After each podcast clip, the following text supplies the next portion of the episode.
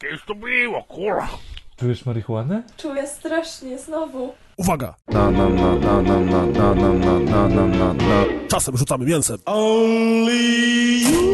Cześć! Cześć. Nie rozmawiamy z tym, co się spóźniają. Nie ma najfajniejszych osób z podcastu. Kurwa, no kiedyś to było. no. Ale kiedyś to było. Czekajcie, a dlaczego ja mam nagrywanie cały czas włączone? Myśmy No bo tak Ja pierdolę.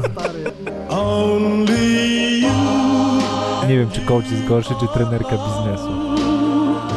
Oj tak, zaraz się dowiesz wszystkiego. Wujek Grzesiu ci opowie.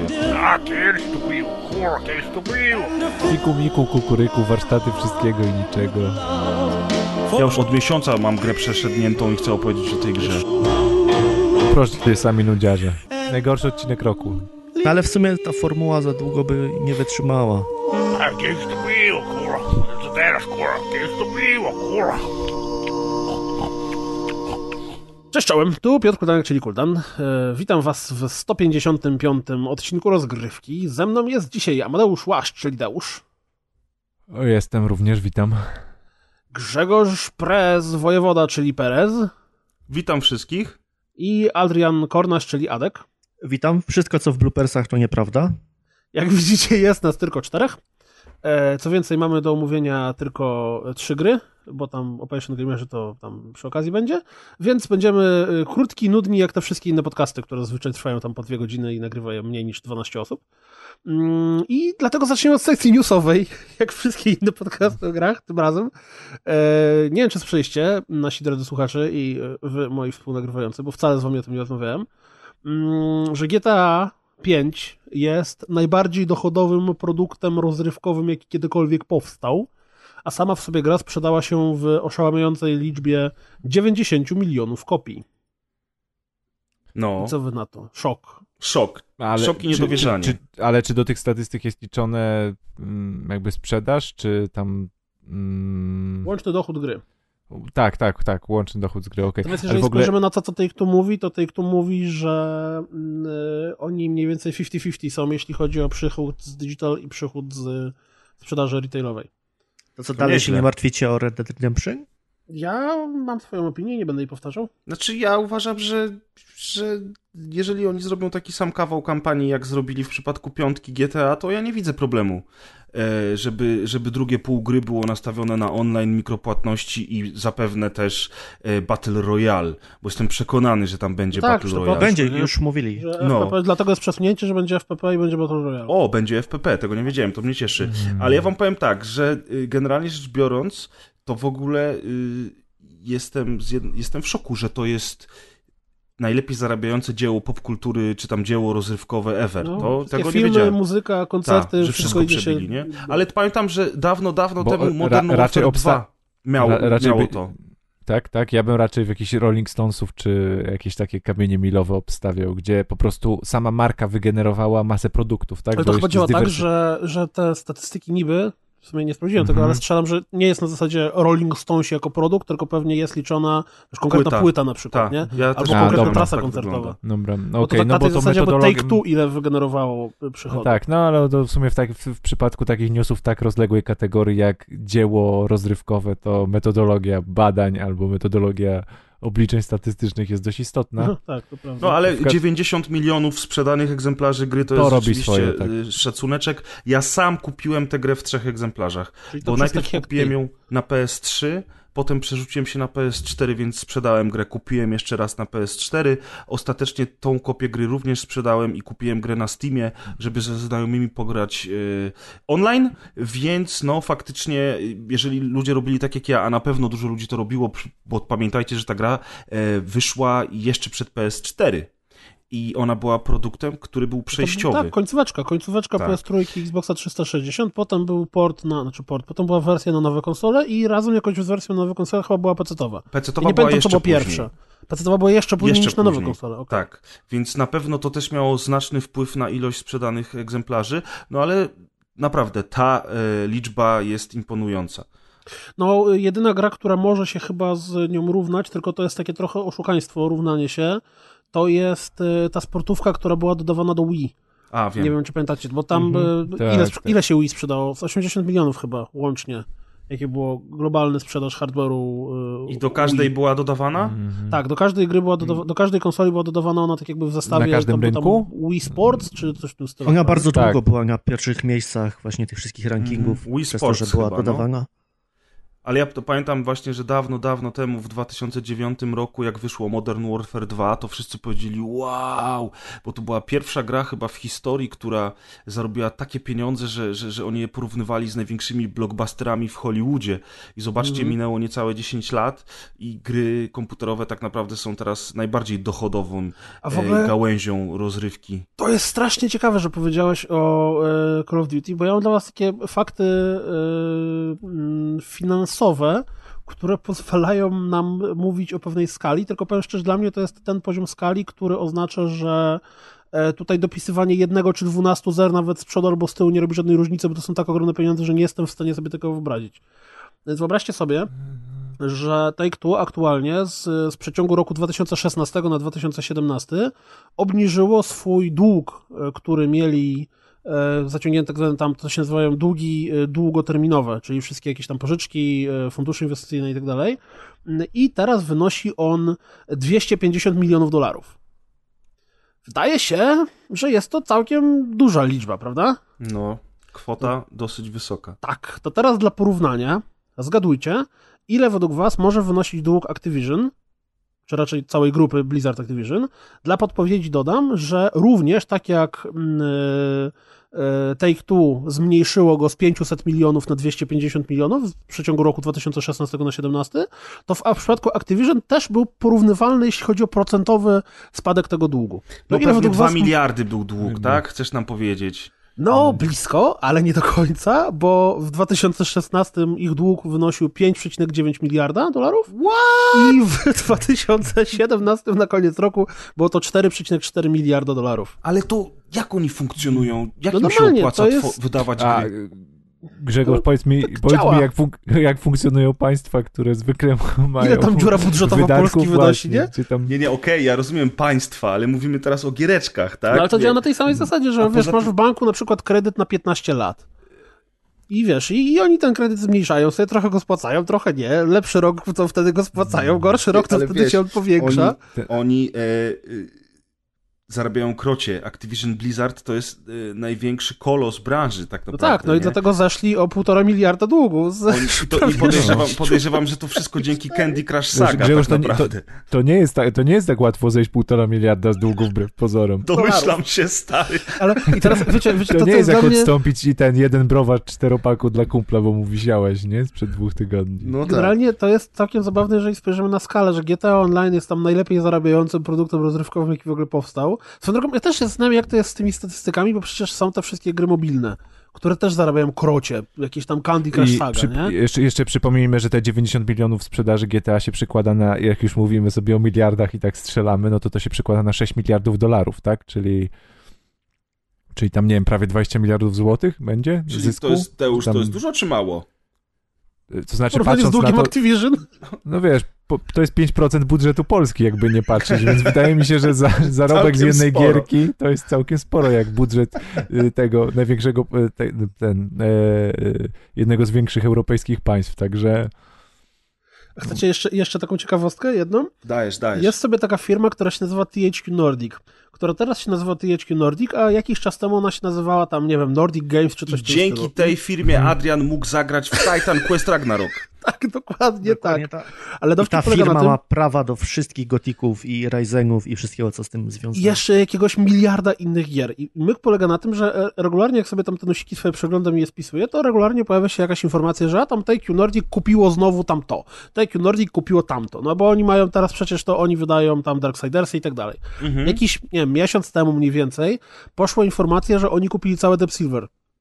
Czyli teraz, nie wiem, prawa do nowego, e, jak się nazywa ta gra Techlandu o zombiakach? Nie Dying Light, tylko ta Dead wyspie? Island. Dead Island. mm, Czyli prawo do drugiego Dead Island ma właśnie THQ Nordic. Prawo A wiecie, do że ja Metro, widziałem- tego sorry, a propos- Exodus ma THQ Nordic. A propos tego, to ja widziałem w zeszłym tygodniu jakiś sklep wysyłkowy w- miał y, w swojej ofercie Dead Island 2 z ceną podane. Czyli coś się musiało zadziać, bo oni tę grę anulowali.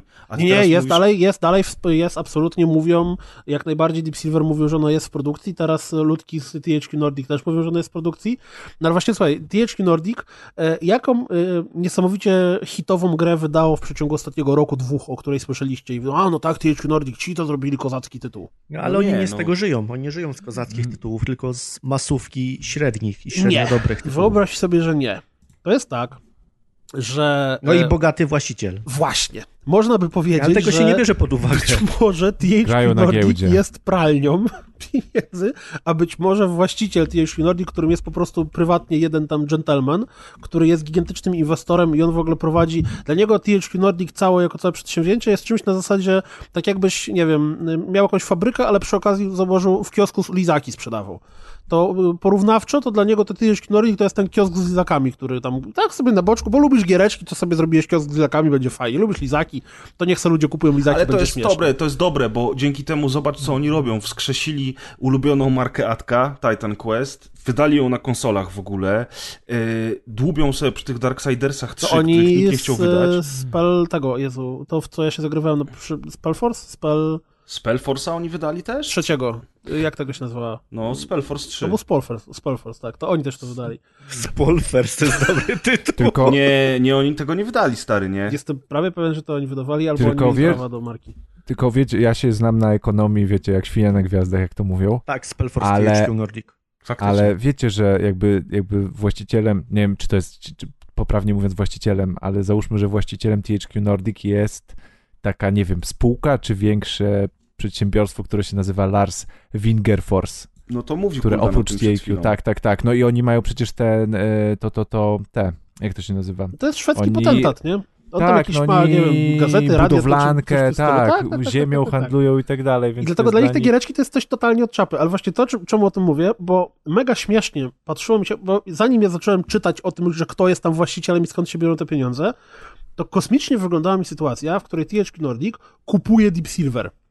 Bo to jest trochę tak, jakby, nie wiem, kurczę, e, Polska kupiła Stany Zjednoczone, nie? Tak, bo, nawet jak, jak, jak szły te newsy i szły informacje o, o tych firm, to były takie fajne tabelki, że tam THQ Nordic przed zakupem posiadało, załóżmy tam, nie wiem, 120 biur, y, a Deep Silver w momencie zakupu posiadał 1200 i teraz THQ Nordic po zakupie będzie miał 1300, czyli zwiększyli swój zasób ludzki, tam wyszło, kurde, 700%.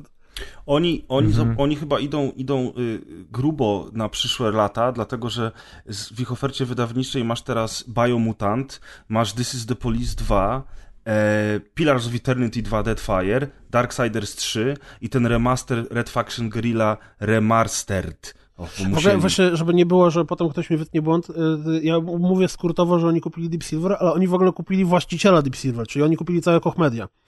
Nie tylko samo Deep Silver. Deep Silver było częścią tą najbardziej znaną, nazwijmy to Koch Media. No ale co, y, patrząc na, na ten rok, to co, przecież Kingdom Come Deliverance się chyba sprzedał, prawda? Bo to pan codziennik musi... Ale a co E, masz Kingdom Come Kingdom do Come? Deliverance się sprzedał dobrze, ale... Bo A Deep to Silver nie chyba jest- wydawał Kingdom Come Tak, Deep Deliverance. Silver to Tylko włada to było jeszcze przed wydawało. zakupem przez THQ, z tego co A, okej, kumam. A, okej, okej. Ty, i Natomiast- oni, oni są dobrzy, bo oni widzę też nowego Aquanoxa robią. Czyli tak jak ostatnio o tym Co to jest rozmawialiśmy. Aquanox nowy? Aquanox to była taka giereczka, były dwie części chyba, że pływałeś łodzią podwodną i tam się cała akcja działa pod wodą. I to była taka dosyć kultowa gra na PC-tak swego czasu e, i w ogóle widzę, że oni robią nową część, więc oni tutaj idą w starocie i wcale ich nie obchodzi tam duży zasięg, y, duży rynek, więc nie robią żadnego Battle Royale, y, tylko robią sobie gierki, które, ja podejrzewam, ten szef tego studia mówi, ty, kiedyś była taka gra, nie? Aquanox. Ja bym w to pograł. grę. Zróbcie nową. No ale wiesz co, Ja jak się podejrzewam, patrzy że na ich że portfolio... se Aquanoxa, nie? I koleś miał na myśli kupno gry, nie? A on kupuje studio. Tak, dokładnie. Ale wiecie, co to pokazuje? zabawne. Że, że, że, że, biznes jest biznes i to jednak nie, nie trzeba mieć pasji do gierek, tylko trzeba się po prostu znać na inwestowaniu No i na tak. robieniu pieniędzy. Wiesz, dowcip polega na tym, że to zależy jak na to patrzeć, bo jeżeli chodzi o THQ Nordic w 2017 roku, to to nie jest tak, że oni zarobili miliony, zł, miliony dolarów. Oni raczej tylko inwestują i ta ich kasa się zmniejsza, tylko przez Ja to, że właścicielem że jest oni- Lars Henrik Olfon Wingers. Ty, no ale To oni w przeszłości... Ale na pewno na tym nie tracą, wiesz, tylko mają większy plan inwestycyjny. No ale słuchajcie, oni w No tak, na przykład na wydali 10 lat, nie? pierwszą No tak, drugą tak. część Darksidersów, oni wydali State of Decay, oni wydali będzie. This is the Police, oni wydali Ori and the Blind Forest, Quantum Break, Vermintide'a, Halo Wars Znaczy 2, teraz mówisz o Koch Media, czy o kim mówisz? o THQ Nordic. Jak to Quantum Break? No tak to. Quantum Break to była Microsoftu gra. No więc widocznie gdzieś oni to wydawali. Zaraz ci dam link. Może na jakimś Więc- rynku na zasadzie, wiesz, że tam rozprowadzali kopie fizyczne w Czechach. Może, no ale teraz patrząc na ofertę, którą mają na ten rok przy, przygotowany, no to samo to Metro Darksiders przede 3. wszystkim. Tam No, ja nie, Darksiders. Metro nie Metro. widzę u nich na liście. Metro było w Koch Media i teraz przeszło pod nich. A, czyli oni jeszcze nie zaktualizowali strony po prostu. No Mają i ten, wyjebane. ten Biomutant też może być fajny, a poza tym... Tak Ciekawe, czy oni w ogóle sami wiedzą, jakie gry mają. Myślę, że już nie. Ale ja myślę, że i Znaczy tak oni najbardziej wiedzą, czy masz na myśli, grą, czy Lars Wors, czy Wingers, wie? Force. Ja myślę, On tak chłopaki, rano przychodzi i tak przegląda. A dzisiaj kupiłbym o. A to GTA to fajne jest, czy nie? Tak jak my mamy swoją listę gier na Steamie, nie? To ma taką listę studiów wszystkich. No, nie, ale ja myślę, że oni najwięcej zarabiają na tej grze, którą wam teraz podesłałem, czyli We Sing Pop. To musi No, być. wiesz, jeszcze byś się zdziwił. Abba, sorry, Abba Mamma Mia, Avicii Hey Brother i Bastille Pompeii to są same No, hity, mówię ci. licencje mają ładne wykupione. No, licencja jest naprawdę. Mm. No ale tak beka beką, nie? Tylko Ale gra mają, wygląda paskudnie. ale mają Queenów. I Want to Break Free, nie? I kurczę, Outcast Hey Ale- Ja, Ale co George to Michael mają? Fate. I No w sensie na tej, na, tej, na, w tej grze We Sing Pop, że Ha. mają ładne licencje wykupione i cholera wie, może to się na coś, na PS4 na Xboxa One to się sprzedaje. No, generalnie jest całkiem zabawne moim zdaniem. I to tak, to jest śmieszne, bo jak się patrzy, bo my sobie zazwyczaj patrzymy, znaczy w ogóle mamy na to kompletnie wywalone, po prostu gramy w gry, kupujemy je, albo tam gramy w gry i sobie patrzymy na, na gry. Natomiast jeżeli spojrzy się na biznes, który jest wokół gier i mówię, jak ja zobaczyłem tą informację, że y, wielki sukces Activision Blizzard zmniejszyli dług y, z 5,9 miliarda dolarów na 4,4 miliardy, bo takie, ale ile zer? Tam Ale jest. wiesz, już nawet na i- polskim i- poletku takie rzeczy się dzieją, jak ten jeden z właścicieli CD Projektu otwiera sobie knajpkę w Warszawie wegańską, bo ma ochotę na to. No, No tak. Na No mniejszą tak, skalę tak. oczywiście. No nie? tak. ale jeszcze, tak. jeszcze dla, nie wiem, czy mm, zagęszczenia atmosfery i, i zepsucia humorów, ale przypomnę tylko, że pan Lars według danych internetowych ma 40 lat. Także ja jeszcze mam czas, żeby się dorobić, ale wy panowie to już... My już mamy bardzo mało czasu, nie? Na przykład Już w ostatnio jest chleb liczony. kupiło. Także, także jak ktoś w wieku 40 lat robić takie interesy jak pan Lars, to, to, to niech się lepiej spręża. No, to ładnie No, pan najlepsze Lars. jest No jest dlatego podana on jakaś tam kupuje e, giereczki, no. waluta, której ja nie, nie umiem przeliczyć, bo to jest kr. Nie wiem, co to jest za waluta kr. Szwedzka Korony. korona. Korony. Okej, a po ile jest szwedzka korona? Ktoś wie? Nie stać Y, cię. No, podziel sobie przez dwa mniej więcej. Ale podziel przez dwa, bo to jest napisane, czekaj, korona? To strasznie skomplikowane. Że co, to do dolara jest ta korona? Nie, to jakaś spółka. Nie, nie, nie, Przez nie, dwa? W nie sensie- zajmujmy się tym. Przez dwa jednak. sobie podziel i wyjdzie ci złotóweczka mniej więcej. Okej. W każdym razie, generalnie Coś giereczki e, rozwijają się jak szalone. e, Pan e, Fares Fares, a raczej jego brat Joseph Fares, ostatnio jarał się na Twitterku tym, że właśnie siada do robienia nowej gry i że gry są wspaniałe i są lepsze od filmów i w ogóle Fuck the Oscars. Swoją drogą w A Way Out jest easter egg związany z Fuck the Oscars. Można znaleźć sobie jedną postać, która tam coś opowiada i jest tak zdenerwowana, że właśnie krzyczy, że, że fuck the Oscars. A tymczasem, yy, oprócz tego, że giereczki się sprzedają, tak jak właśnie GTA 5 i 90 baniek, to niektóre giereczki się rozwijają. I na przykład Ghost Recon Wildlands, z którym razem już spędziliśmy dużo czasu, zaserwowało nam informację o tym, że teraz nadchodzi drugi rok. I w przeciągu tego drugiego roku pojawią się cztery duże darmowe update'y do gry. Oprócz tego będzie można wesprzeć ją kupując sobie pasa za tam 30 dolców, w którym będą skórki, oskórki, wcześniejszy dostęp do tych rzeczy i tak dalej. Yy, Co więcej, jak słuchacie tego yy, w dniu premiery, czyli w piątek, to ten weekend, który właśnie się zbliża, ten tu zaraz, to jest za rogiem, jest darmowym weekendem w Wildlandsach, więc można sobie grę wypróbować. E, A teraz do Wildlandsów w ramach pierwszego Special Operations zmierza Sam Fisher ze Splinter Cella i moje pytanie jest jedno. Czy to oznacza, że za dwa miesiące na E3 usłyszymy o powrocie Splinter Cella jako gry? Oby. No, ja mam nadzieję taką.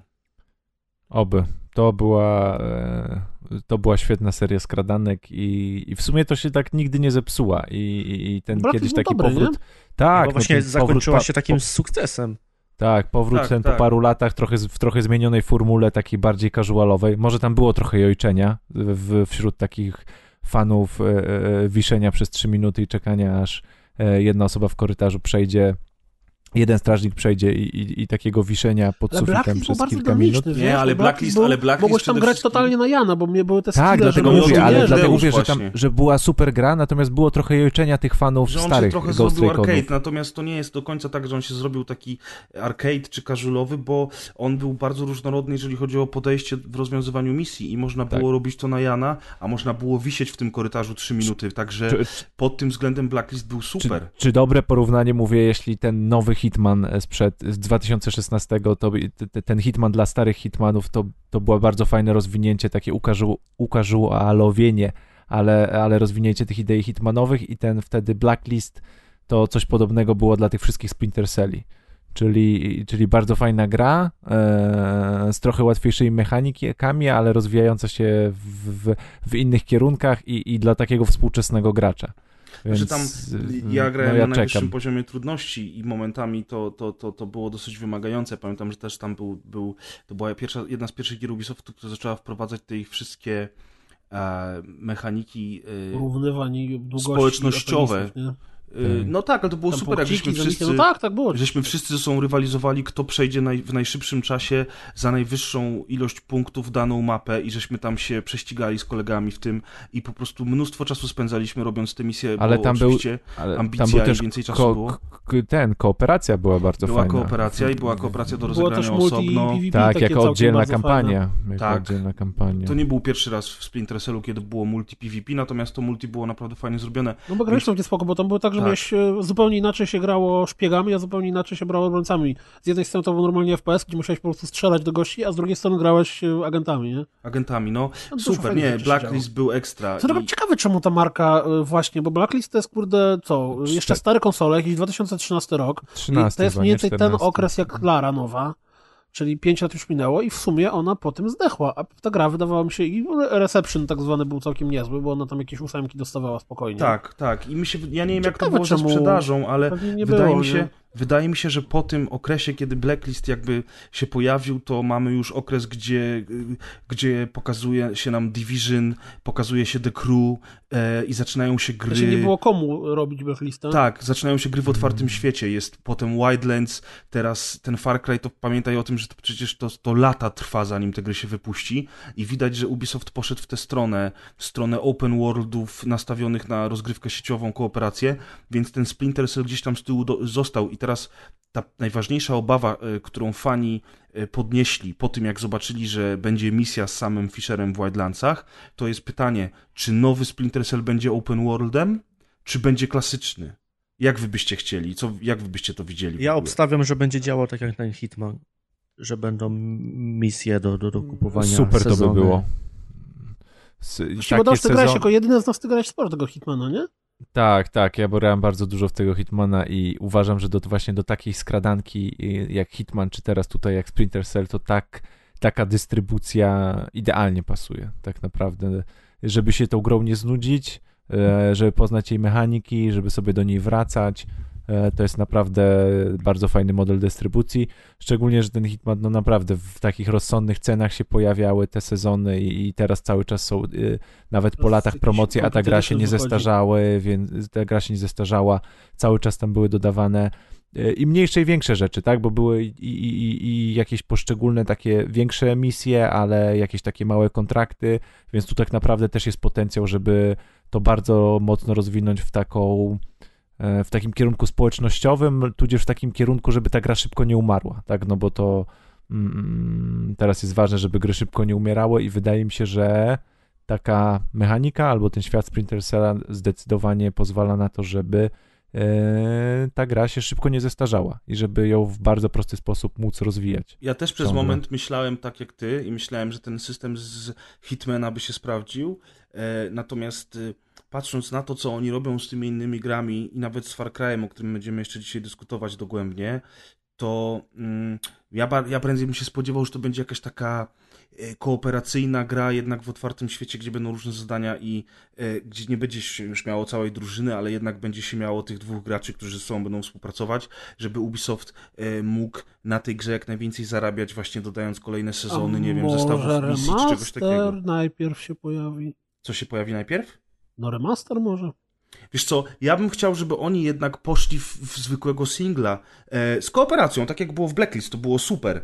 E, druga postać grywalna, dzięki temu inaczej się tę grę przechodzi, bo raz przechodzisz sam, potem z kumplem, więc są inne dialogi i tak dalej. Szczególnie, że tam naprawdę można w, w, w bardzo prosty sposób taką, no nie wysokich lotów, ale intrygującą fabułę. Przecież nie jest Tak. trudno napisać bardzo Te fajny to tym bardziej, że Blacklist nie, zakon- nie? nie zamknął wątków Fishera i tego wszystkiego, co się działo przez wszystkie Tak, części tak, gry. tak, tak, no da, przez Double Agent, Conviction aż do Blacklist przechodząc, więc też fani y, czekają na zakończenie y, tej historii. Fajnie by było zobaczyć jakąś ostatnią misję sama Fishera y, i dać mu wreszcie spokój też z drugiej strony, bo, bo to sam Fisher już ma 150 lat i w tym trailerze do Wildlands wygląda jak święty Mikołaj. Natomiast ogóle chciałem powiedzieć tego- jeszcze, poczekaj sekundkę, No, no. że ja bym jednak chciał, żeby, to są moje pobożne życzenia, żeby było tak jak mówi Deusz, a nie żeby to był open world, bo Ubisoft ma tyle open worldów, z których, na których będzie jeszcze przez lata zarabiał, wydając przepustki sezonowe i tak dalej, że mogliby nam jednak dać klasycznego Splinter Cella.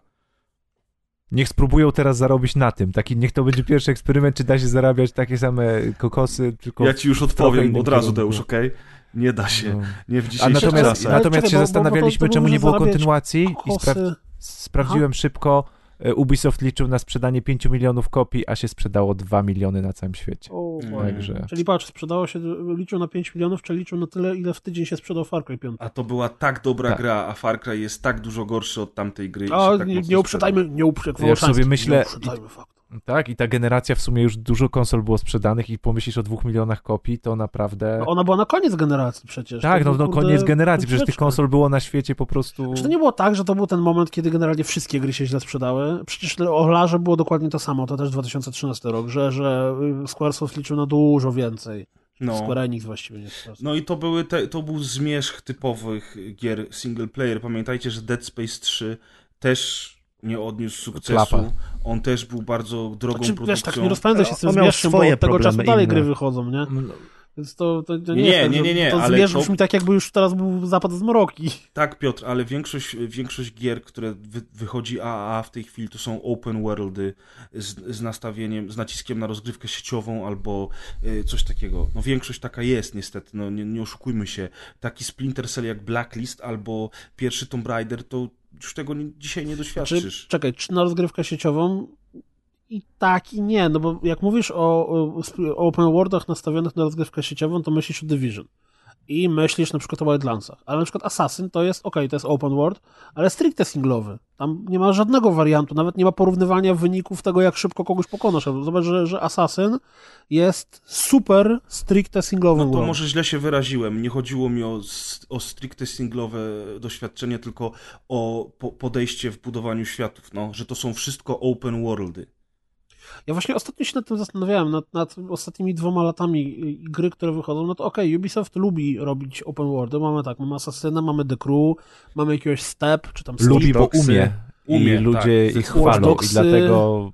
Y, Natomiast Jak- y, jakie gry, no. Far Cry'e, jakie gry nie były y, open worldami? Tak, South Rainbow Parki, Six. Rainbow Six, który był multi, y, For Honor, który był też multi, tak naprawdę. Rayman. No właśnie o tym cały czas Mm. mówimy. Raymany to już właściwie niestety Tak, tak. umarły. No to Grzegorz dokładnie to powiedział przed chwilą w sumie, tylko po prostu ina, ina, inaczej to ubrał w zdanie. Nie, bo ja cały czas, ja cały czas liczę gdzieś tam po cichu, że oprócz y, tych gier takich właśnie open worldowych, które się pojawiają, też jest gdzieś tam miejsce na to, żeby sam Fisher był. Chociaż z drugiej strony, no, Hitman też w pewnym sensie był open worldowy, tylko że był open worldowy na zamkniętych hubach, no bo te mapki, na których się działy poszczególne misje, one były spore i one były w pełni no, ale, otwarte. Ale w Hitmanie zawsze te mapy były spore i dawały ci, wiesz, No różnorodność. i gdyby Splinter Cell robił to samo, żebyś no. miał misję, która jest po prostu, wiesz, masz zadanie pod tytułem zrób coś tam i masz otwarty, od półotwarty no, świat Dlatego ja zrób mówię, to, co no, że bardzo bym chciał, żeby było tak, jak mówi Deusz, no ale chyba wróżymy teraz z fusów, bo Ja się nie mówię, było ja się jeszcze nawet jedyne- zapowiedzi, nie? Jedyne, czego ja się boję, znaczy, wydaje mi się, że to, że będzie zapowiedź, to jest bardziej niż pewne, bo chyba nie odgrzebywaliby Ironside'a na nagrywanie kilku linijek tekstu do No, a dodatku do, do, Watch do dodatku Dogsów, nie? z Predatorem zapłacili za licencję i muzykę z filmu z lat 80. Jakie wyszły wiesz, duże skradanki w ostatnich latach? Hitman. Assassin's No, Creed. No, Dishonored, co tam jeszcze było? No, czy A Assassin's Creed jest taką... no właśnie, No no jest tak średnio. skradanką, no. To jest Ale taki open world adventure bardziej. Taki, ja że wiesz, już bardziej, nie? Czy, czy... No dobra, Dishonored spoko, to pasuje. Dishonored. Wiesz co, dużo było tych skradanek, bo teraz większość gier ma elementy skradankowe. Ale Przecież właśnie nawet elementy, nie? A chodzi mi o grę, która będzie skradankowe. czysto na tym Była się ta gra Ale Thief przecież był. części. Przecież był Thief. A nie, to już trochę... To już trochę Trochę dalej, ale świeższa była ta gra Styx. Y, To były dwie części. Mhm. Był, był jedna, Ale- w którą ja przeszedłem, potem druga, w którą ja już nie grałem. To była taką stricte skradanka, skradanka. I ta taka No tak. japońska ala rysowana gierka taka w klimatach Tylko tęczy, ta pierdółka była, teraz dochodzi do tego Robiliśmy z dodatek, tego Aragami. dobranockę nawet. Aragami, o. Teraz wychodzi Mhm. DLC do tego z fabularnym. Ale są jakieś popierdółki, nie? Chodzi mi o to, Tak, że chodzi- być a, może tak? duże studia się boją wydawać takie gry. Nie, po prostu teraz mechanika skradania jest zaimplementowana w większości open worldów. Horizon Zero Dawn ma skradanie, Uncharted Ja wiem, ma no, skradanie. tak jak wszystko Far ma RPGowe elementy, nie? A No, chodzi o takie, żeby no. ten, ta skradanka była korem rozgrywki, a nie dodatkiem. Wiesz, teraz, teraz się robi takie hybrydy i te hybrydy niestety e, przez to, że one są hybrydami, to tracą... Ale no Przez to, nawet... że są ale nawet wszystkim, nie? To traci tak, klimat. tracą ale na tych ludzie- poszczególnych elementach. Zresztą o tym dzisiaj Czy lu- będziemy rozmawiać przy Far Cry'u chociażby. Czy ludzie na przykład jak się zachwycali The Last of Us, czy The Last of Us, no to przecież mechaniki skradankowo typowe Tak, tak, tak. Tak, no. tak, tak, to tak. była No, w sumie MGS bardziej skradanka y, taka w starym stylu jeszcze. Tam naprawdę był bardzo duży nacisk na skradanie, nie? MGS był skradanką, ewidentnie. No jakby No nie tak, patrzeć, no w sumie Deus Ex tak Deus naprawdę Ex to też, też jest, tak. też, też promuje ja nie to skradanie. grałem w tego nowego Tomb Raidera, ale pewnie jak znam życie, skoro to był open, bo, bo pierwszy Tomb Raider dla mnie mogłeś albo grać na Jana, albo grać mocno skradankowo. No ja grałem, przecież recenzowałem go dawno temu. To może jak był- Splinter Cell tak jak Deus Ex. E, Bardziej RPGowo. E, ta gra Ja nie snajperze chciał. jeszcze. Y, to tam Sniper trzy- 3? Sniper Elite chyba, tak? Czwarta część już była. Sniper. Elite. A, no to też, Też jest skradanka. skradanka, nie? Ale Więc- ten polski Sniper 3 to też jest trochę No tak, skradanka. to jest, tam jest Także Sniper, Ghost i Jest, Warrior. ale ja ostatnio się nad tym zastanawiałem, właśnie aż, aż jestem zdziwiony, że wy zadajecie takie pytanie, ile wyszło skradanek ostatnio, bo właśnie moim zdaniem y, elementy skradania się wkłada wszędzie już. Wszędzie. Tak, tak, dużo jest. No. Nie pamiętam, co to była za gra, że, że bekę mieliśmy, że ty się przekradasz, a twoja postać, która ci towarzyszy, to ona tak biega, że ją widać. Tak No, Last of Us. A, to właśnie, to, to, ale potem jeszcze była jakaś Trzy czwarte gier, w których jest skradanie. nie? Tak, bez kitu, to było zawsze śmieszne. No. No, czyli tak, czyli liczymy na to, że Splinter Cell wróci w formie e, niekoniecznie open worldowej. Co Tak, prawda, no. z drugiej strony, ja tak ja się zastanawiałem nad tym ostatnio i tak się dzieje, że okej, mam jakieś tam swoje zarzuty tu czy tam, ale te, te Ubisoftowe gry open worldowe to mi mocno siadają. Nie, oczywiście, że tak. Assassin's natomiast... Creed mi bardzo mocno siadł, Wildlandsy mi siadły niesamowicie mocno, Far Cry, nie uprzedzajmy faktów jeszcze, ale... Natomiast zamknięta historia Watch Dogs jak się podobały? Ty jesteś nowym... Watch Dogsy mi się Watch bardzo podobały. mi się bardzo właśnie. przecież No podobały. wiem, wiem, dlatego mówię. E, Tak, tak. Się stał w ogóle... Y, Ubifanem się stałem u- strasznie. Ubifanem i to jest piękne. Y, tak, nawet Rainbow Sixa teraz uwielbiasz przecież. A Rainbow Six jest taki zajebisty, ale to I- też nie uprzedzajmy. Dlatego ja nie mówię, ja nie mówię dlatego też, że to jest źle, że oni robią takie gry, bo to jest super, oni to robią świetnie. Natomiast ja bym po prostu chciał, żebyśmy chociaż trochę tej klasyki jeszcze mieli do wyboru. Żeby nie wszystko było open worldem do cholery, nie wszystko było grą sieciową. No Po teraz prostu przecież Sam God of Fisher War będzie Sam Fisher, nie? quasi open worldem troszkę. No właśnie, to jest też to, to jest to, co mnie, co mnie boli. Ja nie jestem fanem serii, ale ja widzę, co oni robią z nowym God of War'em i mi, mnie to się nie podoba. Ja bym chciał, żeby ten God of War był taki jak stare God of War'y, a oni zrobią z tego, wiesz, takie trochę Horizon, to się nazywa teraz w internecie powszechnie, że to jest PlayStation Action game, nie? adventure. Ym, I to tak, No, trochę. no ale te rzeczy się sprzedają, z kasą się nie będziemy nigdy kłócić, to nigdy na to nie będziemy mieli wpływu. GTA Online 5. No właśnie, GTA, 90 nie? baniek, nie? No, tak. no. A jak myślicie, czy Red Dead Redemption 2 ma szansę, jakiekolwiek szanse powtórzyć ten sukces? Nie. Nie. Albo nawet, nie wiem, osiągnąć połowę tego Nie. sukcesu? Nie ma. Nie ma, dlatego że to nie jest, jakby, to jest troszeczkę bardziej skomplikowany y, rodzaj rozgrywki mimo wszystko. Ale Co, GTA ma był markę swoją i każdy kojarzy, Tak. czym jest GTA. I wiesz, zapytasz wiesz, dzieciaka, Adek, Red Dead Redemption też jest taką grą, że każdy chociaż o niej no słyszał. nie wiem, ale z- Ale, zapytaj ale nie ma takiej historii za sobą. Nie ma takiej historii za sobą jak GTA. Wiesz, A GTA ma właśnie, tak, y, niezależnie czy masz 10 lat, czy 40, to słyszałeś o tej grze. Czy No, grasz, czy nie grasz. historii, tak szczerze, to moim zdaniem scenariusz Red Dead Redemption był lepszy od scenariusza Oczywiście, że GTA. był, ale o tym mówię Ale właśnie, nie, Kuldan, chodzi że mi, Red że historii jest... stojącej Historii za grą, save, jako za sensie marką. markę. Tak, tak, za marką, ale jeżeli chodzi o fabułę Red Dead Redemption, o to, co tam się w tej grze dzieje, o tempo rozgrywki, to jest bardzo dorosłe, poważne tempo. Zauważ, ile ludzi się odbiło i powiedziało, ale nuda ten Red, No, Red to ja. Dead Redemption. No bo Ja dlatego mówię, no dorośli ludzie Adek, nie? Rozumiesz? Dorośli Ale- ludzie w gry grają, super. Też chyba GTA, G- też GTA To 5 jest- się chyba załapało na ten dobry okres takiego delikatnego boomu, e, nie wiem, streamowania, film, gameplay, filmików w internecie, gdzie ludzie w GTA Online wyczyniali różne cuda. Czyli Wiesz, po prostu inne osoby chciały to samo robić i po prostu to była taka napędzająca się... Tylko To była już zobacz, taka duża że- kula śnieżna, która brała ze sobą wszystko po prostu Tylko po zobacz, że drodze, piątka, zagarniając. Która wyszła mniej więcej w tym samym okresie, w którym wyszedł ten Splinter Cell czy Lara, o którym mówiliśmy, które to flapowały. Przecież to Tak, była końcówka Już generacji. powiedzieliśmy, że piątka, piątka się pojawiła tak naprawdę na dwóch generacjach, plus jeszcze na PC-cie. Nie, ale chodzi mi o to, że piątka, sama w sobie piątka, zanim się pojawiła na PC i na nowych, na, na nowych konsolach, to piątka była niesamowitym hitem. Piątka przecież y, sprzedawała się jak zła na stare konsole. My No, dzisiaj zatkiem bawiliśmy się w patrzenie w e, statystyki też, to zawsze polecam, ale patrzyliśmy w statystyki e, zdobywanych trofeów. Bo zazwyczaj Mhm. mówi się tak, że tam ludzie nie kończą gier i tak dalej, to w przypadku chyba na PS3, tak to było? Tak, Że PS3 50%, ludzi skończyło fabułę. Co jest jakimś absurdem w ogóle, Dużo. dużym w sensie. A na nie? PS4 23% to było? Mhm.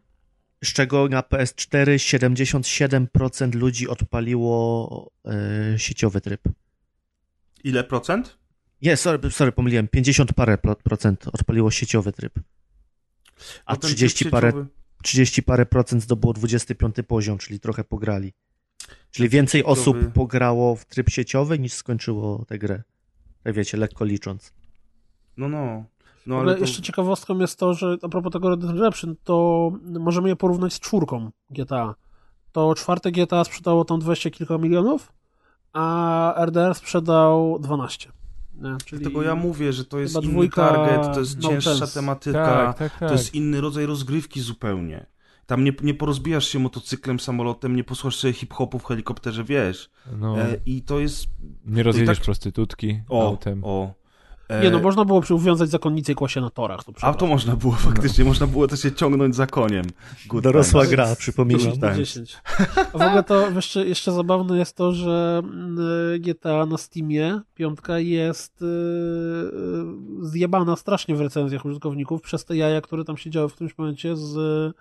Nie pamiętam o co to była afera, że oni chyba mody wyłączyli na jakiś czas. Tak, oni tam tam zaczęli w banować ogóle- mody w online w ogóle, bo w online nie można mieć modów, nie? Tak, tak. Ale to wiesz, to tam y, zmasowany atak e, histerii, jeżeli chodzi o te recenzje, tak samo jak przed, y, przed premierą Metal Gear Survive na Metacriticu już były wystawiane oceny użytkowników, no to wiesz, o czym my rozmawiamy, nie? To też prawda. Swoją drogą to też skradanka, która wyszła w O, ostatnim czasie. Faktycznie. propos. No, więc rynek gier dzieje się niesamowicie dużo. Gier, gry, gier wychodzi cała masa. E, I jedną z takich gier, która wychodzi w najbliższym czasie, jak tego słuchacie, to ona właściwie już wyszła. A jak my to nagrywamy, to jest e, chyba dzień przed premierą. Jest tytuł, który się nazywa Extinction. Grzegorzu, jak się wymawia wymarcie, czyli właśnie. No Extinction, dobrze Extinction. powiedziałeś. Tak po prostu. Mhm. Więc jest to Eks- gra. Powinieneś powiedzieć Extinctions. No właśnie. Dokładnie tak. Dokładnie tak powinienem powiedzieć. Więc jest to gra, która e, opowiada o jakiejś takiej fantazji krainie, która troszeczkę wygląda jak z jakiegoś takiego dosyć bazowego generatora fantazji. Znaczy mamy jakieś domki, jakieś tam ładne kolorki, grafika taka trochę w komiksowym klimacie. Też śniegów nie ma, więc to też jest minus. No i e, w tymże świecie, oprócz ludzi, istnieją sobie zajebiście wielkie orki. One oczywiście jakoś tam się nazywają, bo to nie wiadomo, że to nie są orki jako orki, bo, bo nie mogą być, tylko one tam, nie wiem, jakieś rajkuny albo Już rainery, dziwne albo... mają taką nazwę generyczną z generatora, Jakieś ktoś tam- wklepał, wiesz, że y, ja nie zapamiętałem w ogóle tej nazwy. Te No małe jakieś- się nazywają szakale. Jacka, Jackass, tak. Ci No. mali to są Jackass, a ci duży to są właśnie, nie wiem, albo coś na R chyba. No. To pewnie wiecie, tak na R i nagle się okaże, że to jest S tak naprawdę. No i w wielkim skrócie myk polega na tym, że my y, jesteśmy bohaterem, który się nazywa e, Sentinel, czyli też wyjątkowo oryginalnie. Ale i- poczekaj, nie powiedziałeś, że on jest ostatnim Tak, Sentinelem. on jest ostatnim Sentinelem. Bardzo oryginalnie. E, I razem z nim jest jego koleżanka, która jest niewykształconym sentinelem jeszcze, bo nie skończyła swojego szkolenia. No i przybywamy do miasta, jednego z wielu miast w ostatniej krainie, gdzie żyje ludzkość, bo cała reszta ludzkości została zabita przez te właśnie wielkie A ogry. skąd ty o tym wiesz? Ja tego No nie tam widziałem. fabuła o tym, tam mówi fabuła, tak. Tak? Tak, no ja skończyłem tą grę w ogóle. Ja Ale wiem, to wiem. zaraz. E, No i przybywamy do miasta i najpierw zabijamy sobie te szakale, jackals, a kiedy, czyli takie małe orki wielkości ludzi. Jak ich trochę zabijemy, to nagle pojawia się właśnie ten wielki ork, który tak na oko jest wielkości kilkupiętrowego budynku. E, Albo i więcej nawet. Albo i więcej, generalnie jest byczy e, i e, jak machnie nogą albo jebnie łapą, to niszczy w ogóle budynki i tak dalej. Taki Shadow of the Ja Colossus właśnie chciałem trochę. powiedzieć, bo już właśnie przerwiemy teraz, dzięki Deusz, że ty mu przerwałeś, to ja teraz pociągnę temat, że to jest, dla mnie to jest taki miks Shadow of the Colossus i Attack on Titan. To jest, jakby, to, jest, to jest jakby ktoś wziął Attack on Titan, tylko nie miał licencji. Uznał, że zrobi grę o Attack on Titan, Tak. I tylko uznał, że bez wrzuci wszystko do najbardziej nudnego generatora na świecie i wygeneruje nazwy, rasy, krainę, grafikę, system walki i wszystko Tak, inne tak, w tej Styl grze. nie? graficzny jest też wygenerowany. Wygląda, z Adkiem rozmawialiśmy przed podcastem, że mi się kojarzy, jak czasami wejdę do, do, do, do, do sklepu na Androida albo do sklepu na iOSa i jest masa takich gier z mikrotransakcjami, które wyglądają ładnie, ale to są takie generyczne światy, jakieś takie Tak. fantazy i tak dalej. I to dokładnie tak samo wygląda. Ja mam wrażenie, że oni w ogóle ten filtr nałożyli na niego taki borderlandsowy. E, nigdy nie wiem, jak to się ładnie Yy, nazywa. Cel shading. Czyli bez, bez, bez tak. tekstur. Grzesiowi nie? chyba o Czy- cel shading chodzi. Cell shading Aha, mi okej. chodzi, tak, dziękuję Adrian. E, I oni chyba to zrobili ze względu na, nie wiem, może problemy z optymalizacją, bo ta gra na początku nie miała tak wyglądać, chociaż to na Xboxie chodziło jak złoto. No Ja nie to miałem- chyba na Xboxie One X. Ja grałem na zwykłym Xboxie i na zwykłym Xboxie to chodziło jak kupa. Momentami A, to już przy znamy takich odpowiedź. mocnych akcjach, kiedy tam się, okej, no na ekranie się dzieje naprawdę dużo, budynki wybuchają, biegają cztery małe orki, wielki ork macha łapą albo pałą albo czymś Znaczy, tam, to nagle może- tak na oko jakieś 10 klatek się pojawia, nie? Znaczy A, no na to- to YouTubie, już są, na YouTubie są filmiki nagrywane z E3 zeszłego roku chyba? Chyba No. tak, z zeszłego roku z E3. No i te filmiki chodzą w 15 klatkach, te gameplaye z E3. Nie, no to, to nie jest tak źle. Jest, jest, jak, jak się gra na tym zwykłym Xboxie, to jest generalnie w miarę okej. Natomiast no po prostu w momentach takich absurdalnie dużych akcji dzieje się tam, dzieje się tam gorzej. Tylko Ja Zaciekawiło mnie to, co rzecz. Grzechu powiedział o grafice, No. że wcześniej inaczej wyglądało. Na Golu jest jakiś artykuł o tej grze i faktycznie to Zupełnie wygląda dużo poważniej. Tak, i zupełnie inna oprawa Tak graficzna bardziej jest. mrocznie jest, bardziej dark fantasy. Jak ja patrzę na te screenshoty, które Adek znalazł, to po prostu to jest zupełnie inna gra, nie? No. Ale powiem wam, że e, ja bym nie chciał, żeby ta gra była w mrocznej klimacie, bo cały gameplay loop polega na tym, że y, biegamy sobie po mapce.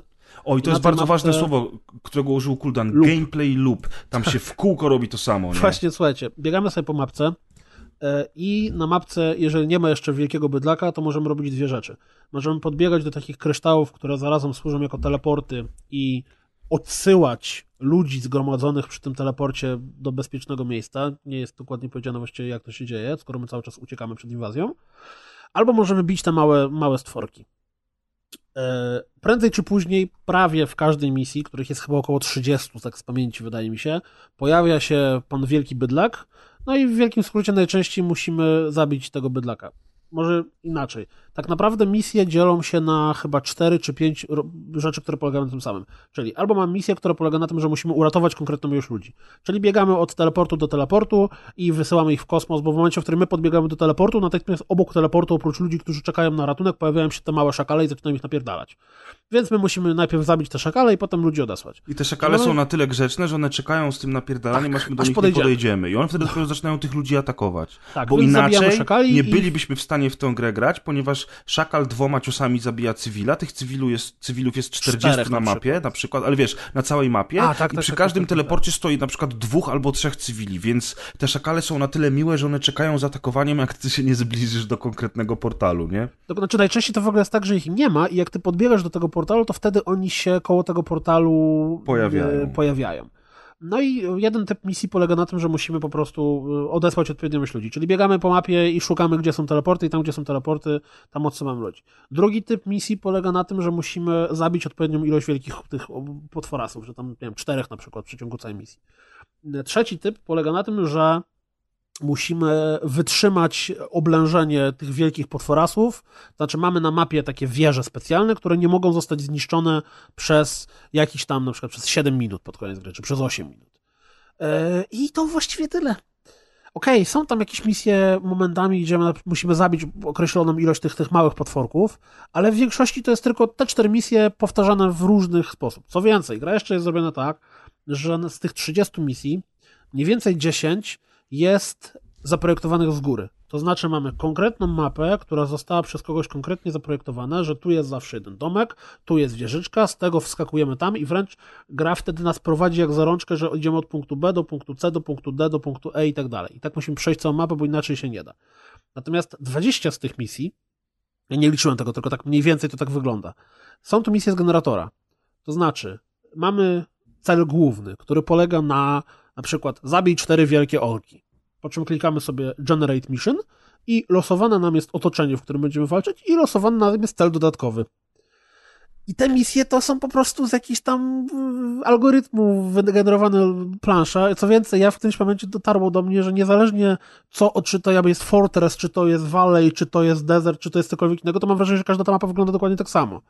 I tak naprawdę ten układ domków nie ma żadnego znaczenia, bo pierwsze co robimy w trakcie tej gry, to natychmiast biegniemy do tego orka, który się pojawił i trzepiemy go, No nie, no poczekaj, no musisz uzbierać tą żółtą energię, żeby dawać mu ciosy, więc tak naprawdę wszystko, co się dzieje poza walką z bossem... przez pierwsze dwa etapy i w momencie, w którym nagle w trzecim etapie zaatakowało mnie równocześnie dwóch, ja biegałem jak idiota od y, jednego mojego robaczka do drugiego mojego robaczka i nie byłem w stanie w żaden sposób zebrać tej energii, żeby zrobić kill, kill strike'a, No. nagle się okazało, że napieprzanie wielkich potworów też ładuje tobie y, tą moc do zabicia. Bo A. to, o czym powiedział Grzegorz, polega na tym, że mamy taki paseczek. Jeżeli chcemy zabić wielkiego potworusa, to musimy ten paseczek mieć naładowany. Możemy go ładować przez ratowanie ludzi, przez bicie małych potworków, albo przez na przykład odcinanie kończyn tym wielkim potworusom. Bo tak jak w Shadow of the Colossus cała walka z kolosem polegała na tym, żeby znaleźć jeden, czy dwa, czy cztery wrażliwe punkty, gdzie trzeba wbić mieczyk, to tutaj cała walka polega na tym, że musimy e, wejść typowi na głowę i mając naładowany pasek, odciąć mu głowę. Żeby było trudniej, to tenże typ może mieć na przykład kask, który trzeba rozwalić. W jaki sposób, jeżeli jesteście wielkim orkiem i wiecie, że łazi taki mały typ z mieczem, który może ci odciąć głowę, to w jaki sposób się zabezpieczysz przed tym, żeby ci nie rozwalił kasku? A więc zapniesz ten kask taką zajebiście wielką kłódką na czole, którą wystarczy rozwalić, żeby kask się rozpadł. Jest to bardzo logiczne i sensowne zachowanie. W jaki sposób zabezpieczyć się, żeby gość tobie nie odciął nogi? Założysz zbroję, która ma trzy zajebiście wielkie kłódki, które wystarczy, że gość rozwali i wtedy będzie mógł ci odciąć nogę. No, okej, później to się zmienia, bo oprócz właśnie zbroi, którą można rozwalić po rozwaleniu kłódek, na przykład pojawia się element pancerza, który jest niezniszczalny. I wtedy nie możemy kolesiowi odciąć nogi, tylko musimy zawsze kombinować tak, żeby na przykład odciąć mu ręce i dopiero wtedy możemy odciąć mu głowę. Albo pojawia się na przykład zbroja. Tak, pojawia się zbroja, która działa w ten sposób, że e, tam jest taka wielka czacha, która płonie i możemy ją rozwalić, uderzając w tą czachę, w momencie, w którym najpierw on w tą czachę czachnie. Czyli na przykład stajemy typowi na nodze i w momencie, w którym on próbuje nas strącić nogą, machając albo tupiąc, to jak tupnie, to wtedy czacha gaśnie i my możemy rozwalić tą czachę i wtedy jest jego nóżka bezbrodna. Czy na przykład jest zbroja, którą tylko on sam musi napieprzać, żeby ona się osłabiła, bo my nie jesteśmy w stanie nic jej zrobić. Więc tych y, rodzajów tego, co jest na orku, jest kilka i to jest najzabawniejsze, to to, że one są generowane losowo. Co więcej, mam wrażenie, że gra działała w ten sposób, że jeżeli mi się nie udało, to i robiłem retry mission, to przychodziły łatwiejsze orki. Bo na przykład za pierwszym razem pierwszy ork, który się pojawił, to był typ, który był cały w zbroi, to tych najtrudniejszych rodzajach do, do rozwalania Całe na biało. przegra- cały na biało wszedł, rozdać naleśniki, przegrałem. W następnej powtórce przychodził typ, który miał taką zbroję, że właściwie na jeden strzał był i, i bez żadnego problemu. I taki, takiego typa rozwalenie zajmowało mi na przykład dwie minutki, bo było tylko ciach, ciach, ciach, ciach, ciach, już typ leży, jest martwy, a tego typa w zbroi to walczyłem przez pięć minut i była masakra. Teraz tak, w grze jesteśmy nieśmiertelni. To znaczy, okej, możemy zginąć, ale jak zginiemy, natychmiast od razu pojawiamy się na mapie. I tak, i, i wszystko, co już do tej pory zrobiliśmy, już jest zrobione, wszystko, co jest zniszczone, jest zniszczone. Co w przypadku tych Rozdeptał misji- ten wielki ork w ogóle, nie? Tak, no on cię rozdepcze, cię ma, splaskacza jak komara, tam, tam giniesz, giniesz na dziesiątki razy. Natomiast to, co jest absurdalne, to to, że w przypadku tych misji, które polegają na tym, że idziemy od punktu A do punktu B, do punktu C i tak dalej, jeżeli zginiemy, to cofa nas do punktu A, czyli tak naprawdę już możemy od razu włączyć restart misji, bo zanim dojdziemy do tego punktu, gdzie zginęliśmy, czyli na przykład do F, to już tam wszystkie złe rzeczy, które miały się stać, się staną. Już na pewno przegramy, więc zginąłeś w trakcie tej misji od razu restart. A w trakcie wszystkich innych misji, gdzie mamy generator, który nam wylosował potworusy, e, naszym paskiem zdrowia jest właśnie tak zwany pasek extinction, czyli pasek y, wyginięcia, tak to się odmienia? No, No, pasek wyginięcia. Polega to na tym, że kiedy te nasze radosne orki biegają sobie i zabijają ludzi i rozwalają domki, to mamy 100% i im więcej tego miasta rozwalą, tym bardziej ten paseczek spada. Kiedy spadnie do zera, przegrywamy. Więc cały myk polega na tym, że na późniejszych misjach, kiedy tych orków jest dużo i kiedy oni są problematyczni, właściwie mogą przejść niczym przez masło w, w to miasto, to moja podstawowa strategia polegała na tym, że jak najszybciej odsłaniałem typowi nogę, ucinałem mu tą nogę tak, żeby siedział i nie mógł iść do przodu i dopiero wtedy powolutku się do niego dobierałem niczym do puszki z konserwą, y, zdejmując mu poszczególne elementy tej zbroi, y, żeby móc naładować pasek i odciąć mu głowę. Tylko, że jak on będzie długo siedział z tą uciętą kończyną, to jemu ta, ta noga się zregeneruje i on wstanie. Tak, i wtedy trzeba mu ją odciąć natychmiast od razu drugi raz. I tak y, czasem tych trudniejszych orków to tak musiałem mu siedem razy odciąć nogę, zanim y, w końcu y, udało mi się mu odciąć głowę. Bo czasami rozwalenie któregoś konkretnego elementu zbroi jest też strasznie trudne po prostu. E, teraz tak, ta gra ma momentami problem z kamerą. Co w przypadku dosyć szybkiej, dynamicznej akcji czasem potrafi bardzo zirytować, ale to nie jest nagminne, to się po prostu czasem zdarza. Natomiast to, co jest nagminne, to to, że w którymś momencie wkracza się nuda. Bo okej, muszę przyznać, że kilka albo i kilkanaście razy, kiedy udało mi się w taki absolutnie idealny sposób te orki pokonać, czyli podbiegałem do typa, jednym ciosem rozwalałem mu kłódkę, spadałem mu zbroję, od razu odcinałem mu nogę, zanim on jeszcze spadł, to rozwalałem mu kłódki na ramionach, dzięki czemu mogłem mu odciąć rękę, więc on nie mógł mi nic zrobić, wbiegałem mu po plecach i radośnie rozwalałem mu kask, po czym odcinałem mu głowę, to było to takie uczucie, wiecie, jak, jak w bijatyce kombos nam dobrze wejdzie, Czekaj, albo jak mnie cały czas zastanawia, czemu oni w kaskach biegają? Nie mieli orki, hełmów? kto? No hełmy, jasne, No że hełm. w hełmach biegają, no. Ja wiesz, jako budowlaniec on rośnie wszystko, co na głowie to jest kask. Nie? Ja właśnie mam cały czas w głowie taki budowlany kask, jak to Nie, nie, mówisz. oni mają tam, wiesz, z jakieś browarami, z tą szpotką, wiesz. Tak. Oni mają jakieś tam zbroje, jakieś, wiesz, hełmy z, z rogami, albo jakieś tam złote z I kryształami. taka wielka coś tam, kłódka coś na tam. tym wisi. Czy, Tak, taka wielka, Czy- ta wielka kłódka, którą cię, no wiesz, masz, musisz się zabezpieczyć, to co robisz, to otwierasz, dajesz wielką kłódkę, żeby trudno było cię trafić. No i jak to wejdzie, to to jest naprawdę fajne. Czujesz takie, tam, ale to było zajebiste, ale ich kosze. Niestety drugie uczucie, które też miałem kilka razy w trakcie tej gry, to było takie trochę Co ja robię ze swoim życiem? głupio, bo odcinasz nogi i oni tak bez tej nogi tak strasznie żałośnie upadają, tak siedzi na pupie, próbuje się od ciebie odpędzić tymi wolnymi ruchami rąk, ty tam, wiesz, migasz wokół niego tak, że nie jest w stanie nic tobie nie zrobić, w ogóle masz jakieś tam skille, dzięki którym jesteś szybki i w ogóle nie, nie, nie dotknięcia. A on tam się odganił od ciebie jako takiegoś wielkiego komara. I tak sobie siebie wyobraziłem, jakby ktoś mi ujebało nogę, siedziałbym na podłodze i taki komar by biegał i wiesz, szykował się, żeby mi uwalić łeb, to by mi w sobie było przykro. No tak, ale Zwłaszcza- wiesz, ty nie, ty nie napadasz ludzkich wiosek, nie depczesz im domów i nie zjadasz ich żywcem, no więc... Zwłaszcza, że tam Chyba. jest jeszcze... Co się dzieje w Las Vegas, zostaje w Las Vegas. Zwłaszcza, że tam jest jeszcze ten myk, który polega na tym, że mamy dodatkowe wyzwania, czyli na przykład zabij jednego orka, odcinając mu wszystkie kończyny. No i Tak, tak, próbujesz odciąć albo, mu te wszystkie albo zabij orka tak, żeby miał obie nogi, nie? Czyli Tak, to jest tak, trudniejsze wtedy. Albo tam ukończ misję w poniżej 5 minut Cztery i tak minuty, dalej. Tak, tak. No i przez to, że to jest właściwie najskuteczniejszy sposób rozprawiania się z tymi orkami, jak mamy czas, czyli odcięcie mu obu nóg i obu rąk, to jak wbiegasz na takiego kadłubka, który siedzi i właściwie jedyne, co może robić, to machać głową na lewo i na prawo, żeby cię strącić, a, a tutaj nie spadamy niczym w Shadow of the Colossus, czyli jeżeli stoimy, to on może machać tą głową ile chce, i tak nie spadniemy, to tak się momentami trochę przykro robi tych, bo to takie poczciwe trochę orki wielkie. A jak taki idzie z taką wielką pałą jeszcze wali po domach, to nawet tak całkiem spokojnie wyglądają. Że ja bym wolał grę tym orkiem być rozpieprzeć domu.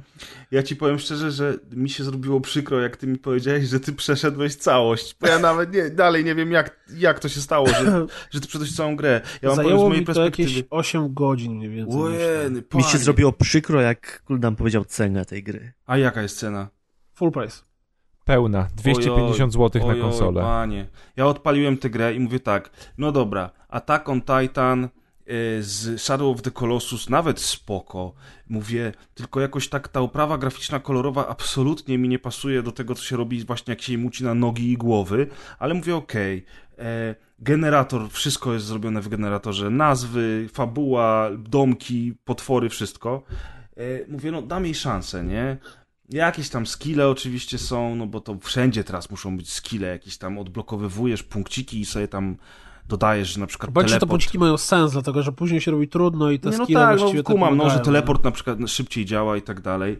Yy, Bardzo mi się spodobało to skakanie po tych domkach, bo skojarzyło mi się z Sunset Overdrive. To odbijanie się takie z gałęzi na gałąź po tych domach, skakanie, rzucanie tego haka. Mówię, o, będzie całkiem fajna i dynamiczna rozwałka, ale przysięgam, że zrobiłem pierwsze trzy misje i tak bardzo musiałem się zmusić do tego, żeby chociaż je zrobić, bo ja już po pierwszej miałem dosyć, że pełen szacun, że to by się chciało całość przechodzić. Ja bardzo serdecznie wszystkim ludziom na tej planecie odradzam tę grę. Nie, no jesteś zbyt, y, zbyt y, srogi. To nie jest tak, że to jest najgorsza gra na świecie. No nie, Mówię, oczywiście, że nie. Jak ona tobie wejdzie, jak wejdzie tobie ten, ten, ten lub w zabijanie tych potworów. Ja się, ja się w którymś momencie skręciłem już, tak, że, że No ale walka z tymi szakalami, czyli z tymi małymi, jest tak bardzo bez polotu, że bardziej się nie Czy da. używałeś kombosów? Y, No nie, machałem No mieczem właśnie. i ich To zabijałem. wygląda nie? tak. I gra, tam jest problem z tutorialem, bo ta gra o wielu rzeczach nie mówi. Tak jak nie mówi, że możesz odcinać kończyny, żeby ładować sobie superpasek, to tak samo ta gra wprost nie mówi, że jak napieprzasz w kwadrat, czy tam w... Yy... A? Nie. W jaki guzik na padzie Xboxowym? A, A. nie, X, nie. X. X, X tak. jest tam, gdzie kwadrat. Tak, czyli że jak napiszesz w kwadrat albo napiszesz w X, to ten będziesz takiego gościa klepał 5 minut. Będzie chlast, chlast, chlast, chlast, chlast, chlast, chlast, chlast, a on stoi tam e, e, e, e, e, e. A w momencie, w którym walniesz mu kombosem, który wygląda w ten sposób, że naciskasz kwadrat, chwila przerwy, drugi raz kwadrat, chwilę przerwy, trzeci raz kwadrat, albo na przykład kwadrat, przytrzymaj, dwa kwadraty, B, coś tam i tak dalej, to nagle gościa rozwalasz na dwa ciosy. Jak później pojawiają się dużo trudniejsze szakale, które faktycznie stanowią dla ciebie jakiekolwiek zagrożenie, to bez y, takiego y, sprytnego zarządzania kombosami, których używasz, wywalanie ich w powietrze i tam rozwalanie ich na najmocniejsze ciosy, to właściwie nie masz szans. Więc y, tak samo tam jeszcze jest kilka. Na przykład ja pod sam koniec gry zorientowałem się, że unik, który mam, nie działa tak, że jak ja nacisnę unik, to on po prostu odskoczy kawałek, tylko mogę zrobić tak, że go przytrzymam, to ja będę leciał niczym Superman albo Neo z Matrixa. Co nagle jest super przydatne w tej grze, jak robisz jakieś takie bardziej skomplikowane rzeczy, albo chcesz się szybko po mieście przemieszczać. Tam ten cały miks ze skakaniem po domów, odbijaniem się od trampolin, znaczy nie trampolin, to się nazywa e, Jezu, nie, nie biszkopt, tylko no taki daszek z płachtą. Markiza. Mm, Markiza. Biszkopt. Biszkopt. Ładne skojarzenie. Nie, Kremówka. Odbijanie się od kremówek, czyli markiz, czy tam właśnie od drzew i tak dalej, to tam jest tego trochę i ktoś miał pomysł. Czy no Tylko- widać tam inspirację fajnymi rzeczami, no ja Przykro nie mi się mogę... zrobiło, że ta gra tyle kosztuje, bo niestety, ale nikomu nie mógłbym polecić z czystym sumieniem, żeby kupować ją. Rozmawialiśmy przed nagraniem, ja nie wiedziałem, ile ona będzie kosztowała. I mówiłem, że jak to będzie za stówkę do kupienia, bo na Steamie jeszcze nie ma ceny, jak to nagrywamy, to można by się tym ewentualnie zainteresować, żeby popatrzeć, jak te orki się zabija. Ale kurde, full price, no niestety. Natomiast z drugiej strony ten gameplay loop bywa sympatyczny. Co prawda nie wiem, czy komuś, kto nie będzie robił tego do recenzji rzetelnej, będzie się chciało tą grę kiedykolwiek przejść. Bo w ogóle tam oprócz przejścia gry jest, w ogóle są daily challenge i są jakieś dodatkowe tryby gry, skirmisze, nie skirmisze, więc tam jest tego kontentu trochę. No, Ale sam powiedziałeś przed chwilą, stary, że nie wiem, czy ktoś, kto nie będzie miał tego do recenzji, będzie w ogóle chciał Tak. tę grę przechodzić. Właśnie o to, no. bo to, o to chciałem To powiedzieć. problem. Natomiast, jeżeli pojawi się w plusie, albo w Goldzie, albo w Hubble Monthly, albo w dowolnej innej usłudze, gdzie gry dostajecie, w cudzysłowie, za darmo, to sprawdźcie. Bo może się okazać, że pobawicie się, wątpię, żeby chciało wam się przejść, ale, ale jak się pobawicie w nią tę godzinkę, czy dwie, czy trzy, to będzie coś. Ale zobacz, to jest, ja mam teraz dla ciebie bardzo ciekawe pytanie, bo ja naprawdę nie chcę y, być znowu tym, co narzeka, natomiast ta gra naprawdę, y, przecież ja też często siadam i okazuje się, że jakaś gierka jest gniotem i trzeba ją przejść, bo trzeba ją zrecenzować. Na szczęście ty wziąłeś Extinction do recenzji, a mogłem tylko rzucić na to okiem, bo chyba bym się popłakał, jakbym musiał w to grać. I teraz y, pytanie brzmi, to, to, to, to jak ocenić taką grę? To znaczy, ja nie mówię o punktach, nie będziemy stawiać żadnych punktów, ale komu, komu ją polecić, skoro ty mówisz, że wiecie co, jakby ktoś ją wam dał za darmo, to nawet możecie ją odpalić, ale tak Znaczy- naprawdę i tak nie będziecie chcieli w to grać. Tak, no to żyjemy w bardzo Ciekawych ciekawych, czasach. czasach. Dlatego, że z jednej strony gry są na premierę bardzo drogie. Jeżeli, tak jak tutaj wynika z tego, że Extinction teraz w Xbox Store kosztuje 249 zł. Z drugiej strony mamy usługi, gdzie gry dostajemy za darmo po taniości. Jakieś Game Passy, jakieś Xbox Live, jakieś tam Games with Gold czy inne PlayStation Plusy. Z trzeciej strony mamy czasy, gdzie bardzo dobrych gier jest cała masa. I w momencie, w którym jest absolutnie przerzucenie, czy tam przeładowanie rynku grami, które są bardzo dobre albo świetne, to trochę szkoda czasu na takie przeciętne, mówiąc delikatnie. To powiedz No, nam, Kuldanku, no. Piotrze, już nie będę cię męczył. Ja jedną już, rzecz jeszcze tylko dostałem powiedzieć. odpowiedź, którą chciałem od ciebie. Jeszcze usłyszeć. tylko jedną rzecz chciałem wam powiedzieć, coś czego się absolutnie, ale to absolutnie nie spodziewałem.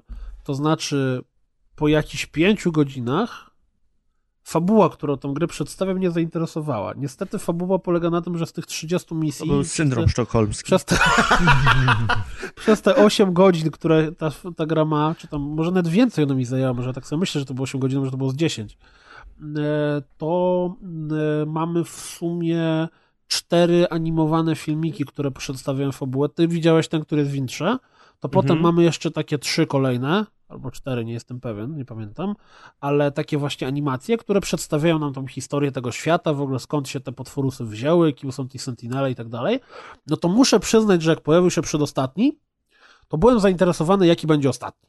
Bo tam jest jakiś twist fabularny, który tłumaczy, skąd się te potworusy wzięły. Jest takie, myślisz sobie, hmm, ciekawe, co oni wymyślili. Po czym, o Jezus Maria, teraz muszę przejść 6 leveli. A, w ogóle najlepsze, nie powiedziałem wam jeszcze. Znaczy, Grzegorz wie, bo miał okazję usłyszeć ten mój rage, e, że tak powiem, na żywo. E, godzina sobota, godzina druga dwadzieścia. Gram sobie właśnie w ostatnią misję, która jest dosyć trudna. E, Zaczynam ją czwarty raz, dlatego że jest trudna i przejście jej zajmuje około 20 minut, mniej więcej. No i ja gram, gram, gram. Właśnie już została mi ostatnia rzecz do zrobienia tej misji, żeby przejść, zabicie ostatniego orka. Już naładowałem sobie pasek, już on leży, już wbiegam mu po plecach i freeze gry. Hmm. I nic. Ani restart, ani nic. Trzeba robić od początku. No. Nie byłem ucieszony wtedy. No, nikt by nie był.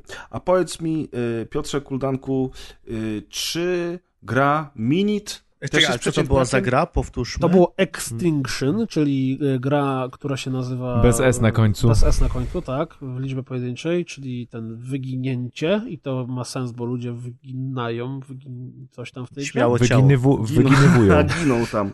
Wyginowują. W ogóle to zrobiło, y, nie mam zielonego pojęcia kto, ale chyba jakieś nieznane mi studio.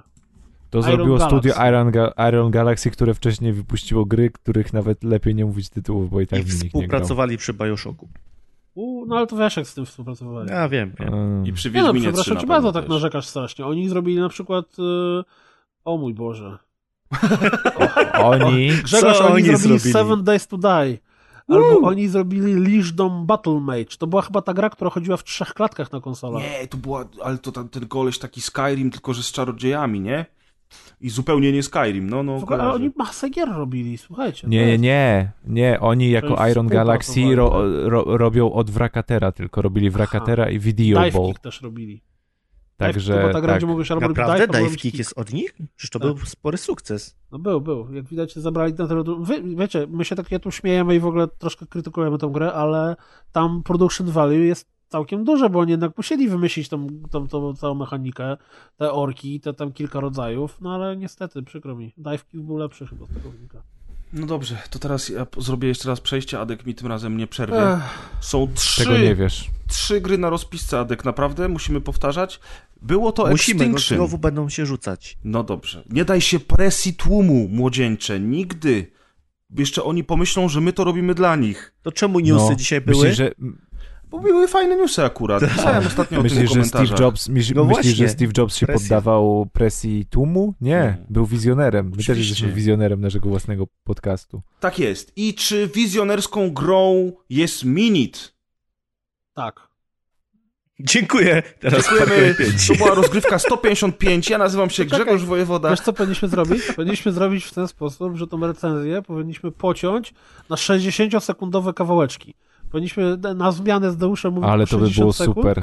Tak, to było szkoda, dobre. to Tylko. Maciek by nas zabił, prawda? Tak, to prawda. Jakbyśmy wpadli na ten pomysł. A naprawdę. mówię o tym dlatego, że Minit jest e, miniaturką e, na temat gier typu Zelda-like, ale tych nie Zelda tej ostatniej, tylko Zeldy tam z- ze SNESa czy z NESa, Czyli gry, No ja że- nawet powiedział, że z Game Boya. znaczy można- to graficznie, natomiast y, ga- gameplayowo to właśnie jednej z tych pierwszych Zeld, e, której pomysł na gameplay polega na tym, że e, co 60 sekund giniemy i wracamy i, i odradzamy się w naszym domu. Więc wszystko, co robimy w tej grze, musimy podzielić sobie w ten sposób, żeby zrobić to w przeciągu 60 sekund. Czyli jeżeli na przykład idziemy sobie do pana, który jest żółwiem i mówi nam w ten sposób, znaczy mówi, to znaczy mam na myśli literki, które pojawią się na ekranie, bo oczywiście gra oprócz tego, że jest miniaturką gameplayową, to jest też y, super miniaturką y, wizualną, bo wszystko jest czarno-białe e, i super proste, jeśli chodzi o grafikę. Całkiem przyjemna muzyka w miarę tam jest, zaskakująco. Nie, to, znaczy też jakieś tam takie pobrzdękiwania. Ale mimo, mimo że jest super proste, to jest ba ba bardzo czytelne i nieirytujące wbrew pozorom. Tak, tak też. jest wręcz zaskakująco. No i jak sobie mamy te 60 sekund i podejdziemy do pana żółwia i pan żółw zaczyna mówić nam w ten sposób, to ty się zastanawiasz, czy zdążysz przeżyć, zanim on dokończy swoją wypowiedź. A może ma coś ważnego do powiedzenia. Mimo- Oczywiście, o, tak, ale ta, ta, ta mechanika tych 60 sekund jest jakby, nie jest na tyle prosta, na ile wam się wydaje, ponieważ mapa jest dużo rozleglejsza niż to, że możemy ją przebić w 60 sekund, więc tak naprawdę część rzeczy, które robimy w ciągu tych 60 sekund ma permanentny wpływ na coś, a część nie. To znaczy, że jeśli zbierzemy jakiś przedmiot, a w grze zbieramy dużo przedmiotów, co najmniej kilkanaście przedmiotów jest do zebrania w grze i, i przedmioty często wykonują różne zadania, to, przy, to wtedy, kiedy zginiemy po 60 sekundach i odrodzimy się na nowo, to już y, ten przedmiot mamy w naszym jakby ekwipunku. Więc ten przedmiot już jest zebrany i możemy wiś, iść w inne miejsce już z zebranym przedmiotem, natomiast wrogowie czy jakieś, nie wiem, y, część przejść, za każdym razem musimy, musimy się przez nie przedrzeć. Natomiast jeśli na przykład, nie wiem, opuścimy most zwodzony, e, tudzież otworzymy jakieś tajne przejście, to, to cze- często to przejście również w kolejnym, czy ten most przez nas zbudowany, czy opuszczony w kolejnym przejściu już będzie aktywny. Więc to, y, więc trochę ta, ta, ta, ta mechanika trochę polega na rozwiązywaniu takich zagadek e, zbliżonych do zagadek logicznych tak naprawdę. A dlaczego on umiera co minutę? Bo podniósł Nie miecz, wiadomo. który jest przeklęty. Nie, bo to No dopóki tak- nie podniesiesz miecza, to nie jesteś, nie umierasz co minutę. Tak, tak, tak. Dopóki nie podniesiesz miecza, A nie miecz umierasz. podnosisz przez to, że to jest gra Zelda-like, czyli widzisz miecz, to pierwsza rzecz, którą robisz, to ją podnosisz go. A dlaczego, znaczy, skoro on umiera co minutę, to kto go wskrzesza?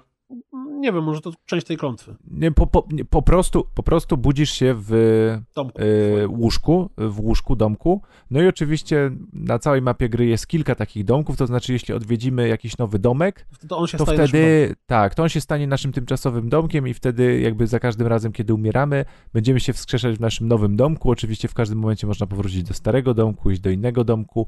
E, później odblokowujemy teleporty między tymi domkami, także wbrew pozorom te 60 sekund, które czasami może irytować albo, albo wydawać się małą ilością czasu, e, w wielu sytuacjach będzie się wydawało Aż wręcz nazbyt. aż, aż nazbyt i, i, i wręcz się będziemy zastanawiali, wow, że potrafiliśmy zrobić tyle akcji w ciągu tych 60 sekund. Bowiem czy gra ma nawet... Design y, tej gry jest potrzebny? W sensie, czy gra ma w sobie coś, co jakby wyglądała inaczej, to by nie miało prawa działać? Czy po prostu poszli na łatwiznę Znaczy, albo że gdyby, mieli nie plan? była na przykład strasznie skomplikowana graficznie, albo czy... Znaczy, Tak, nie, czy by na przykład była realistyczna grafika, to jakaś mechanika by nie mogła zadziałać? Czy po prostu tak uznali, że tak będzie wyglądało i tyle? To jest trudne pytanie, bo wiesz, to zależy, co to znaczy realistyczna grafika. Jesteśmy ludkiem, który wygląda jakby miał, wiesz, No, to był przykład. kaczki z o człowiekiem, to, że nie? czy mu, Tak. gra musi tak wyglądać? Czy może Nie, wyglądać to dowolnie myślę- inaczej i dalej będzie Mogłaby się tak wyglądać dowolnie inaczej. Tak, jeżeli byłaby dalej w takim t- 16-bitowym stylu zrobiona, bo Bo nie ona była... wiem, nie wiem, Bo widzisz, gdyby ona była przeładowana element, bo przez to, że ta grafika jest taka prosta, to bardzo łatwo wiesz, co masz robić, czy tam w którą stronę masz zmierzać. A jeżeli na ekranie miałbyś milion obiektów, to mógłbyś się rozpraszać. A wiesz, a tutaj, tutaj ła- ładno znaleźć element interaktywny. Tak naprawdę jak Dokładnie, gdzieś okej. idziesz, to pomiędzy tymi ekranami kolejnych plansz, no bo Czernie. plansze tak jak tak wygląda jak jakby jak gra z Game Boya, więc to często to dosłownie jest, spędzasz 5 sekund na jednej planszy, tak? Zabijesz dwóch Czyli wrogów, idziesz świadomy dalej. Bardzo, ba, tak, bardzo, bardzo łatwo się odnaleźć na, dzięki, tej, dzięki tej prostej grafice i w ogóle po, prostemu pomysłowi na, na, na- na, realizację, nie wiem, poruszania się po tym świecie i tak dalej, i tak dalej. To, co jest też istotne, to to, że gra y, mnie zaszokowała y, jej oceny. To znaczy, zanim w nią zagrałem, jak zobaczyłem, że Destructoid dały 10 na 10, to było takie wow, jak to się stało? Natomiast po zagraniu chyba rozumiem, bo to jest ta gra, w tej grze bardzo łatwo można się zakochać, zauroczyć. Bo przez miks tej, tej takiej 60-sekundowej mechaniki, z tym, że to wszystko jest czytelne, nieczytelne i tutaj zawsze mniej więcej wiesz, czego gra od ciebie oczekuje. To jest tak, że, że nie wiem, podchodzisz do domku, widzisz, że on jest zamknięty, więc logiczne, że teraz musisz znaleźć, gdzie jest klucz do tego domku. Albo podchodzisz do kogoś i ktoś ci mówi, że o, to jak tu będę miał więcej ludzi w pokoju, to wtedy otworzę ci wejście na dach. Więc wiesz, że musisz zrobić coś, żeby znaleźć więcej ludzi w pokoju.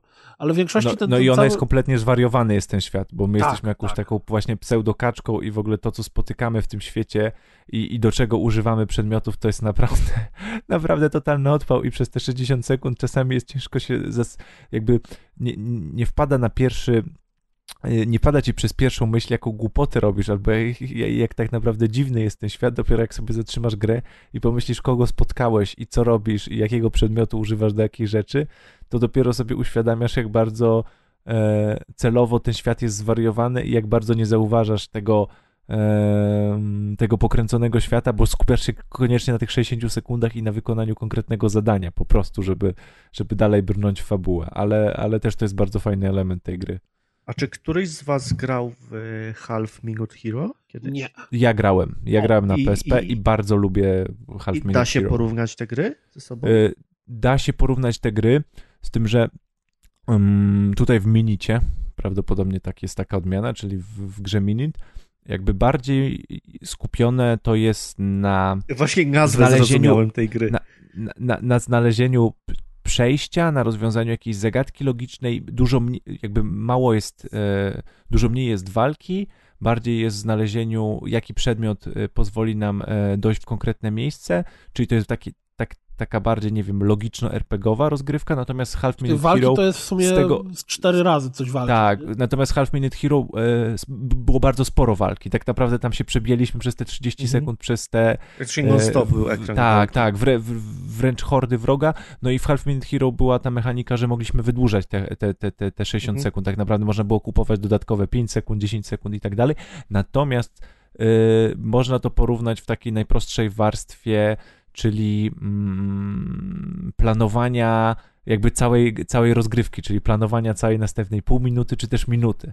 Czyli gdzie, gdzie musimy sobie konkretnie planować i skupiać się na jednej czynności, rozwinięciu e, jednej umiejętności i tak dalej, i tak dalej. Więc na takiej warstwie krótkiego planowania to są bardzo podobne gry, natomiast jakby ten, ten, ten, e, ten rdzeniowy gameplay jest jednak trochę inny i na innych aspektach się skupia. W ogóle to, mm, co jest ciekawe, zarówno ja i Deosz przyszliśmy, zajęło nam to w sumie jakieś półtorej godziny mniej więcej, bo z tego co pamiętam, to, to tak jakoś tam 83 minut, coś takiego. Tak, tak, około 80 Mi minut i zginęłem w tym podobnie. czasie tam 100, chyba 15 razy To dokładnie. ja bo- zginąłem trochę mniej, ale mniej więcej to mi podobnie czasu zajęło. Yy, Ciekawe czemu w sumie swoją drogą. No nie wiem. W każdym razie, yy, no bo to jak giniesz te 60 sekund, to właściwie to śmierć, ilość śmierci przekłada się, może tam na bossa ostatniego i tam się mo- można było Tak. szybciej zginąć niż... Tak, nieważne. ale nie, ja, no jest przycisk odpowiedzialny za szybką tak, śmierć i ja, i ja często robiłem tak, że jak zdobywałem jakiś przedmiot i wiedziałem, że już zostaje mi 15 sekund i nic nie zrobię więcej w te 15 sekund, to po prostu popełniałem samobójstwo, tak, bo jest przycisk do popełnienia Okej. jakby samobójstwa. No właśnie, to może dlatego, ja może ja tam rzeźbiłem jeszcze. Natomiast e, to, co jest zabawne, to to, że przejście tej gry to jest takie przejście, jak imi i Deuszowi zajęło, to jest zobaczenie mniej więcej połowy do trzech czwartych tego, co ta gra tam ma. To znaczy tych przedmiotów, które można znaleźć i którymi można coś zrobić jest dużo więcej niż mi się udało znaleźć. Na przykład. To jest też ciekawostka. Tam wiem, że na przykład jest łódka, którą można pływać, jakiś szukać skarbów, nie skarbów. Jest w ogóle... E, ile monet udało ci się zebrać? Ym, Monet? Chyba, Tak. cz- y, nie, pie, pięć, pięć No, bo jest sklep, w którym za 7 monet możemy kupić szybkobiegi. Mi się udało zabrać 4 monety Tak. przez całą grę, nie? E, Tam tak samo zbieramy sobie serduszka, dzięki którym mamy więcej życia. Są jakieś znajdźki w stylu. e, Jest cała New Game Cthulhu. Plus, bo można, Tak, jest New Game Tak, Plus, który polega na tym, że zamiast grę grać- 60 sekund mamy 45. Tak, bo, bo możemy grać na nowo jakby grę i na nowo z New Game Plusem, tam różne są opcje rozpoczęcia tej gry na nowo. W każdym razie no, no, no sporo pewnie jest, e, jest opcji po, powtórnego grania, jeśli oczywiście ktoś, kogoś chwyci ten gameplay. No i to, co jest moim zdaniem najistotniejsze, to bo to y, Press przy, przy Extinction powiedział tam, jak ocenić taką grę. E, ja Tak absolutnie nie wierzę w e, coś, co można by nazwać mm, e, jakby to powiedzieć globalną listą gier. Znaczy moim zdaniem nie da się postawić obok siebie Minita, postawić obok siebie Extinction i postawić obok siebie Far Cry'a Far Cry'a 5 na tej 5. samej skali ocen. Mimo, że wiesz, że, że to Co działa wyświetla tak się na głównej Metacriticu, tak. tak. Dokładnie, ale to jest absolutnie pomyłka, bo Minit jest, jest zupełnie inną popierduła. grą. To jest, No to, to jest, to, jest, to jest cukiereczek, to, to jest landrynka, to kosztuje 30 zł i, i dostarczy wam zabawy na godzinkę. I porównywanie tego z Extinction, które będzie was przeczołgać przez rozgrywkę przez 10 godzin i będziecie znudzeni, z Far Cry'em 5, o którym też będziemy rozmawiać za chwilę, to też się tego nie da zrobić, więc Minit ma niesamowicie pozytywne oceny, tylko moim zdaniem należy na to patrzeć jako na oceny takiej gry. I okej, I to też nie jest super, super jakby mechanika jakby odkrywcza, że jakby dobra mała gra, ale jakiś kompletnie rewolucyjny element. To jest po prostu fajnie zaprojektowane, wykorzystane, yy, pewien mechanizm w bardzo dobry sposób wykorzystany, przemyślany, zbalansowana.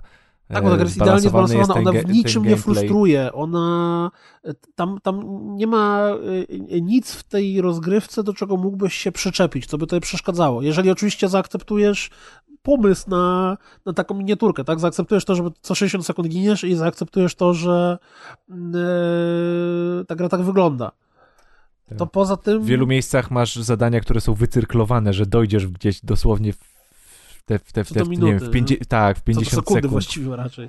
Tak, jak sobie pomyślisz, że to jest cała mapa tak zaprojektowana i kolejne zadania na tej mapie są tak zaprojektowane, że spokojnie jakby wykonujesz je w tą minutę razem z zastanowieniem się, co masz zrobić, no to naprawdę bardzo, ba, ba- bardzo dobrze to jest zbalansowane, ale to są po prostu bardzo dobrze zba, zbalansowane, proste elementy układanki, tak? Ta gra jest zrobiona w Game Makerze, zresztą zrobił ją e, e, e, pan... Czy to Rami- zrobiło w Lumber, Tak, ale tak. wydaje mi się, że Chyba nie e, nie robił, nie robił Rami Izael, który jest tam tym e, najbardziej znanym fragmentem w Lambera. chyba część w Lambera robiło. Tak, bo się na pewno pojawia logo. Okej. Płonący niedźwiedź się pojawia, jak grę włączamy, a Tak, z płonącym bo- bo niedźwiedziem odruchowo myślimy o Rami Izael i jest Rami Iz, Izmael? Izael? Ismail? Ismail? Ismail. Ismail. Ech, Spróbuję go na Twitterze, Jakoś tak. zapominam. Ten pan, który zrobił Ridiculously Fishing i stał się milionerem przez noc. Właśnie on. I ten pan, który jak robi na game devie, na GDC jakieś wystąpienie, to najprawdopodobniej mówi wszystkim indykom, że w ogóle bądźcie poważni i tak nie odniesiecie sukcesu i przemyślcie swoje życie. Tak w wielkim skrócie.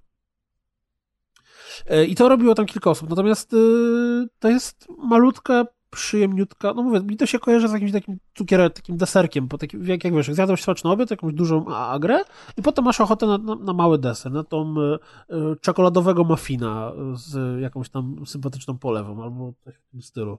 Ja mam takie skojarzenie z tą grą, że to jest Który zabije cię cholesterolem. Hmm. Tak, no to możesz wymyślić sobie. To też, ale to, ale to też jest gra, latę. która po prostu ide... to jest gra, która idealnie by się sprawdziła na platformy mobilne. Ja Tak, wiem, że to jest to trochę prawda. ocenianie względem oczekiwań i te mówienie, Masz że by się sprawdziła na platformy mobilne. Ale nie, no na Game Boyu by się super sprawdziła, to prawda, ale nie każdy, niestety rynek Game Boy jest teraz ograniczony i e, i myślę, że nie każdy posiada. Ja I mam akurat. problem, Także jakby była promka, to ja mogę sprawdzić. Ja tak, się, jakiś właśnie cartridge. pozdrawiamy Karolinę przy okazji, żeby stało się zadość tego. Natomiast ja się zastanawiam, czemu tak. Ja nie mam wiedzy na ten temat, natomiast jej nie ma na Switchu, gdzie wydaje mi się, że b, b, przez ten y, króciutki y, loop gameplayowy i ginięcie to 60 sekund by pasowała. I Adek, może ty wiesz, czy, czy Switch ma jakieś problemy z Game Makerem? Nie wiem. Znaczy Aha. dwójka Game Maker chyba działa na Switchu, a jedynka nie mam pojęcia. Pewnie da się to przykonwertować, jak wszystko. To wiesz to pytanie, że ile, ile, ile to zajmie pracy i czy jest szansa na y, zwrot tego. No Mm, niestety ale ja nawet Switch jest jedną z funkcji Game Makera, więc ciężko to wygooglać. Game Maker 2 działa na Switchu. No taka ciekawostka. Dobrze, to byś polecił pewnie. zagranie w to? tak, ja bym polecił. Ja się zaskoczyłem ceną, powiem szczerze, 35 że zł, nie? Tam około 30. Tak, tak, ja byłem, mimo że gra jest prosta i... A to dokładnie i tak jest wygląda, jakby miała tyle prost- kosztować. prostym indykiem, ale wydawało mi się, że, że, że może kosztować więcej, a tu jest naprawdę bardzo okazyjnie i wydaje mi się, I ona że wyszła na, na PS4, na Xbox One i na Bo na Xbox One też wyszła, jeśli się nie mylę, i na e, PC oczywiście. Nie wiem, czy jest na Macu. Tak. A i ma polską wersję, właśnie, zapomniałem o tym. I ma jeszcze wersję wegańską, chciałem zauważyć. 10 to 10. W, A ciekaw jestem, co zmienia wersję wegańską, Już bo ja ci- grałem bez wersji wegańskiej. Ja, ja, ja powiem ci, że specjalnie sprawdziłem bez gameplay na YouTubie i nie wiem, czy to będzie duży spoiler, czy nie, ale na przykład w pewnych miejsc jakby nie ma przemocy w niej. Tak mi się wydaje, że albo, albo w, w innym momencie trafiłem na inną miejscówkę, albo wydaje mi się, że nie ma przemocy. To ci mogę potem powiedzieć, o, o jaki fragment chodzi, ale wydaje mi się, że zaznaczenie opcji w opcjach opcji vegan e, zmniejsza chyba ilość, ilość przemocy. Nie wiem, czy wspomnieliście, ale I że to jest chyba mrug, wydaje. m- Tak, mrugnięciem tak, okiem, tak, tak. No Także co? Polecamy. Polecamy. Minitka. Tak. Minit, Zde- moi drodzy. 30 parę złotych. Tyle to dwie paczki papierosów. Lepiej, lepiej zagrać w minita przez półtorej godziny niż wypalić papierosy w dwóch paczek. To jest stanowczo lepszy pomysł. Prawda? Albo jak się ktoś zastanawia, to już wrzu- wrzucić do obserwowanych i przy najbliższej okazji. Ale to jest jeden dobry Eee, craft. Jakieś takie sprób- piwko. I... Pół dobrego chyba chciałeś O mój powiedzieć. Boże, kraw za 35 złotych? No ładnie. Powodzi się tam w tym, y, w różnych miastach Polski. No, nie kupuję gównogierek. To, stać ci na krafty. to... Dobrze, kochani. No. y, Jak sobie podzielisz, ile minitów wchodzi ci na jednego Extinction, to już to lepiej już w ogóle pięć przeli- minitów. ta, to 5 dobrze. minutów i rozdać, rozdać znajomym. No dobrze, słuchajcie, Far Cry 5, czyli gra, o której mówiliśmy już w, na poprzednim odcinku, w którym ja wtedy byłem Na rozgrywce Odrobince. 154. Tak, a teraz na rozgrywce 155. Ja skończyłem już tytuł, y, przeszedłem grę. Y, Jestem zaskoczony tym, że przeszedłem, bo zajęło mi dużo mniej czasu niż podejrzewałem, że mi zajmie, bo przejście Far Cry'a 5 zajęło mi jakieś 15 godzin. Okej, y, y, grałem zupełnie inaczej niż gram zazwyczaj, to znaczy nie czyściłem wszystkiego od A do Z i dopiero wtedy zacząłem robić fabułę, tylko tym razem grałem tak, jak miałem na to ochotę, czyli kiedy tylko odblokowała mi się walka z bossem, to natychmiast do niej szedłem i tak dalej, i tak dalej. No i myślę, że gdyby się uprzeć i robić tam wszystko, co byłoby do zrobienia, to ta gra by zajęła e, jakieś 30 godzin. Gdyby chciałoby się zrobić tam ten perfekcjonist, jak to jest ładnie na e, How Long to Beat zawsze określone. No ja mam w tej chwili zrobione wszystkie trzy rejony, czyli została mi tylko walka z ostatnim bossem i mam jakieś 17 godzin albo 18 na liczniku. Przy czym ja też nie grałem tak jak gram zazwyczaj w open worldy, bo y, robiłem prawie wszystkie poboczne zadania, które tylko się dało robić. Więc to jest ciekawe, że. Ty grałeś dokładnie tak, jak ja gram zazwyczaj, ja gram tak, jak ty Tak. grasz zazwyczaj. I że, że jesteśmy też zbliżeni czasowo, bo jednak ja naprawdę te wszystkie A kryjówki ty wszystkie misje preperskie- poboczne robiłeś, bo tam tych misji pobocznych jest po 50 na rejon. Tak, ja czyściłem wszystko, co się dało, tylko że one też potem, na przykład, jak już wyczyścisz rejon, to się i tak kolejne pojawiają, nie? Więc nie liczyłem dokładnie ile, ale tak jak byłem w konkretnym rejonie, to wszystkie misje z gwiazdkami, które były, też robiłem. I wszystkie preperskie skrytki, które się dało, też y, zaglądałem do nich, więc, więc jakby no starałem się czyścić mapę. No i tak mówię, no z 18 godzin mi to zajęło, tylko że ja, ja do, do, dosłownie dzisiaj, zanim zaczęliśmy nagrywać, pokonałem ostatniego bossa z ostatniego rejonu, który miałem do zaliczenia. Czyli nie wiem, ile tam Jak jeszcze jest do końca gry. zakończenie tego ostatniego rejonu? Nie spoilując, tylko... Znaczy, ostatni Myk? rejon ja miałem u Jacoba, nie? U Jacoba, tak. Czyli Czy u Josepha. który- Nie, czekaj. Nie, nie, u Jacoba. Joseph to jest tak. ten główny, z którym będę walczył teraz. Ale to spokojnie, pogadamy. No, ja ci powiem szczerze, że, że tak naprawdę to te dwa ko- kolejne re- regiony, które rozegrałem po Johnie, to mnie jakoś szczególnie nie zachwyciły, jeżeli mam być szczery. Ale to spokojnie. Y, Wszystko po kolei, no. Ja, ja, ja, ja, ja powiem tak. Bardzo dobrze bawiłem się gameplayowo. Przyjemność sprawiało mi strzelanie, zabijanie tych tam biegających typów, latanie helikopterkiem, strzelanie z rakiet, robienie tych misji, zabawa z Guns for Hire. To wszystko sprawiało mi dużo frajdy. Ale jestem absolutnie zawiedziony historią i fabułą, która ta gra prezentuje. A właściwie nawet nie tyle samą w sobie tą historią, co sposobem jej wykonania. Bo nie wiem, kto wpadł na ten pomysł y, przedstawiania nam fabularnych misji, ale powinien zastanowić się nad swoim życiem. Dlatego, że o czym ja jeszcze nie wiedziałem, jak, jak gadaliśmy na poprzednim odcinku, a teraz już wiem aż za dobrze, Cały myk gameplayowy polega na tym, że mamy sobie trzy rejony i każdym z tych rejonów, kiedy robimy rzeczy, robimy misje, uwalniamy outposty, niszczymy tam przeciwników spotkanych na mapie i tak dalej, tak dalej, tak dalej, to zbieramy coś, co się nazywa punkty oporu. Kiedy uzbieramy punktów oporu odpowiednią ilość, czyli na przykład w przypadku jednego pana to jest 13 tysięcy, drugiego pana to jest 13, drugiej pani to jest 13 tysięcy, trzeciego pana to jest 10 tysięcy, to wtedy odblokowuje nam się ostatnia misja w tym rejonie, czyli w cudzysłowie walka z bossem. Natomiast w międzyczasie, pomiędzy 0 punktów oporu, a tym 13 punktów oporu, są takie jeszcze dwa, czy tam trzy milestone'y jakby, i w momencie, w którym uda nam się uzbierać punktów oporu tyle, ile jest do tego, że właśnie milestone'a, to odpala nam się misja fabularna. I to nie jest żadne spoilowanie, ale yy, dzięki temu w trakcie gry jesteśmy jakieś 9 razy porywani przez naszych głównych złych w ten czy w inny sposób i naprawdę nie jestem w stanie pojąć fabularnie, kto uznał, że to będzie fajny motyw, kiedy to jak już y, zrobiliśmy 3 czwarte mapy i właściwie stanowimy śmiertelne zagrożenie dla tego kultu, to czemu oni i tak nas porywają i na luzaku, no to słuchaj, teraz to jest, tam pogadamy i teraz jak skończymy gadać, to zobaczysz teraz, dopiero zrozumiesz i zobaczysz i na pewno się nawrócisz. Nie kurwa, gdyby tak było, to nie mu w końcu strzeli kulkę w łeb.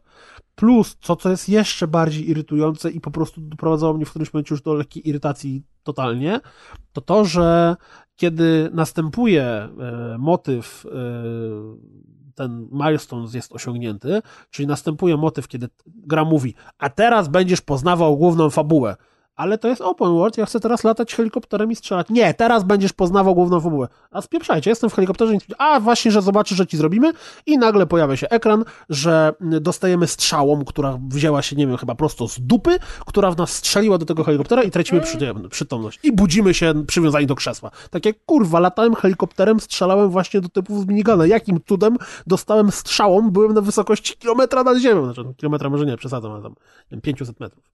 No, w każdym razie tak, dysonans... I to się dzieje cały czas! I to jest bez sensu! Dysonans ludonarracyjny jest, jest, jest mocny.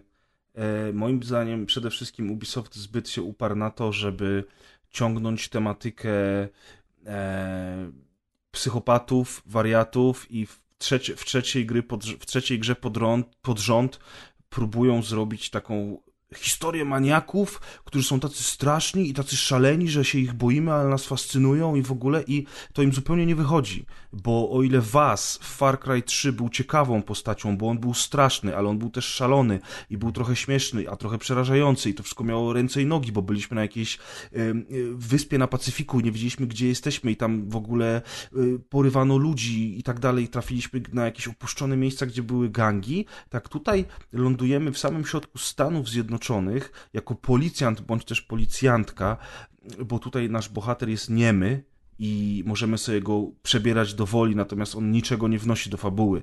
E, co jest o tyle dziwne, że gra jest nastawiona na granie w pojedynkę, do tego jeszcze przejdziemy, więc ja nie rozumiem, czemu nie można było stworzyć postaci, która miałaby jakiś charakter i mogła coś do tej fabuły wnieść, ale tak jak powiedział już Kuldan, ta fabuła naprawdę leży i kwiczy w tej odsłonie i cały ten klimat tego, że mamy jakąś oto sektę maniaków, którzy werbują ludzi i przejmują kolejne tereny i teraz my jako policjant lądujemy w samym środku tego gówna i zamiast wezwać posiłki, nie wiem, Gwardię Narodową, zadzwonić do hrabstwa obok i poprosić o to, żeby przysłali im swoje jednostki policji, to my bawimy się w Rambo z łukiem w lesie i odbijamy po kolei te rejony, które ta sekta przejęła i oczywiście pomaga nam przy tym ruch oporu, bo kurwa wszyscy się muszą nazywać zawsze ruchem oporu i cała społeczność Hope County chwyta za broń, żeby razem z nami walczyć przeciwko tym maniakom. Znaczy, na, tam jest tego... normalnie strefa wojny tak naprawdę. Tak. Gdzie się nie obejrzymy, to ludzie to się strzelają, jakieś awantury, jakieś wybuchy i tak dalej, i tak dalej. Do tego, do tego momentu jeszcze, jeszcze, jeszcze jestem w stanie to wszystko łyknąć, bo mówię sobie, dobra, to jest tylko gra, to jest open world, tak chcieli jak chcieli, ale jak poznaję po kolei tych wszystkich maniaków, bo tutaj dla odmiany zamiast jednego przeciwnika mamy tak naprawdę szefa i jego trzech podwładnych i z każdym z nich mamy do czynienia w trakcie zabawy, to okazuje się, że te postaci są Okazuje się, fatalnie że napisane. Szukasz guzika, jak przy, przyspiesza się tak. rozmowy zamiast. Są nieciekawe, nie są ani straszne, ani fascynujące, ani dziwne. Jest parę dialogów o jakichś martwych dzieciach, o jakimś facecie. Znaczy, którzy... Poczekaj, bo to ja o tym chcę powiedzieć zaraz, bo to jest też coś istotnego dla mnie. Bo yy, nie są ani ciekawe, ani te. Cała historia, która jest w tej grze, podobało mi się wprowadzenie. teraz mówię stricte fabularnie, bo powtórzę, gameplayowo ja tam się bawiłem naprawdę nieźle. Ty zaraz będziesz mówił, czemu ty się nie bawiłeś. W każdym razie, wprowadzenie mi się bardzo podobało. Podobał mi się y, wątek, który jest zakończeniem Jacoba, bo tam gra, gra mną zmanipulowała i to mi się spodobało. To było dobre, to się Bardzo- zgadza. Bardzo podobało mi się zakończenie. Natomiast niestety, jak na 15 godzin gry, która ma mieć fabułę, to tylko trzy motywy to trochę mało. Druga rzecz, która mnie kompletnie rozwalała, to to, że powiedziałeś, użyłeś y, ulubionego hasła związanego z recenzjami Tomb Raidera z 2013 roku, czyli dysonans ludonarracyjny. Ta gra robi to tak bardzo, że nie jestem w stanie tego zrozumieć. Bo z jednej strony, we wszystkim, co tam jest fabularnie, niezależnie już od tego wykonania, od tego, że nagle łowca nam strzela z dupy i tracimy przytomność, że nagle pani, jesteśmy sami w samolocie, nagle pani nam dmucha w twarz i tracimy przytomność, w ogóle skąd ona się wzięła. I w ogóle już- tak, to już, wszystko... Już nie mówię o tym wykonaniu tego, ale fabularnie sama ta gra jest bardzo, stara się w wielu miejscach być bardzo ciężka. Mamy historię o tym, jak to jakiś psychopata więził rodziców z dziećmi i potem palił tych rodziców i karmił tych dzieci jedzeniem, mięsem tych rodziców, tak? Ciężka sprawa. Mamy opowieści o jakichś zbrodniach, mamy o zabijaniu niemowlaków, mamy tam naprawdę całe wiadra takiego syfu ludzkiego i w ogóle jakieś trupy, które są powywieszane, zmaltretowane, gwałt i nie... To, ale wiesz, straszne rzeczy. te opowieści, które się pojawiają przy niektórych questach, te, które wspomniałeś, y, są dokładnie tak samo jak te trupy, y, które mają ucięte głowy albo brzuchy wypchane kamieniami w tej grze. To znaczy zupełnie tam nie pasują. I właśnie o tym chciałem są powiedzieć. jest wsadzone tak, na siłę. Fabuła i historia to nam mówi, że o mój Boże, psychopaci, jak jest ciężko i ten. Po czym co mówi gra? Gra mówi, ej stary, zobacz, mamy tu różowego tira, na którym zamontowaliśmy minigany i teraz możesz jechać tym tirem i rozpierdolić trochę krów. Tak. Gra mówi, weź sobie samolot, spróbuj wlecieć na najwyższą górę, wyskocz z samolotu, odpal strój wiewiórki i przeleć przez dwa kilometry. Gra mówi, masz tu subquesta, gdzie musisz zabić 12 byków za każdym razem inaczej. Jednego spal, a drugiego nabij na widły. I gra jest super fan. Gra jest po prostu, nie mówię, że zabijanie byków jest super fan, ale to wszystko, co ta gra oferuje, to jest po prostu uczucie radosnego rozpierdolu. Zwłaszcza jak się gra w koopie, to już jest w ogóle totalny absurd. Radość pod tytułem, zresztą obejrzyjcie sobie naszą dobranockę, gdzie doskonale widać, że my po prostu z sobie biegamy, strzelamy, hej ho i brakuje tak, i tylko, tam jest żeby ktoś bardzo tam... fajna rzecz, że jest różnorodność w podejściu do, do, do rozgrywki. To jest to, o czym mówiliśmy dzisiaj przy newsach. To powiedziałem Adkowi, obiecałem, że do tego wrócimy, zaraz do tego wrócimy. Bo ja bym bardzo chciał z dzisiaj rozłożyć Far Cry'a na czynniki pierwsze. Natomiast y, właśnie w dobranocce widać to, że ja tam y, bawię się w Splinter Cella i się skradam, strzelam z tłumika, z a w tym samym czasie Kuldan głaszcze niedźwiedzia i wzywa nalot, nie? I jest wielki rozpierdol i to jest super, bo E, bo właśnie to ta gra oferuje. Natomiast w połączeniu z tą fabułą, którą ona chce nam wcisnąć, z tymi antagonistami, z którymi my niby, niby mamy walczyć, ale tak naprawdę y, absolutnie nie zależy nam na tym, żeby pokonać to okropne zło, bo ta gra w ogóle tak naprawdę nie mówi, czemu Ty oni to biegasz robią. i robisz rozpierdol i to jest super fan. Czy to jest ten Patrzysz- słynny dysonans ludonarracyjny? To No nie słuchałeś, trzy razy tak. już o tym mówiłem. Tak, już trzy razy to padło No dzisiaj to na pytałem, nagraniu, czy ale... było coś ważnego, to nikt nie odpisał. ale bardzo właśnie to jest, to jest bardzo widoczne w tej grze i trochę irytujące. To znaczy, ja bym nie miał nic naprzeciwko, gdyby oni powiedzieli, słuchajcie, tu jest jakaś, ja- jakiś gang, który przejmuje nam rejony i my z nimi walczymy, albo... y, Wiecie, coś takiego, nie? Albo jakiś bojówkarze, którzy się odłączyli, bo chcą, żeby hrabstwo Hope y, było niezależne. Cokolwiek. Natomiast wpychanie po raz trzeci psychopaty, bo musi być psychopata, zrób, bądźmy oryginalni, zróbmy czterech psychopatów zamiast jednego i rzucajmy wam jakieś, jakieś ohydne historie o duszeniu dzieci i jedzeniu kawałków ciała ludzkiego, zupełnie tutaj nie pasuje. Ale z zupełnie. drugiej strony, czy Just Cause nie miał takiego problemu, że tam poszła zupełnie trywialna Just historia Cause był trywalną historią i było zajebistą rozgrywką i to ludzie w ogóle mieli trochę problem do tego? Gdzie? Problem? Just Cause Wydaje od mi się, początku że do końca głośno, mówi tobie, że, że ludziom, robimy film o agencie specjalnym, który robi rozpierdol. I ta gra nigdzie nie udawała, że jest czymkolwiek innym. Tak, i właśnie ludziom brakowało tego, żeby Bo ludziom zawsze czegoś brakuje. No ale nam teraz też tutaj widzisz brakuje, tylko po prostu y, rok temu jak recenzowałem Outlast 2, który opowiadał tak naprawdę podobną historię o pewnej zapyziałej dziurze w Stanach Zjednoczonych, w której groźny sekciarz zebrał grupę zwolenników i, i, i trafialiśmy tam przez przypadek, no oczywiście to zupełnie był inny gameplay. Zresztą też jest dobranocka, obejrzycie, bo jest całkiem niezła. I Piszcze jak Tam- dziewczynka. I tam to było po prostu straszne.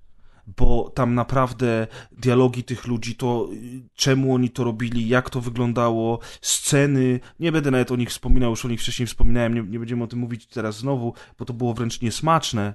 To było przerażające, to było bardzo, e, bardzo, bardzo mocno grające z gameplayem, który nas cholernie straszył.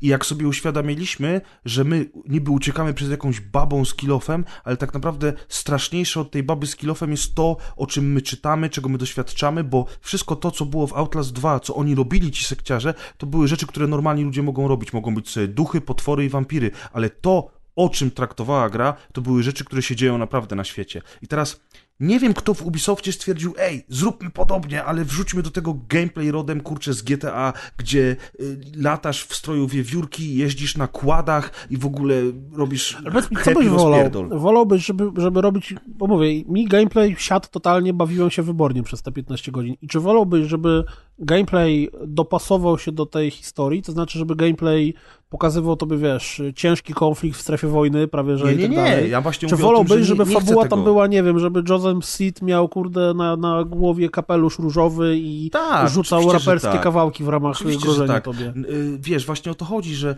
że ja dlatego cały czas mówię, to jest jeden z większych zarzutów moich do tej gry, że oni na siłę chcieli zrobić z tego straszną historię, bo to psuje odbiór, y, wymusza te rzeczy, chociażby jak te historie, o których ty mówisz, że w trakcie lotu helikopterem nagle ni stąd, ni zowąd ta baba chucha w ciebie narkotykiem, znajdujesz się nagle u niej w piwnicy, oni cię przesłuchują, ona w ogóle mówi do ciebie zdalnie, nawet nie masz walkie-talkie ani żadnego radia, tylko słyszysz głosy w głowie. Tak naprawdę to w ogóle nie jest wytłumaczone, czemu tak się dzieje. To trochę jest taki mm, i oniryczny, magiczny świat momentami. I nikogo nie obchodzi to, że to nie jest wytłumaczone. Albo jest, bo jest, a ty się masz bawić. Na chuj drążysz temat. Dokładnie. I to jest na maksa słabe w tym Far Cry'u. Bo z drugiej strony ja się też zgadzam z Kuldanem, że gameplayowo mnie to wciągnęło ostatecznie. Miałem bardzo duży problem z tą grą. Ja trzy razy się od niej odbiłem. Wieczór w wieczór próbowałem, mówiłem nie, nie chcę tego. To jest znowu taki sam Far Cry jak zawsze.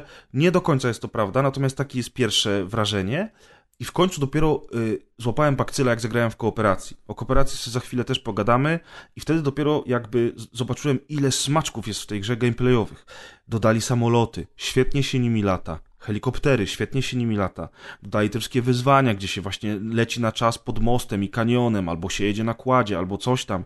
Jest wspaniały Clutch Nixon, czyli największy bohater y, kaskaderstwa w tym znanym nam wszechświecie, oni tak go określają. Tak, I jak właśnie to jest cudowne, nie? Jest Klacz Nixon, który jest kolesiem ubranym w flagę amerykańską, który jedzie płonącym samochodem przez y, koła wody, y, a dokładnie na tej samym torze obok y, masz historię o tym, jak to ktoś maltretował swoją żonę, nie? I to, Tak, to do tak. siebie tak bardzo pasuje, że o mój Boże. Jak pięć do oka. No, y, jest y, ten, jakby to wszystko, to wszystko mi się podobało. Znaczy, ja teraz zgubiłem wątek, bo mówimy jeszcze o fabule, ale właśnie ten gameplay, a, a ta historia bardzo ze sobą kontrastowały. Poza tym y, już nawet nie chodzi o to, że oni na siłę chcieli być poważni i jacyś taki, tacy, wiecie, jak to się mówi... Słuchaj, a może to jest pastisz, którego my nie dostrzegamy? Nie, nie, nie, nie, nie. Y, Co, oni- co oni chcieli zrobić? Oni chcieli nas zaszokować. Y, To szokowanie się nie udaje, bo wszystkie postacie w tej grze są napisane na kolanie. One mają takie sobie dialogi, większość, w większości wypadków, bo niektóre są świetne i takie i motywacje w tej grze tych postaci, to co oni mówią, to co oni robią, absolutnie mnie nie obchodziło do samego końca. Ani jedna historia, może poza tym kucharzem, e, w ogóle mnie nie, nie zainteresowała. Tak jak ty mówisz, ja w pewnym momencie się skumałem, że te dialogi można przewijać, ja je przewijałem wszystkie. Czy, tak mówię, bardzo nieinteresująca jest ta historia. E, Josefa, bo to był Józef, tak, tam na górze, czy Jacoba? Joseph jest szefem wszystkich A, szefów. czyli Jacoba, e, zakończenie jego wątku mi zrobiło takie, ej, to było dobre. Tak, bo on, ale było to też był motyw dobre. gameplayowy. Tak, to był też motyw, gameplayowy. Uwielbiam wykorzystanie gameplaya do narracji, zawsze działa, zawsze polecamy, niech będzie go więcej w grach. Ale właśnie z drugiej strony, jak teraz już przejdziemy do gameplayu, to był jeden z niewielu momentów w, tych, w tej grze, gdzie miałeś taki fragment rozgrywki, który zapadnie pasował ci do tej pamięć. fabuły. I co więcej, i pasował do tego ciężkiego klimatu. Tak, bo reszta To Far nie było podpalania krów y, mołotowami, tylko to było coś, co pasowało do tego, co tam się działo. Tak, tak, ale reszta Far Cry'a piątki to są tak bardzo rzeczy, które nie zapadną mi w pamięć, bo jesteś na tej otwartej mapie i znowu Do bohaterem... że zakończenie ci zapadnie w pamięć. Okej, tak, masz rację. Ja zrobiłem wszystkie trzy rejony, została mi ostatni boss, więc nie wiem, czy została mi godzina gry, czy półtorej, zobaczymy. Chodzi mi o to, że większość rzeczy, które ja robiłem w tej grze, to były wyczyny kaskaderskie, które są spoko, odbijanie baz, które jest zawsze takie samo, bo albo możesz ją zaatakować z helikoptera, albo z, cały na biało, albo się skradać i wyłączać alarmy, albo na przykład jak będą mieli niedźwiedzia w klatce, tak samo już jak było w Far Cry 3 No tak, i w Far nie? Cry 4, możesz go wypuścić, żeby on ich zaatakował, a ty robisz swoje.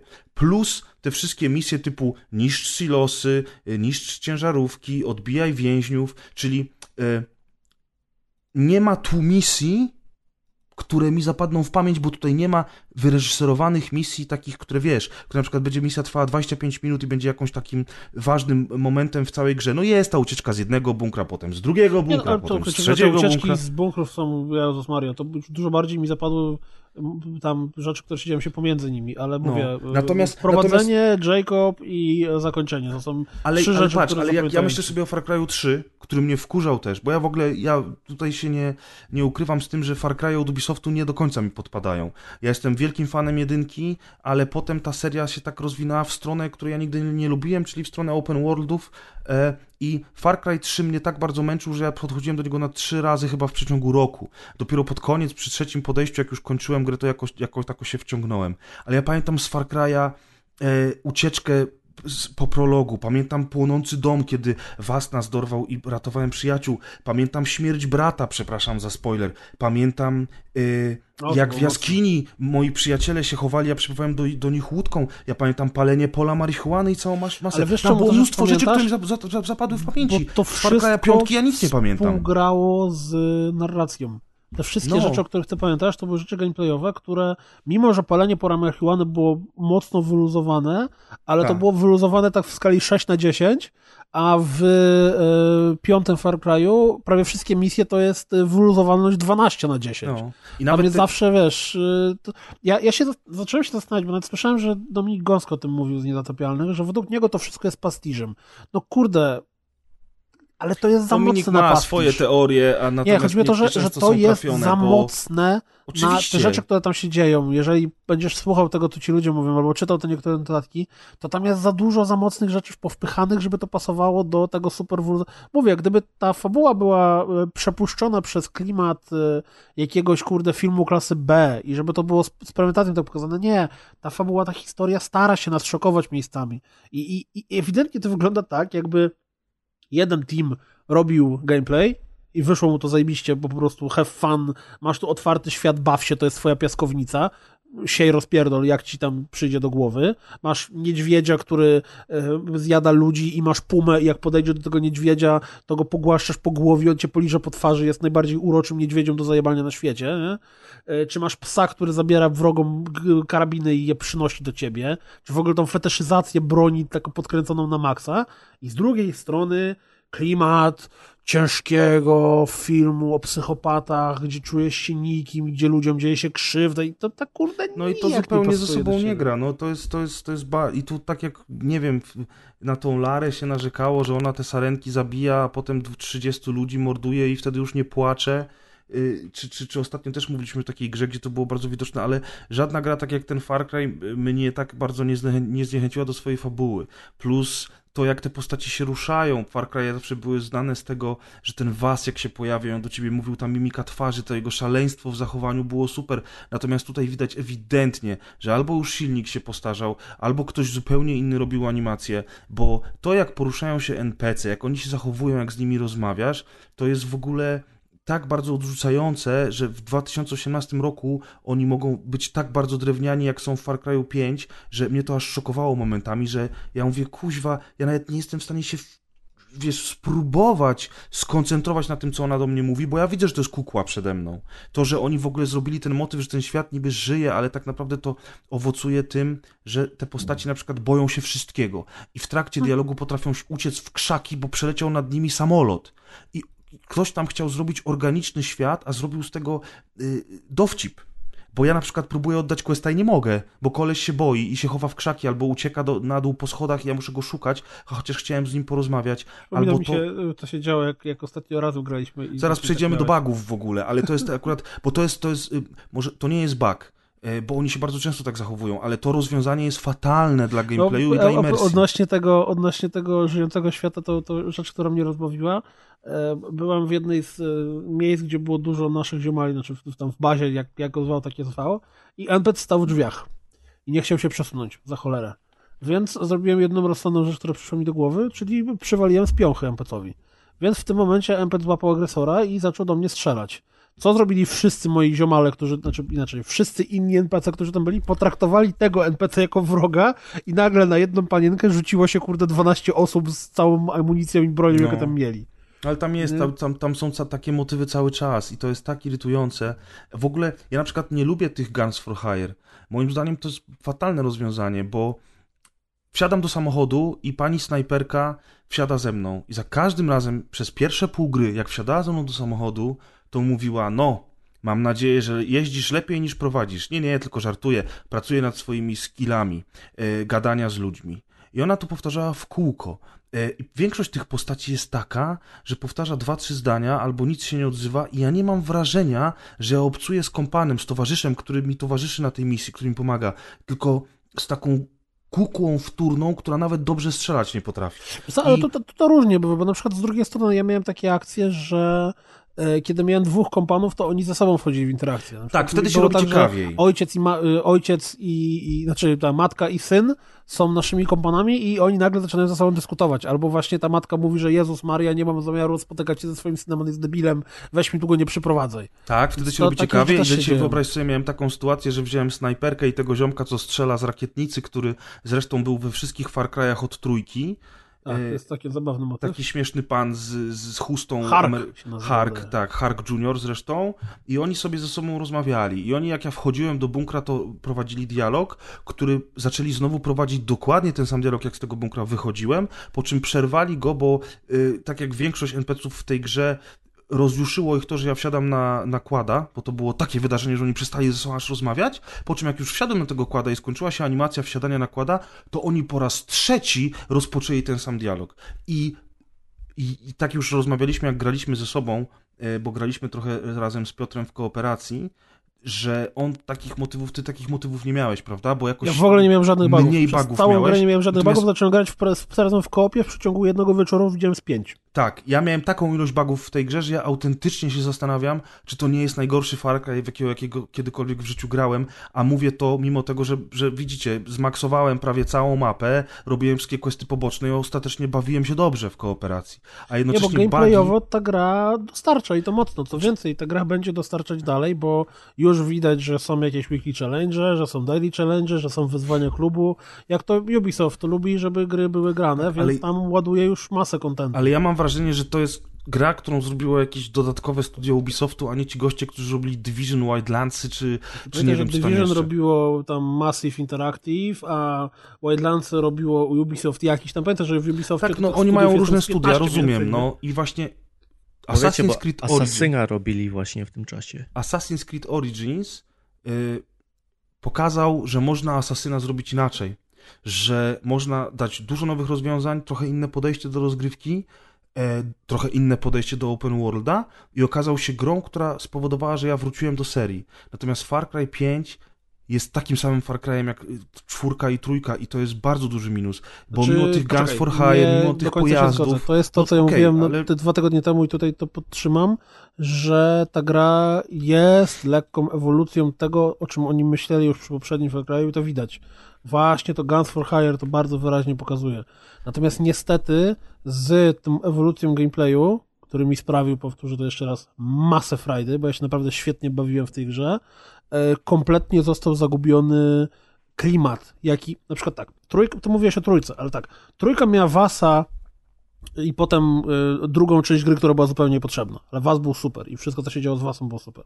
Czwórka miała ten taki totalnie pojebany klimat małego państewka gdzieś tam wysoko w górach i na przykład te misje w, w tej krainie mitycznej, tam Shangri-La, tak? Mhm. I, I gości, jak to się naćpałeś i w ogóle widziałeś jakieś odpały. Więc czwórka też miała swoje rzeczy.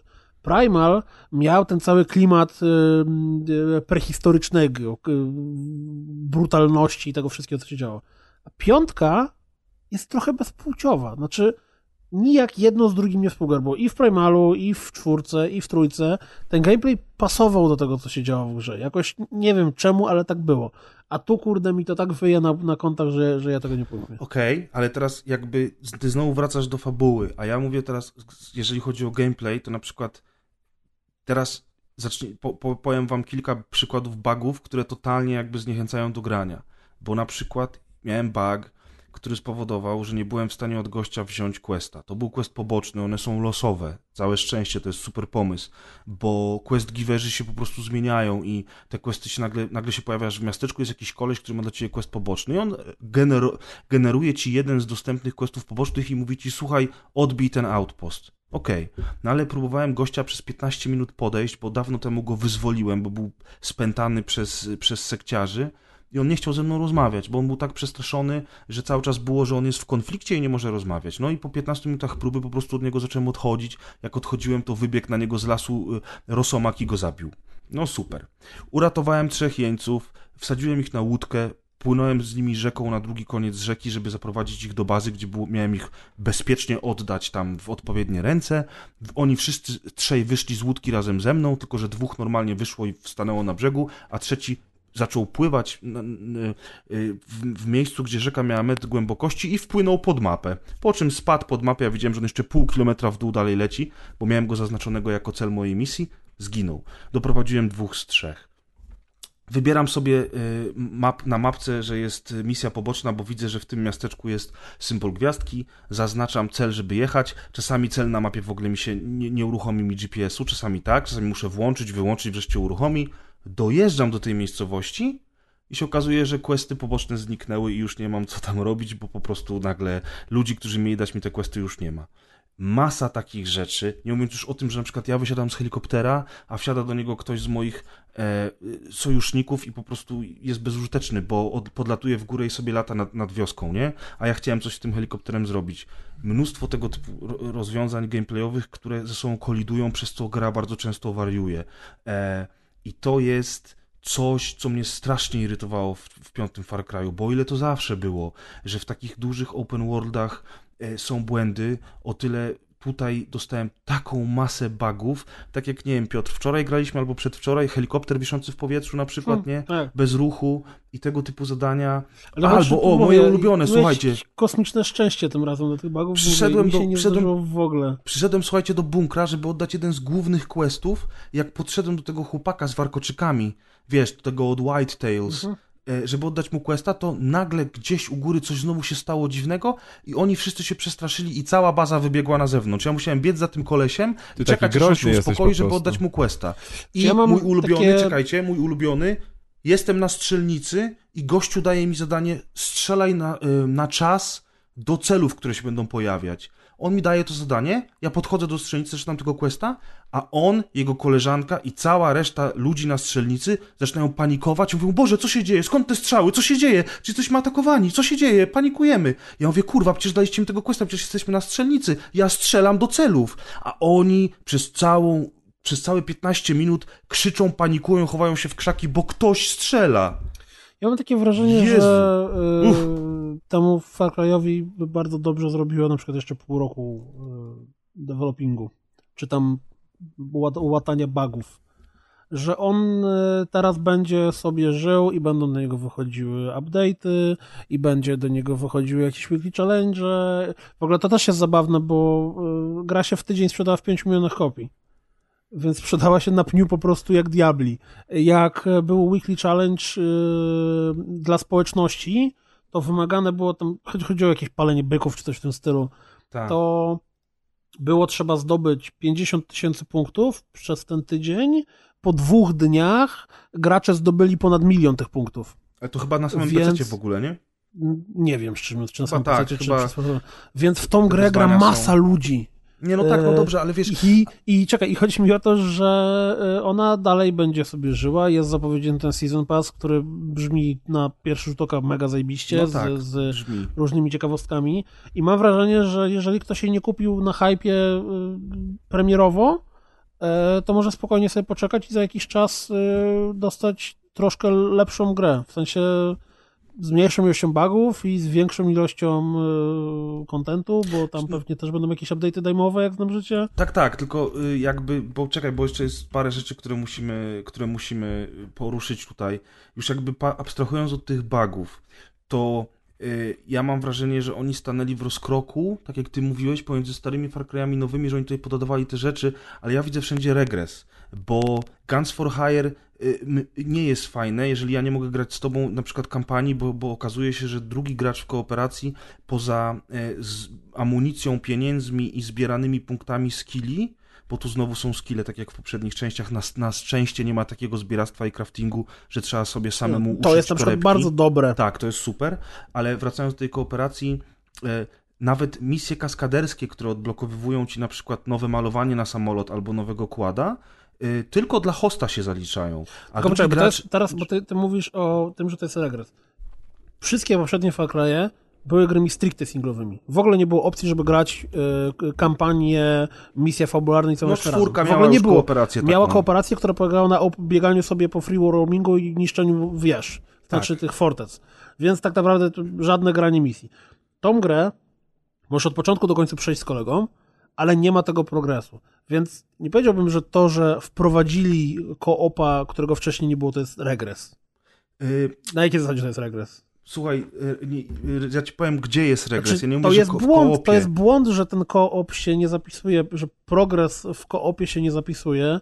Natomiast ja podejrzewam, zresztą rozmawialiśmy o tym wczoraj, że ja podejrzewam, że to jest jakiś problem e, programistyczny, że nie wiem, czy ze względu na tą wersję silnika, czy ze względu na implementację tego koopa, czy ze względu na cokolwiek innego, e, po prostu przeskoczenie tego problemu było zbyt duże i zbyt tak, poważne. No, ja się zgadzam, że musiał być Nie, jakiś problem, który na to nie pozwolił. to Może jest to, dla mnie regres. tak, tak jak Bo- gadaliśmy sobie, no ale nie no, no, regres w stosunku do czego? Do gry, w, w której nie stosunku było w do gier? Ubisoftu, bo po tym, co pokazali w Wildlinesach, w The Crew czy w, czy w The Division, y, tutaj widać, że to mogła być równie fajna y, zabawa w kooperacji i oni tej zabawy nie, nie udostępnili. Przecież sam powiedziałeś o tym, że gameplayowo jest tyle fanu, że to się w głowie nie mieści. I właśnie ten gameplay, te wyścigi, przecież nawet w tych misjach, dla, misjach o klacze, klaczu Nixonie można jechać z partnerem z kooperacji i się z nim ścigać, tylko że jego postęp nie jest w ogóle zapisany. I dlaczego? To, jest, to jest największy zarzut, jaki mam, ja mam do tej gry, bo ewidentnie widać, że ona zo- została zrobiona po to, żeby właśnie się y, radośnie bawić na łąkach Montany. I dlaczego nie, nie możemy grać razem z kolegami? Dlaczego nie możemy się razem bawić ze Możemy, bo sobą? my gramy, tylko koledzy nie będzie im misji No tak, no ty przeszedłeś y, dużo wcześniej przede mną grę, więc mi pomagałeś. Mój brat też mi pomagał z doskoku i to jest super. Y, No i tylko dlatego w ogóle ja się ostatecznie przekonałem do tej gry, no bo, no bo tak, ja cały czas narzekam, ale ja się przekonałem do Far Cry'a 5. On, on naprawdę sprawił mi dużo radości, ale mam całą masę zarzutów do niego, bo jeżeli pytasz o regres, mój drogi, to ci powiem jeszcze inną rzecz. Była dyskusja na GKN Zapie o filmiku, który porównywał Far Cry'a 2 i 5. No i rzeczywiście, i też na Twitterze były o tym dyskusje, bo ja widziałem między innymi, że Kłas o tym dyskutował, ktoś jeszcze, że tam tłumaczyli na Twitterze, że no tak, jakie są różnice? No, różnice są takie, że na przykład w Far Cry'u dwójce pociski przechodzą przez cienkie ściany, takie jak drewno albo blacha, a w Far Cry'u 5 w ogóle to, to, to się nie dzieje. Ogień w Far Cry'u dwójce jest organiczny i rozprzestrzenia się w taki naturalny sposób i stanowi faktyczne zagrożenie, natomiast ogień w piątce, no jest, bo jest, ale on już nie działa tak, jak, jak, działał, jak działał jeszcze w trójce. Wiesz, On nawet Wczoraj pan się przeraził, uciekał, bo zapalił od helikoptera. Oni się Czy potrafią przerazić, zapalnik? jak ty radio w samochodzie włączysz, także wiesz. Ale wiesz co, poczekaj, bo, bo ja, Nie, tak, nie, ja, ale widziałem, ja widziałem ten to- filmik, ale, ale ten filmik to jest takie... Ale Boże, pamiętasz, pamiętasz, że w, dniu, jak tylko dostaliśmy gry, od razu mówiłem o tym, że strzelanie jest bezpłciowe. I to też, to też jest coś, co ja zauważyłem nie tylko ja, dużo osób o tym mówiło. I ten filmik to tylko udowodnił. W dwójce Far Cry'a koleś, który dostał postrzał w nogę, klęka na jedno kolano, sięga do kieszeni po pistolet, bo wypadł mu kałach z ręki.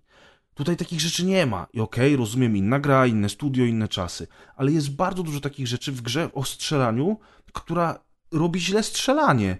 Większość pukawek w Far Cry'u 5 to ja mam wrażenie, że ja strzelam z kapiszonów, a nie z Ale prawdziwej to co ci się podobało w tej grze w takim razie? Bo najpierw mówię, że ci się podobało i że się przekonałeś, że bawiłeś się dobrze, tak, przekonałem się. No bawiłem się dobrze z tobą. Fajnie było, jak lataliśmy razem helikopterem, fajnie się jeździ samochodami, fajnie się pływa.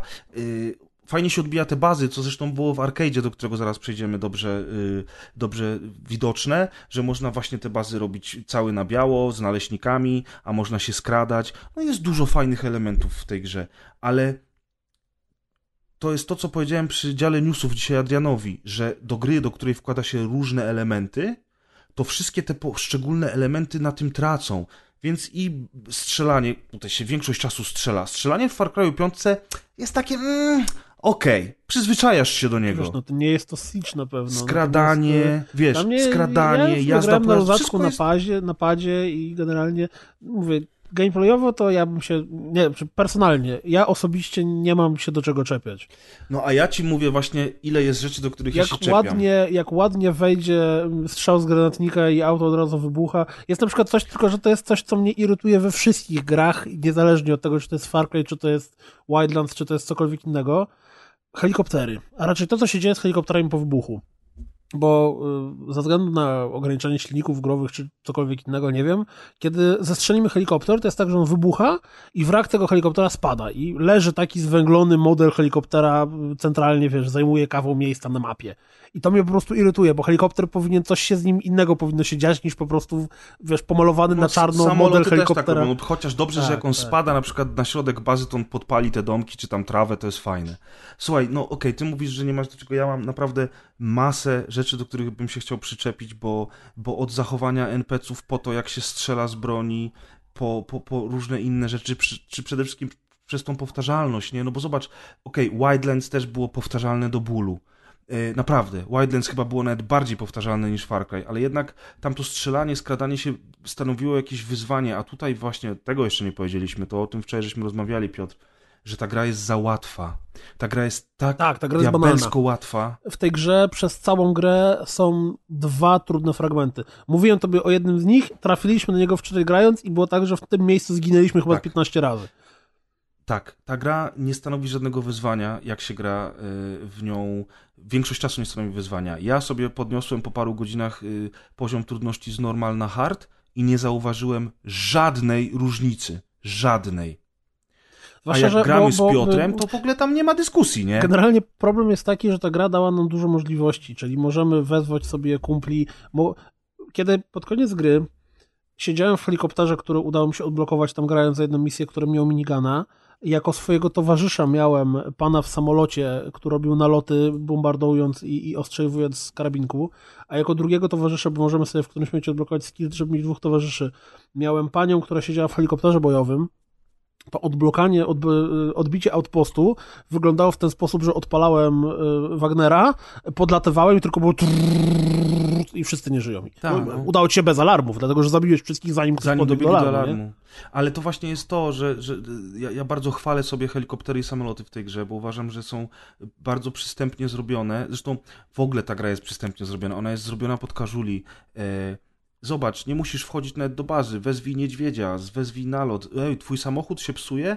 No nic, to damy ci skilla. Jak będziesz siedział w jakimkolwiek pojeździe, pojazd sam będzie się naprawiał z siebie, bo tylko w nim siedzisz. No, Skończyły ci się rakiety w helikopterze, wciśnij lewy i prawy grzybek. Za tysiąc dolarów dostaniesz nowe rakiety, będąc sensu, w powietrzu. tam kasy nie tak łatwo się znajduje, więc... Tak, więc jakby ta gra i to strzelanie w tym wszystkim, wiesz, gra o strzelaniu, w której strzelanie jest tak banalnie proste, że nie sprawia żadnego wyzwania, nawet na hardzie, a jak się gra w kooperacji, to jest po prostu taki, taki przeszczęśliwy rozpierdol, że bardziej się nie da. I to jest chyba mój największy zarzut, bo ja pamiętam, że w trójce musiałem się nieźle napocić momentami, żeby sobie poradzić z przeciwnikami. Primal też był trudniejszy. O, Primal w ogóle był trudny. Czasem chłopcy śpią. Chłopcy śpią, ja tylko powiem, Tak powiedz... dyskutujecie, że nie ma jak wam przerwać. no to może ma, jakieś pytanie macie, albo może chcecie się czegoś do, dowiedzieć. Nie ma pytań, bo tak wyczerpaliście temat, że nie wiadomo Adrianie, co a co, co wiesz o Far Cry Arcade? Nic nie wiem o Far Cry Arcade. To my ci powiemy. Jest zajebisty. Dlatego nie pytam, bo nie wiem co to jest Far nawet. Cry Arcade to jest to samo, co Snap Map w Dumie. Pomogłem? A, to super. To jest taki tryb, y, y, który wsadzili do Far Cry'a 5 e, w którym e, użytkownicy sami tworzą mapy do przechodzenia w pojedynkę lub w kooperacji i następnie te mapy wchodzą do rotacji, społeczność na nie głosuje, więc jest ranking najbardziej popularnych i my z Kuldankiem wtedy wchodzimy sobie do tego arcade e, i odpalamy sobie misję w kooperacji, na przykład Outpost, czyli takie typowe wyczyszczenie bazy i wtedy jest super, bo e, tam są odpowiednie e, zestawy broni do wyboru i na przykład bierzemy stealth i mamy tylko na przykład pistolet z tłumikiem, łuk plus coś tam jeszcze i Czekaj, robimy robicie cichu. dokładnie to samo, co w innych grach od Ubisoftu, jak gracie razem? Tak jest, Czy dokładnie. Nawet robimy Okej. to samo, co robimy w, normalnie, w normalnym Far Cry'u, tylko że mamy zrobioną po prostu małą mapę, która jest jakimś tam wyzwaniem mniejszym większym. Tak. Jest też tak zwane, tak zwane journey, czyli taka, to jest taka zwykła misja, jakbyś grał w, nie wiem, w Crysisa 2, y, gdzie idziesz od punktu A do punktu B i musisz po drodze pokonać wszystkich przeciwników i to jest nawet całkiem fajne. Jest Mhm. Bounty Hunt, gdzie na przykład y, ktoś zrobił misję, że jesteśmy na safari i kłusownicy zabijają Musimy zwierzęta upolować panów, którzy i my musimy zwierzęta, ich tak. załatwić. Jest Albo jakaś... była inna misja, która polegała na tym, że było trzeba dorwać typa, który był schowany na środku bazy w y, kontenerze i było trzeba znaleźć metodę, jak wejść do tego konteneru. Tak. To było trzeba wejść na wieżę i zjechać na try... Ty, ty, ty, I widać, że jest tak potencjał, chociaż niestety materiały udostępnione do tworzenia tych map są e, dużo gorszej jakości niż materiały, które były wykorzystane w kampanii, więc e, bardzo mocna różnica w grafice jest między tym, co Tak, oferuje kampania, a tym, co oferuje arcade. Po prostu Natomiast- większość tych map jest brzydka. Jak ktoś ich nie umie zrobić, to te mapy nie dość, że są brzydkie, to jeszcze są kiepskie. No ale wiesz, z drugiej Ale strony... e, art designowo udało nam się trafić na kilka, które robiło Tak. wrażenie. Jak na przykład Była- to zatopione miasto. Jedno było zatopione miasto, zajebiście. Było miasto Było jedno miasto, które wyglądało jak The Last of Us. Totalnie Dokładnie, dokładnie. postapo i tak dalej. A teraz najzabawniejsze, bo tutaj możemy sobie w tym Far Cry Arcade grać na mapach stworzonych właśnie do współpracy, czyli do kooperacji, czyli tam właśnie odbijanie outpostów, to wszystko, co Grzegorz mówi. Ale oprócz tego jest normalny multiplayer, tylko i wyłącznie na tych mapach z arcade'a. Tak. Odpalamy e, multiplayer, który jest e, absolutnie ekstremalnym ADHD. Wszyscy biegają z shotgunami, tylko e, patrzymy, co się stanie. Tak, i to jest bardzo Ale- ciekawe, że kooperacja i kampania są proste, a multiplayer z kolei jest naprawdę maksymalnie skillowy. hardkorowy. Ale teraz słuchajcie, coś, co rozbawiło nas setnie. Odpalamy Far Cry Arcade, odpalamy multiplayer. E, Myk polega na tym, że najpierw gra losuje z 12 graczy, bo to jest 6 na 6. Tak. Losuje gracze, którzy wybierają mapki. Czterech i potem graczy wszyscy- wybiera z 20 mapek, tak. czyli taka I pula się potem pojawia. wszyscy głosują na jedną z tych pięciu mapek, które się pojawiają, na której jest granie. E, Na jakiej mapce, e, tryb, gdzie ludzie tworzą mapy. Jaka była pierwsza mapka, w której zagraliśmy? Uwaga, uwaga, Nuketown z Call of Duty. Ktoś zrobił Nuketown do Far Cry Arcade. Jaka była druga mapka, w której zagraliśmy w tym multiplayer? Nuketown 8-bitowy. Ktoś zrobił Nuketown 8-bitowy. Z takim grzybkiem atomowym zrobionym z pikseli w tle, Tak. wiecie, bo w Nuketown tam na końcu w Black Ops wybuchał grzyb atomowy, nie? I zrobiony jest taki pikselowy Nuketown A 8 to, chyb, to chyba jest standard super. przy tych grach, że zaraz by powstaną Tak, zaraz będzie level z Mario, nie? Z Half-Life'a i tak dalej. Tak, tylko że tak. ten multiplayer umrze w ciągu dwóch miesięcy, bo nie dość, że oni dali tam tylko deathmatch i team deathmatch, co jest dla mnie zaskoczeniem wielkim. Nie ma ani dominacji, ani capture the flag, może potem będą chcieli to wpuszczać sukcesywnie, natomiast y, on jest, tak jak powiedział Piotrek, to jest takie ADHD dosyć mocno skillowe, gdzie przeciwnicy mają dosyć dużo życia i trzeba najlepiej walić im heady i naprawdę jest dosyć wymagająco, ale Za to też... te misje na współpracę są zajebiste i jeżeli będziemy mieli czas grać w Far Cry, to na punk będziemy grali Tak, też sobie te w misje te, te współpracy są bardzo spoko. Ja uważam, że od czasu do czasu fajnie będzie do nich wrócić. Na, na pewno do Far Cry'a jeszcze do samej kampanii dodadzą dużo rzeczy, tak jak ty mówiłeś, Piotrek, że są już te challenge, tak jak w wszystkich innych grach Ubisoftu, więc są tygodniowe i jakieś wydarzenia i tak dalej. Mnie w ogóle zastanawia pierwsze wydarzenie, które, które weszło do Far Cry'a 5, to Oni jest cali na biało wchodzą. podpal jak największą ilość zwierząt na mapie ogniem, używając ogóle i koktajli Wiesz, Mołotowa. z misjami, które polegają na tym, że musiałeś na 12 różnych sposobów zabić, zabić byka zwierzę, albo nie? bić to... baseballem świnie. Oni ja naprawdę szoku, tam- że nikt nie robi z tego powodu żadnej afery, naprawdę. Piotrek ma teorię, powiedz nam Piotrek, jaka to jest teoria. Dlaczego nikt nie robi afery? Że już jak robili afery przy okazji tam chyba Black Flaga i, i wielorybów i generalnie wszyscy mieli serdecznie dosyć pety w jakiejkolwiek formie, to peta w ogóle przestała zwracać uwagi na gry. Bo to już od kilku lat nigdzie w ogóle o tej przemocy w stosunku do zwierząt się nie mówi. No, no ale to jest zaskakujące, bo w Far Cry 5 przemoc wobec, ob, No wobec jest zwierząt to jest w ogóle... 12 do absurdu Tak. momentami. Ta, i jest tego naprawdę, Tam naprawdę nie wiem, jedna dużo, z nie? misji pobocznych polega na tym, że e, co z tego, że tu jest rejon owładnięty właściwie wojną domową i kultyści, którzy wszystkich porywają, mordują, gwałcą i nie wiadomo co jeszcze. E, typ mówi, że e, ludzie nie będą szczęśliwi, dopóki nie zrobimy festiwalu byczych jąder i musisz teraz iść zdobyć bycze jądra. Czy na przykład, co zresztą widać na dobranocce, jak właśnie przerywamy kopulację krową. Znaczy bykowi i krowie, nie? Y, Reasumując, y, ja powiem tak, gameplayowo bawiłem się bardzo dobrze, nie trafiłem na żadne bugi, nie mam tych problemów, które miał Grzegorz. E, Fabularnie jestem zawiedziony. Wywaliło Piotra Kuldanka. Ojej, jak Weź zapisz zwykle. 20743, Adek, 20743. Ale ja mogę kontynuować, bo ja mam do ciebie pytanie. Dobrze mów.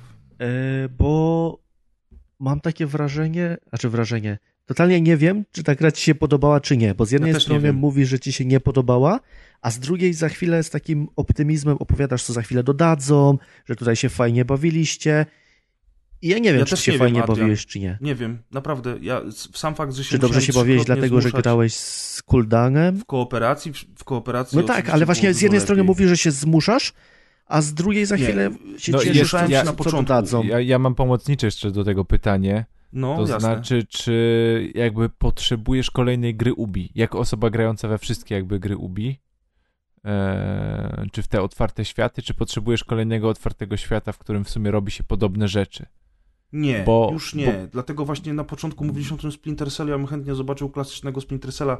Wildlands będzie wspierane jeszcze przez rok. Ja mam do Co Wildlands... najmniej. Co najmniej. Ja mam do Wildlands Season Passa, na pewno jeszcze nie raz wrócę, zwłaszcza jak będą dawali takie misje. Nawet do Division wrócę e, z Season Passem, żeby zobaczyć survival i tak dalej. Wierzę w to, że Far Cry dostanie masę fajnych rzeczy w przeciągu najbliższego roku, zwłaszcza, że sprzedał 5 baniek, więc macie to jak w banku. I wystarczy mi tego typu gier. I właśnie Far Cry 5 jest przykładem y, na to, że, że już troszeczkę za dużo tego jest, bo nie wiem, no ja naprawdę, bo chłopaki się mnie pytają, czy ja, czy ja, czy mi się ta gra podobała, czy mi się nie podobała. Ja mam ogromny worek zarzutów do Far Cry'a 5, a jednocześnie świetnie się bawiłem z Kuldanem, czy z moim bratem. Było parę To misji, które sprawiło, mi, sumie, nie? które sprawiło mi dużo radości i ostatecznie, no chyba muszę powiedzieć, że tak, podobało mi się. Natomiast nadal utrzymuję, że to jest najgorszy Far Cry do tej pory, w jakiego grałem. Dla mnie Primal był gorszy. I gdyby nie bugi, to Bo może miałbym Primala- lepsze podejście, nie? Primala mi się nawet kończyć nie chciało. Ale bugi w tej grze są, ale właśnie o to, co ty mówisz, Piotrek, że tak naprawdę mimo tego wszystkiego, co ja mam do zarzucenia Far Cry'owi 5, to od tygodnia praktycznie gram tylko w Hmm. niego. No właśnie. Więc To jest ten syndrom sztokholmski słynny. to jest tak, to jest chyba syndrom sztokholmski, natomiast no... Albo A wiesz, co głupota. mnie bardzo zastanawia? Głupota. Nie, bo Co mnie Widzisz, bardzo dlatego, dlatego moim największym zarzutem poza, poza fabułą i bagami jest jednak to, że oni nie, nie, nie postawili na kooperację w tej grze, na taką kooperację, jaka jest w Wildlandsach, że się po, zapis postępuje, że można robić razem, że można te misje powtarzać ze sobą. Tylko to oczekujesz czegoś, czego tak naprawdę yy, tak jakby z własnego chcieństwa byś chciał. Tak, ale Ubisoft mnie do tego Far przyzwyczaił, więc No chciałbym, nie no, w żeby Far tutaj też Cry'ach tak nie było. przyzwyczaił. Przyzwyczaił. W Assassinie też nie ma żadnego koopa. Nie wiem, w tam w, w Step, czy tam Steep chyba, nie wiem, nie grałem. Jest, nigdy. tam jest, tam jest, to jest, Jest, tam no. jest taka... Ten... Zależy. No nieważne. Ale co ja chciałem powiedzieć, że y, w trakcie tej recenzji wielokrotnie padło hasło o Far Cry'u trzecim. Jako o przykładzie, że coś robił dobrze, prawda? W maju, czyli bardzo za niedługo, za tam półtora miesiąca, Jezu, już jest ponad połowa kwietnia prawie, y, pojawi się remaster Far Cry'a trzeciego, w którym będziemy grali. Far Cry Jestem Classic Edition chyba. nie? Strasznie ciekawy, tak jak szczerze mówiąc boję się, mam ochotę pograć w tego Rogue Assassina, ale boję się troszkę y, próbować grać w Assassina sprzed kilku lat po tym, jak grałem w y, Originsy. Jestem strasznie ciekawy, czy po tym, jak grało mi się w piątkę i co mi się podobało w piątce, powrót do tej wersji tam remasterowanej w ten czy w inny sposób y, trójki nie okaże się bolesny. I czy nagle się nie okaże, że te rzeczy, które piątka wprowadziła, kiedy ich zabraknie w trójce, to nagle się okaże, że kurde, jednak nie takie fajne, jak do coś pamiętam. Ale to się Zobaczymy. okaże w maju, nie? Ale a propos pytań Adriana i Deusza, to ja chyba yy, wiem, jak odpowiedzieć na to. Gra mi się podoba. Yy, podejrzewam, że gdyby to była gra na 60 godzin, a nie na 20, to bym nie zdzierżył.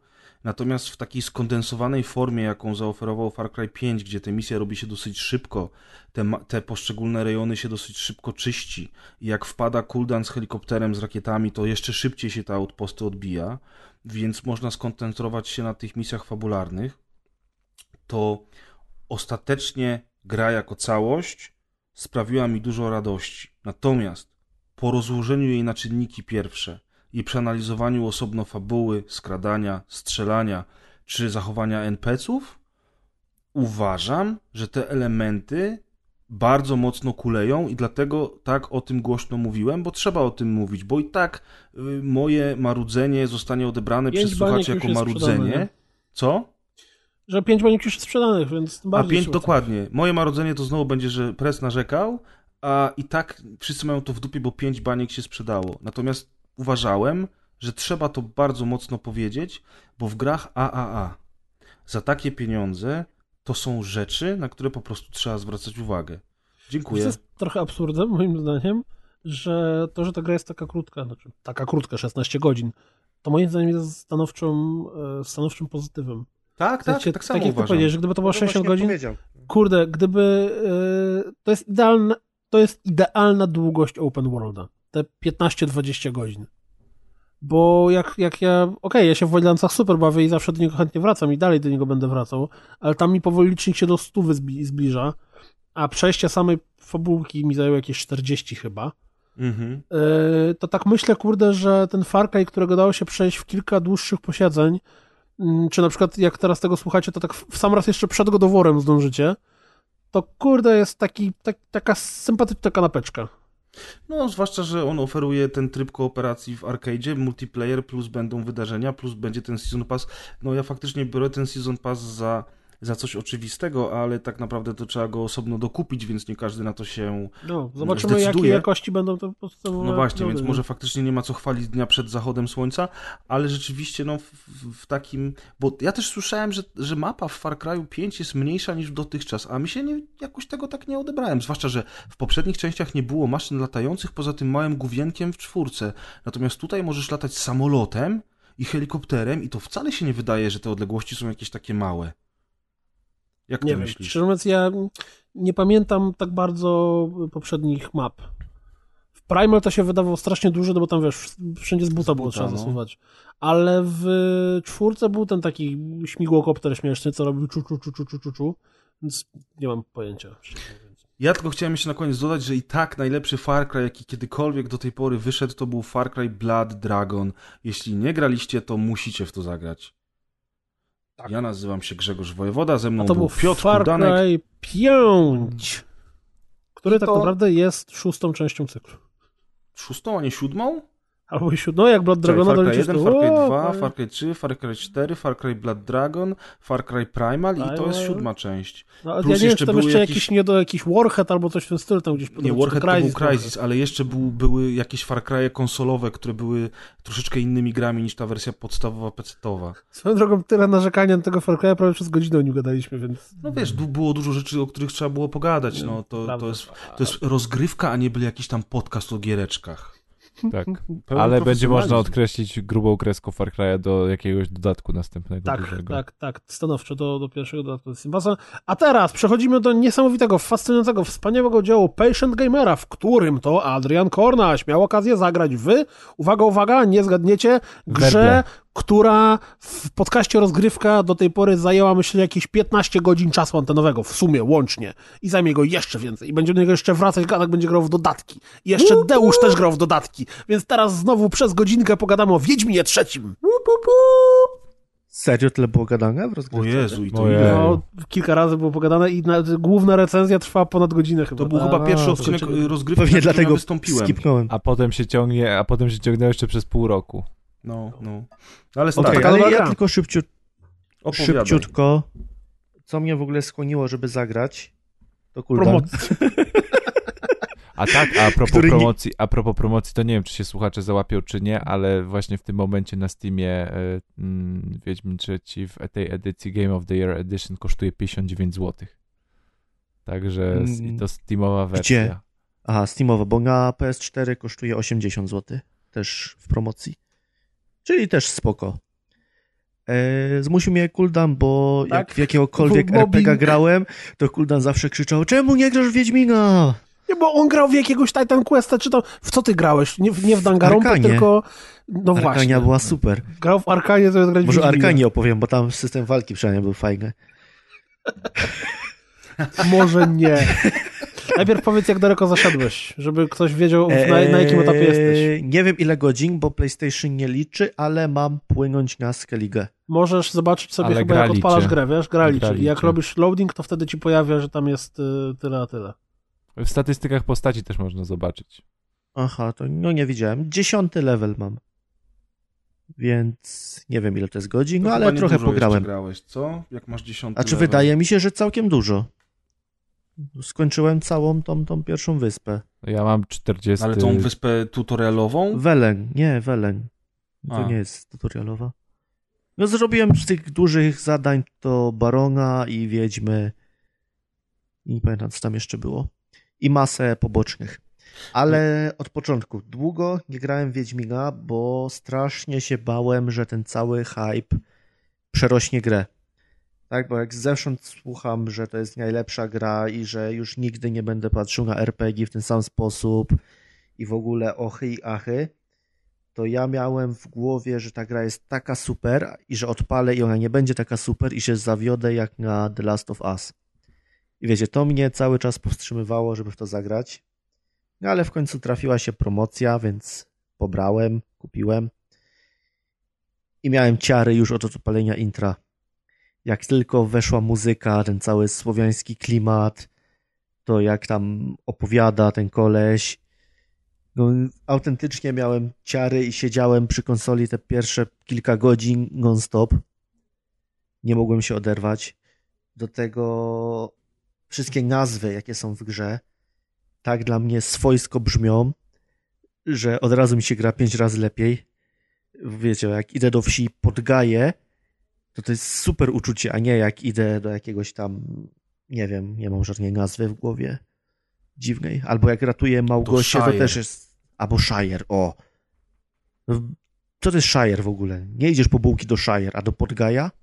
Jako No, mieszkaniec Gaju, to wiecie, jestem No jak ale w domu. wiesz, to I tutaj też mnie zastanawiało, jak ta gra w języku angielskim brzmi, bo jest tyle tych, tych, tych nazw własnych, takich, co u nas brzmią swojsko, ale nie mam pojęcia, jakby to brzmiało powiem po ci, że angielsku. ba- nie miałem jakiegoś mocnego zgrzytu. Ja grałem w Wiedźmina po angielsku wiele godzin yy, z moją wczesną partnerką, która nie mówiła po polsku i ja się bardzo bałem tego, bo w jedynkę i dwójkę Wiedźmina grałem po polsku i bałem się tego, że ten angielski mi e, y, trochę zniszczy odbiór gry, natomiast y, pamiętam, że tłumaczenie było bardzo dobre i że te nazwy miejscowości, te wszystkie rzeczy, te tłumaczenie na język angielski było tak dobrze zrobione, że, em, że naprawdę fajnie, fajnie to się wszystko ze sobą do kupy składało. Zresztą y, pamiętam, że dubbing w ogóle do gry był robiony po angielsku i cały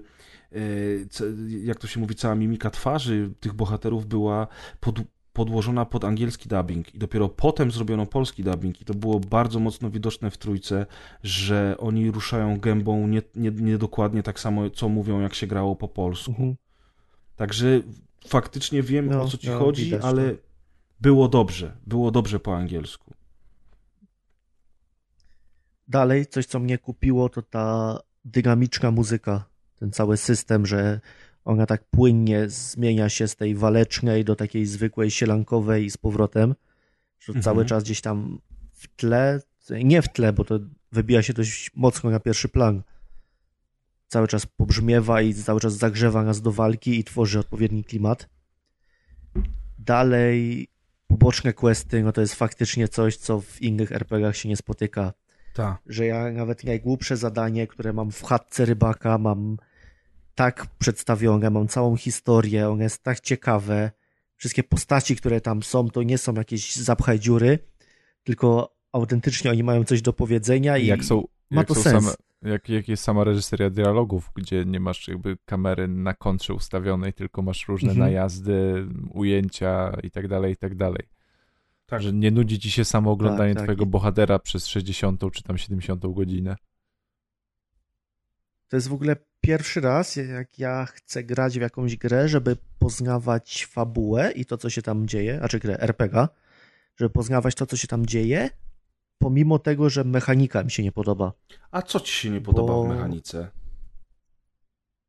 kurczę, ten system walki jest jakiś taki, nie No wiem, coś grasz. nie gra.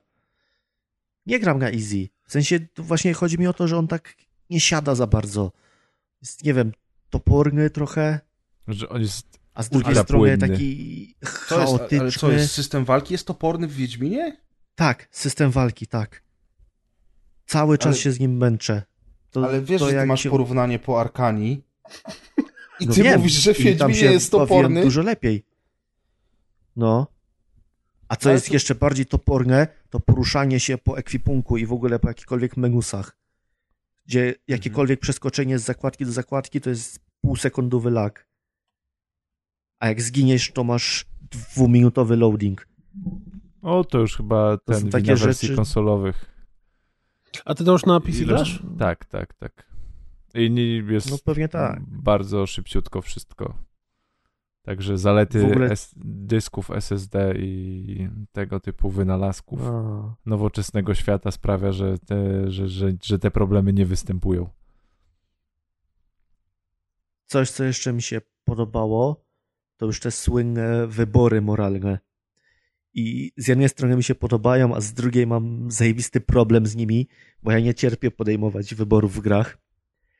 A jak Tak tutaj jak gra mi kilka razy też rzuciła konsekwencjami prosto w twarz, to już zacząłem No, bardziej odpowiedzialnie podchodzić do tego. Wiedźmin dobrze robi. Co skończyło się jeszcze gorzej.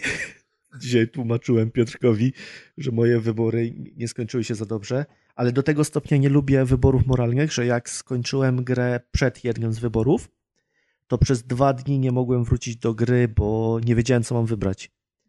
I no, nie chciałem usiąść do konsoli i podejmować tego wyboru, bo nie wiedziałem, co mam zrobić.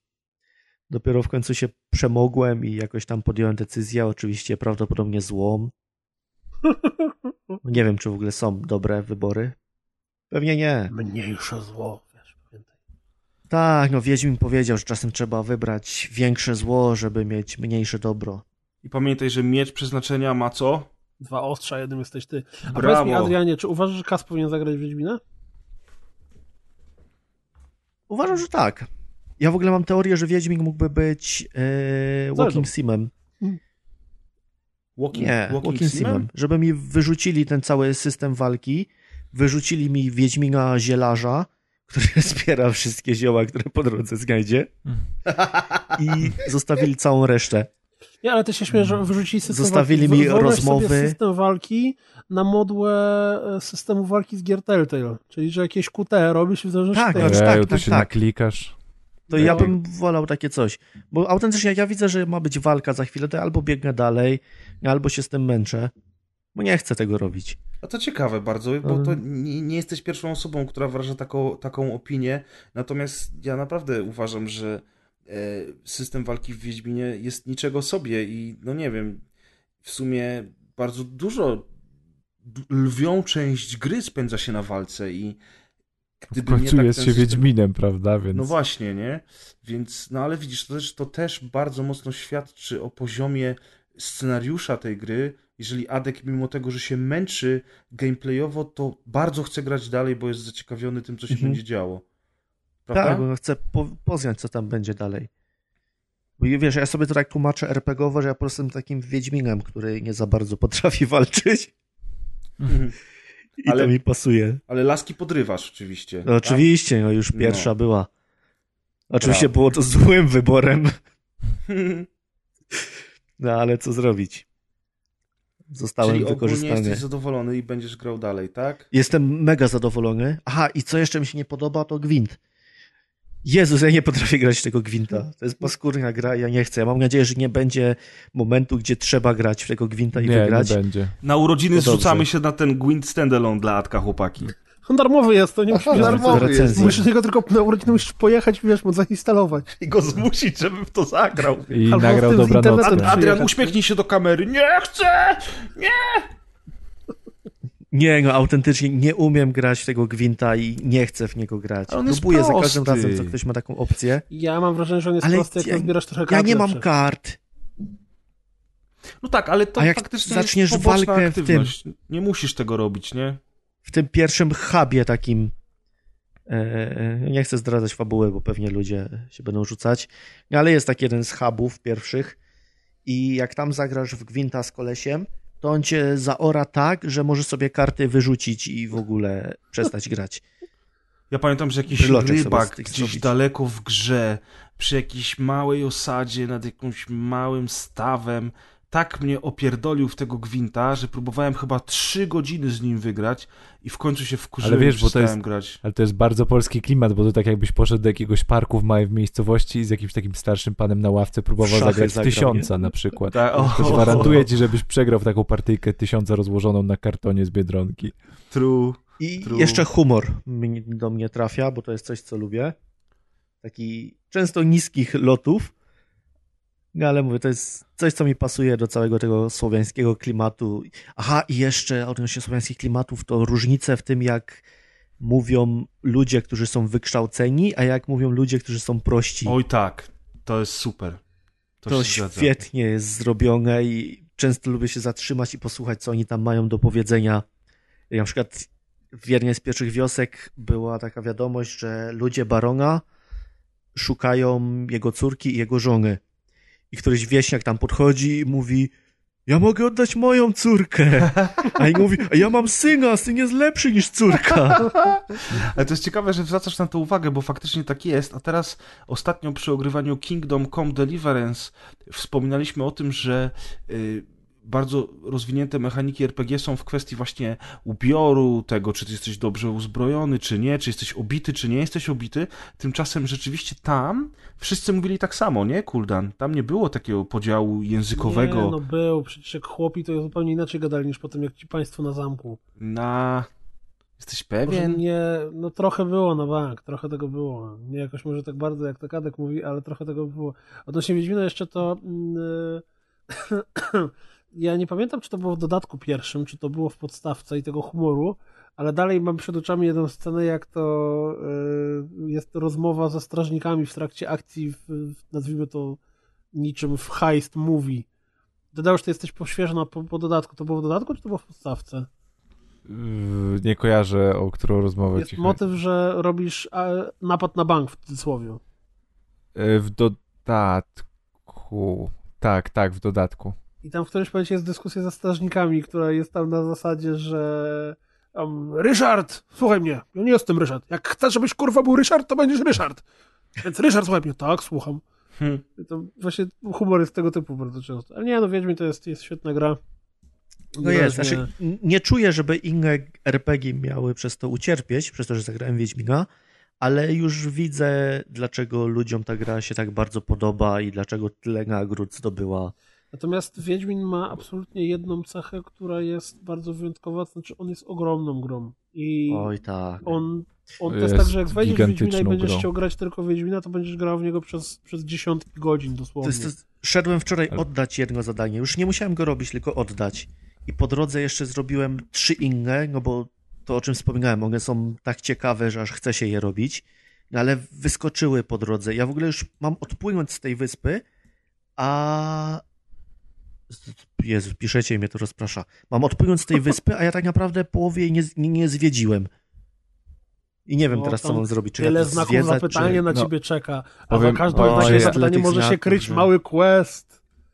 Ja wróciłem, ja wróciłem do dodatków i już mam o, na, grubo ponad 100 godzin wbitych, także Mm. a, jeszcze dwa lata temu bardzo nie chciałem grać w Wiedźmina z uwagi Hmm. na świat fantazy, a teraz mam ponad 100 godzin i wróciłem do dodatku i tak naprawdę ten polski klimat, o którym mówicie, to tam, język to jest jedna rzecz, ale tak naprawdę dodatek Serce z Kamienia, który jest po prostu jest nawiązaniem do cudo. literatury i to jest po prostu Mhm. Mickiewicz, miks Mickiewicza ze Słowackim. Dziady jeszcze miałem. Albo, albo na przykład y, następnie krew i wino, gdzie w krew, krew i wino mamy dodatkowy quest, który polega na e, jest jakby questem, który się odbywa w banku i w banku po prostu latamy od okienka do okienka, bo nas każde okienko Tak, wysyła tak, po inny tak. kwitek A38 i, para, e, i, i kolejne trzeba załatwiać sobie w banku rzeczy i ostatecznie trzeba dać jakby pani kwiatki wręczyć, żeby w ogóle załatwić cokolwiek w banku, no to jest tak polskie, że nie wiem, czy to ktokolwiek, Ale się tak kto nigdy gaz- nie miał wizyty w urzędzie albo w ZUS-ie, zrozumie w ogóle istotę tego questa. totalnie nie pasuje mi nazwa, że to jest świat fantazy. Bo fantazy mi się od razu kojarzy z elfami i krasnoludami, którzy, które też tutaj są, ale ta gra i ta fabuła nie jest aż tak na tym skupiona. Nie, to równie jest- to dobrze jest, by mogli być zwykli ludzie. Sobie?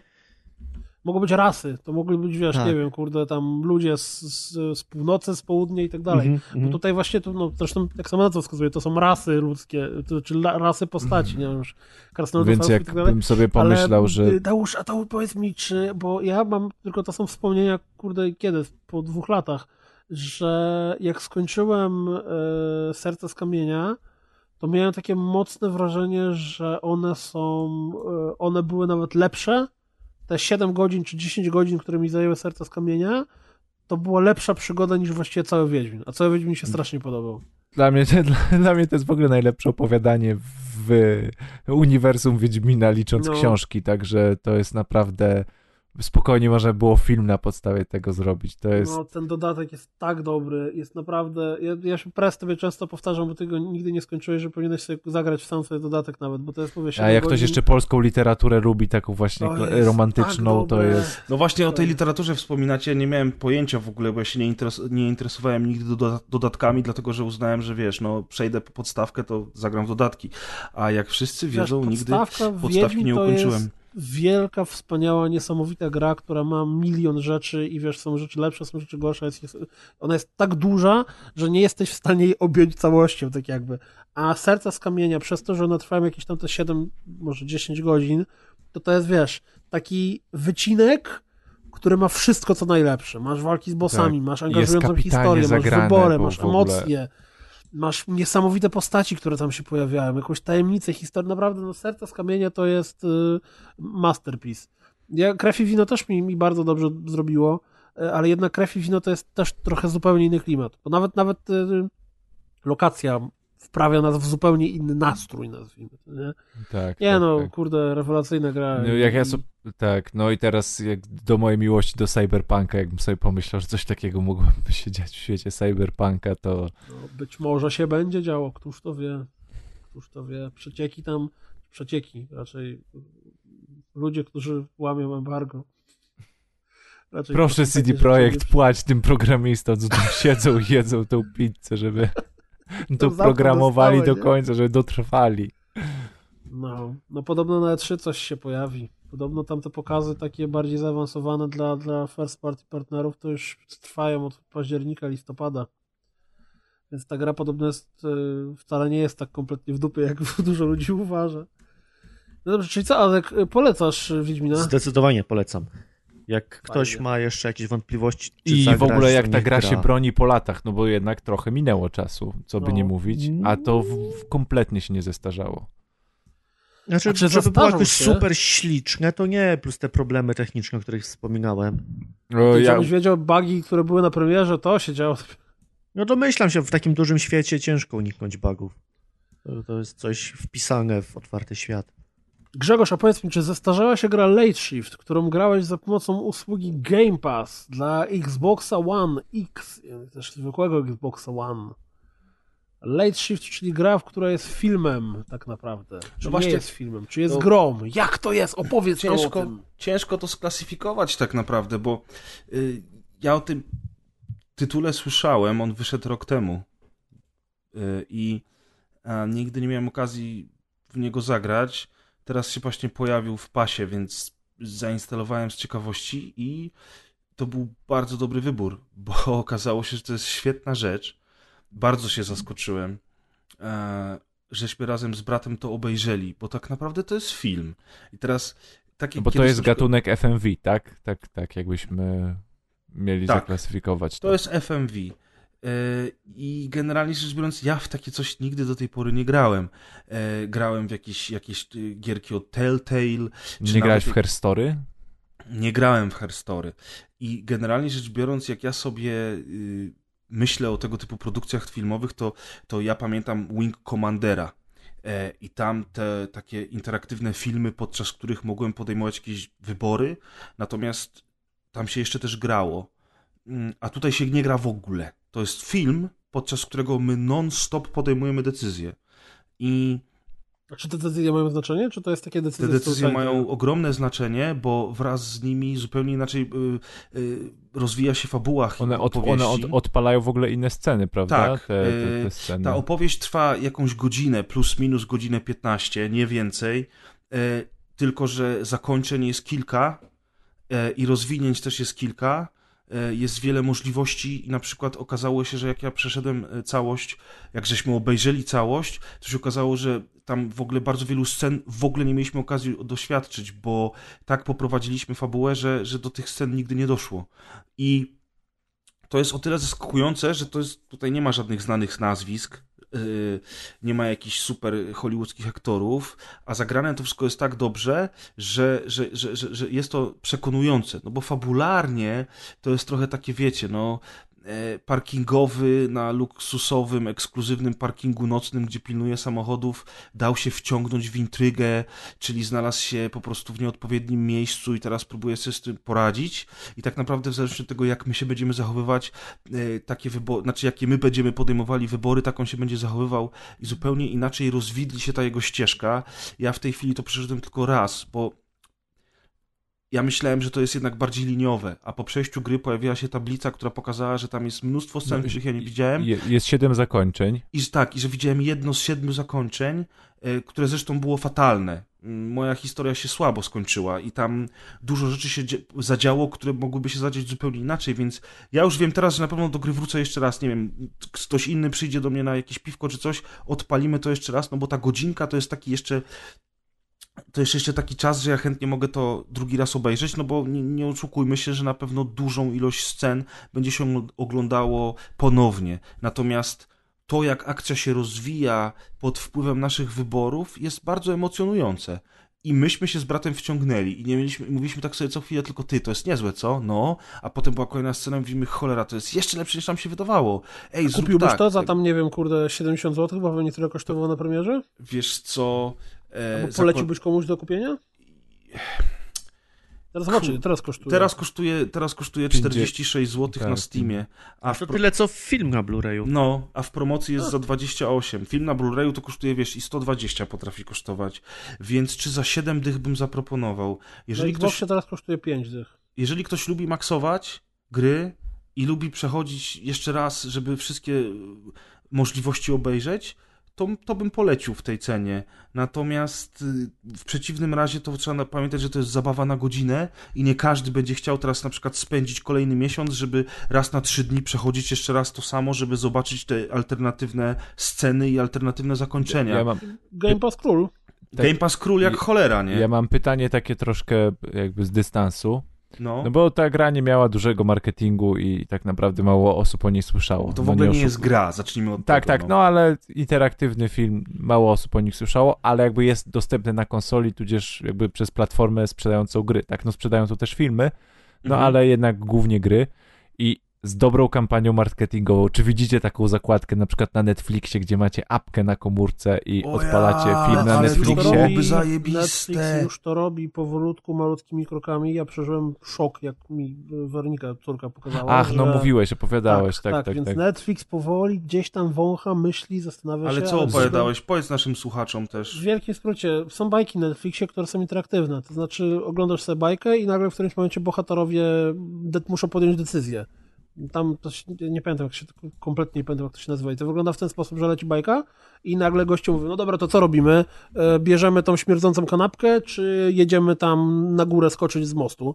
I wtedy pilotem sobie wybierasz co, czy tam padem, czy czymkolwiek aktualnie sterujesz Netflixem, wybierasz, czy jadą po kanapkę, czy jadą skoczyć z mostu. I odpa- klikasz to i odpala się scenka związana z tym, a tej drugiej scenki nie widziałeś wtedy. Tak, tak, No tak. tak. No więc, no więc, ale dorosły z dobrą kampanią, jakiś, może nie serial wstępnie, ale jakiś film, to to, to, to, to, to widzę z dobrą aplikacją. Bo jest taka, to- jest to taka gra na konsoli PlayStation, o której mówił Kuldan, nie? Yy, swego czasu, ja nie pamiętam jak Bunker? się nazywa. Nie, Nie, on- z tych z playlinków, czy jak to się Z nazywa. playlinków, no A, to już jest coś takiego. Ukryty plan. Tak, natomiast w tym playlinku to takie było, że jak myśmy grali tutaj raz chyba w pięć osób w to i każdy ze swojej komórki tam i tam były, to niby było fajne, że ktoś dostaje właśnie ten ukryty plan i musi zrobić tak, żeby było inaczej. Bardziej no growo spoko. było, nie? ale, ale jednak wolałbym właśnie takie coś, jak, jak jest tutaj, bo to jest mniej absorbujące, a jednocześnie, znaczy inaczej, gameplayowo mniej absorbujące, więc możesz usiąść z mamą, z dziewczyną albo z kolegą, który nie gra w gry, chociaż w dzisiejszych czasach ktoś ma kolegów, którzy nie grają w gry. E, Anyway, i po prostu możesz się cieszyć tą fabułą, a jednocześnie mieć wpływ na nią i to jest, kurczę, to jest takie fajne. Kiedyś były takie książki, że się czytało na przykład jakąś tam przygodę piratów i, i dochodziło się tam do strony numer 5 i było powiedziane... Paragrafowe książki. I wtedy, jak, jak to się nazywało? Paragrafowe książki. o, o, o. I wtedy i podejmowałeś decyzję, Kleszcz mówił, chyba, tak? a teraz czytaj od strony 39 na przykład, nie? I wtedy tam się, to było fajne też.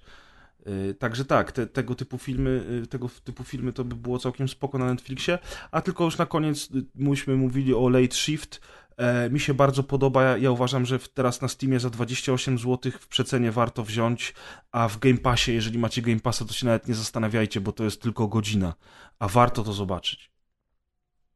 No proszę. To jeszcze dodam jedną rzecz Czekaj, na jak to jest tylko godzina, a jak kupicie na Steamie, to do dwóch godzin można grę oddać. Cebula, ty bez kitu. Ech, dobra. ja, o ja. Aż kuldana zniesmaczyłeś, no. Słuchajcie, No nie. ja, ja Przyjdzie dodam- kumpel i musisz i go strofujesz. Szybciej podejmuj te decyzje. Szybciej, szybciej, szybciej, póki masz będzie zwrot. To jest presja, to masz już dodatkowy atut gry. Dodatkowe piwko będzie wtedy. Ech, ładnie, ładnie. Ja tylko dodam jedną rzecz. Yy, Jak był odcinek chyba 144, 154, Jezu, to mm, mówiliśmy o Rainbow Six Siege Outbreak, czyli trybie yy, kołpowym, tak? Horda w stronie w banie. No i wtedy Maciek się śmiał, że no tam co to za granie w Rainbow Sixa, jak zagrasz w y, normalnego Rainbow Sixa, to się przekonamy, co to tamten. I chciałem powiedzieć, co grałem, Rainbow Six Siege jest zajebisty, jest świetny, jest rewelacyjny, jest to absolutnie wyborny multi i polecam wszystkim, jeżeli pełno ludzi w to gra, więc poszukajcie sobie ekipy i warto wejść. I to, co mnie najbardziej zaskoczyło, i jestem naprawdę tym bardzo mocno zaskoczony, to to, że mi się Rainbow Six Siege kojarzył z takim na maksa hardkorowym e, shooterem, do którego wchodzenie po dwóch latach, czy tam nawet więcej od premiery, to będzie e, skazywanie się na ratio e, 0 do 17 e, tylko i wyłącznie i że będę mógł zapomnieć o tym, że w ogóle do kogokolwiek strzelę. Natomiast jak się okazało, absolutnie tak nie jest. I Rainbow Six Siege w tych grach nierankingowych na tyle dużo ludzi e, którzy chyba też dopiero zaczynają w tę grę grać, albo po prostu średnio im idzie gra, że spokojnie można znaleźć sobie swoją postać i swoją postacią się nauczyć grać i tak dalej, tak dalej, tak dalej. I sprawia niesamowicie dużo satysfakcji i przez to, że mamy jedno życie, nazwijmy to, w trakcie konkretnej rundy, to jednak poczucie tego, jak kogoś zabijesz albo jak ktoś cię zabije jest zupełnie inne niż w jakichkolwiek Duty, Battlefieldach i tak dalej. Bo, bo jednak brak respawnu mm, tak bardzo podnosi tą poprzeczkę, że jak jest tryb obrony i kurde leżysz w kącie i cały czas filujesz, z której strony ktoś wejdzie, to emocje po prostu idą wielokrotnie wyżej niż e, jakiekolwiek e, takie klasyczne strzelanki w multi są w stanie do, do, dostarczyć. Imersja jest dużo większa też, Jest, nie? no I ta wczówka jest niesamowita, tak. Ja też chciałem powiedzieć tylko, że wiesz, że akurat a propos tego, że nawiązujesz do Outbreak, do tego eventu, który już się zakończył, że to też jakby to, że teraz na casualach jest łatwiej, wynika z tego, że przyszła masa ludzi, którzy od dawna nie grali, tak jak ja, e, i którzy teraz sobie troszeczkę przypominają powoli to, mm, e, to granie i wracają do formy, ale jest też dużo ludzi, którzy przyszli po prostu na świeżaka, nie? No bo są te pakiety tam, te, te, te, te, te edycje, edycje podstawowe, jakieś tam były darmowe weekendy, teraz był ten Outbreak, więc ten napływ ludzi cały czas do Rainbow Sixa jest, teraz jest więcej ludzi grających niż, y, niż kiedyś, cały czas rośnie ta liczba i dzięki temu w casualach jest całkiem spoko. I faktycznie jak my gramy na przykład z Kuldanem sami, albo z Kuldanem z moim bratem, to mamy na tyle niskie poziomy, znaczy ja mam 60 któryś poziom, ale to tam trochę inaczej wygląda, bo ja nie gram rankingów, więc ten poziom to on nic nie znaczy. E, jak my sobie wchodzimy do tych każuli, to on nam dobiera takich przeciwników już e, Na naszym e, poziomie. na naszym no, poziomie no, jest to- super granie. Natomiast jak Grisza Stęczowego, którego pozdrawiamy, grał jeden wieczór z nami, to, to on, on gra jakieś tam bardzo wysokie rankingowe mecze i mimo tego, że grał z nami na każulach, to jednak troszeczkę tych graczy nam lepszych dostosowywało i już Wiesz, nie było tak kolorowo. Nas bardziej kosili, ale z jednej strony przez to, że grał z nami Grisza, to prawie każdy mecz wygrywaliśmy. No i on też dużo rzeczy nas uczył, czy tam podpowiadał, pokazywał. Tak, to prawda. Te nowe mapy są, więc ja też nie, nie ogarniałem tematu. Ja się bardzo cieszę, że Kuldan e, się wciągnął. Haha! I Nie, no teraz będziecie jest co odcinek słuchać o Rainbow Sixie, motherfucker! Ja wam powiem, że to jest tytuł, w który jeżeli ktoś nie... Bo ja w niego nigdy nie grałem i zawsze myślałem, że to jest taki hardcore straszny i tak dalej. No bo, ale Kuldan, tak ale nie to jest. jest hardcore. No nie, nie mów tak, że to nie jest No hardcore, ale wiesz. stary, ja nie jestem, wiesz, ja nie jestem pro playerem, ja nie jestem... Ja No ale nie mam, widocznie e, jesteś dobry w te klocki, bo wszedłeś jak w masło. To mogę powiedzieć od razu. Kuldan tam wszedł jak do siebie, szybko załapał. No, oczywiście wszedł jak do siebie oznacza, że, że miał dwa albo trzy kile czasami, a czasami zero. To jest, No to jest tak, wiecie, na tym polega ta gra. nie? ta gra jest bardzo trudna. Ale faktycznie wszedł jak w masło. Da się mega grać się w tę grę z randomami? Da się, ale ja nie bym tego nie polecał jednak, nie?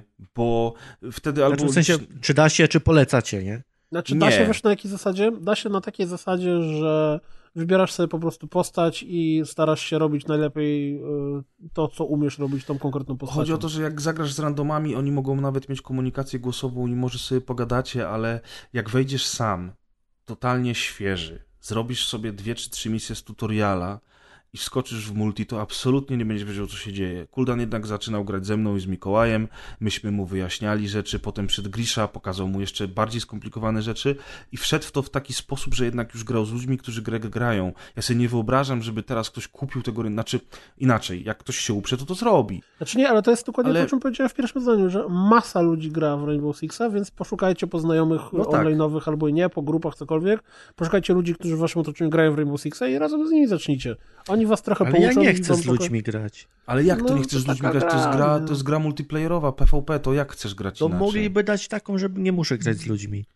Same grał? Tak, na pociki. upartego, na upartego mógłbyś sobie wy- wybrać jakąś postać, nie wiem, gościa, który kurde się siedzi w kącie i tylko czekasz, toż mu wyjdzie i grać tylko nią i wiesz, i I przede i, wszystkim i w wtedy nie ogóle... zwracać uwagi w ogóle na, na, yy, na współpracę. A w ogóle Ale- to, co mnie najbardziej rozbawiło, to ta gra mi tak mocno siadła, że zacząłem oglądać na YouTube jakieś filmiki ze strategiami, jakieś postaci. W ogóle zobaczyłem, że istnieją memy z Rainbow Ta, Six Siege. Kuldan dwa i pół roku po premierze odkrył Rainbow Sixa i wysyłał mi gify z Rainbow Sixa, nie? No. W ciągu Ale spodobały ci się takie gify, nie no widziałeś ich były, wcześniej. ale faktycznie Kuldan troszeczkę był dobry. z- ten, faktycznie wsiąkł i, i mi się to bardzo podoba. I Jadek, skoro się pytasz, to czemu nie chcesz z nami pograć? Przecież my cię nauczymy. Bo ja gram na PlayStation. A, no to widzisz, to już jest inna para kaloszy. Tylko Niestety. ciekaw jestem, czy na konsolach jest poziom bardziej e, relaksacyjny niż... Jest, e, jest. Tak, tak, tak. Jest Też. bardziej relaksacyjny. Więc Y- mówię, poszukajcie sobie ludzi do grania, bo naprawdę ta gra jest fenomenem. I Ja w pełni tylko rozumiem, czemu 3 lata to żyje i żyć jeszcze będzie do 10. Teraz rozumiesz już tak tą dalej. y, minu, jedną minutówkę preza? Tak, na, tak, w pełni się tym 1 zgadzam. kwietnia? Jakbyś Game Weeka oglądał, to byś zobaczył, że nawet była Wiem, ta, widziałem była Game Weeka, właśnie chciałem powiedzieć o nim, że, że, że, że fajnie wspomniałeś tam na nim. No, y, kiedyś Dobranocka też była z Rainbow Sixa, jeżeli ktoś jeszcze nie kojarzy tej gry, co jest chyba niemożliwe, ale jeżeli ktoś jeszcze nie kojarzy, jak to się, jak w to się gra, to możecie zobaczyć sobie Dobranockę. Tylko chciałem anegdotkę powiedzieć, bo zainstalowałem tego y, Rainbow Sixa z powrotem z okazji Outbreaka i, i tam dociągnąłem tą paczkę tekstur Ultra i w ogóle i w szczególe, no ale ta gra mi zawsze świetnie chodziła, więc ustawiłem wszystko na maksa, ale tak coś mi źle chodziło. Jak w tego Outbreaka graliśmy, to uznałem, że widocznie ta kooperacja w Outbreaku, ta ilość potworusów, która jest na ekranie, może faktycznie obciąża tą kartę graficzną, no ale w tej konfiguracji mojej karty graficznej to tam ta pamięć nawet z, jest pokazana ta zas- zasobożerność, nie? Ile, ile ramu ci zżera, to nawet do połowy kreska nie dochodziła, więc no totalnie byłem, totalnie byłem zdziwiony. I tak gramy, gramy, gramy i tak w pewnym momencie mówię, kurczę, czy ja mam, nie wiem, myszka, coś, przecież ja mam dobrą myszkę. Mówię, czemu to celowanie takie jakieś dziwne? I wszedłem, odpaliłem sobie mm, wreszcie licznik FPS-ów. Okazało się, że cały czas od dwóch czy trzech tygodni gram w 30 FPS-ach, co w Rainbow Sixie jest strzałem w stopę. Naprawdę, jest to strzał w stopę. Bo się okazało, że miałem podwójny V-Sync y, ustawiony, a podwójny V-Sync obcina tą ilość klatek o połowę i grałem w 30 FPS-ach. Ja nagle tak włączyłem zwykły V-Sync, mówię, kuldan Jezu, co się dzieje? I zacząłem wszystkich zabijać od razu przeciwników, bo wiesz, zaraz tam były 3 kile, 4 kile na, ma, na, na, na ten, bo się okazało, że, że kurczę, cały czas grałem w 30 FPS-ach, różnica była diametralna. To taka anegdotka PC Master Race. Pozdrawiam. No, więc grajcie w Siege, a jak jesteś przy dobranocy z Siege, o której mówiłeś, to dużo dobranocek mamy. Mamy dobranockę z Far Cry'a 5, mamy dobranockę, a raczej będziemy mieli najprawdopodobniej jest Extinction, żeby wam pokazać, jak się zabija Musimy. naprawdę, jak się zabija orki. Ale co, sam będziesz na tej dobranocce, tak? Może was tam mówię, żebyście popatrzyli. Jak to, to będzie wtedy le- let's play, jak będę sam. W każdym razie e, staramy się, chyba tak mi się wydaje, chociaż nie jestem pewien, wrzucać e, tak zwane materiały dodatkowe pod odcinkiem, tak? Będziemy się starać, że jeżeli powstała jakaś recenzja albo jakaś dobranocka albo coś tam, to w opisie odcinka będzie można, znaczy pod opisem odcinka będzie można znaleźć te materiały, żebyście nie musieli ich szukać Już na kiedyś tak wspaniałej było. stronie, na której jest więcej dobra i czasem coś ciężko znaleźć. Kiedyś próbowaliśmy to robić, ale znudziło nam się. No, nie Tak. chciało nam się tego wpisywać, bo wy i tak nie klikacie, ale... Więc teraz będziemy znowu. Ja was bacikiem zmuszę. Pecikiem? Bacikiem, tak. Ach, bacikiem. Eee, Ja zrozumiałem, że To tyle, jeśli pecikiem chodzi o gry. Kablem od myszki. Ha.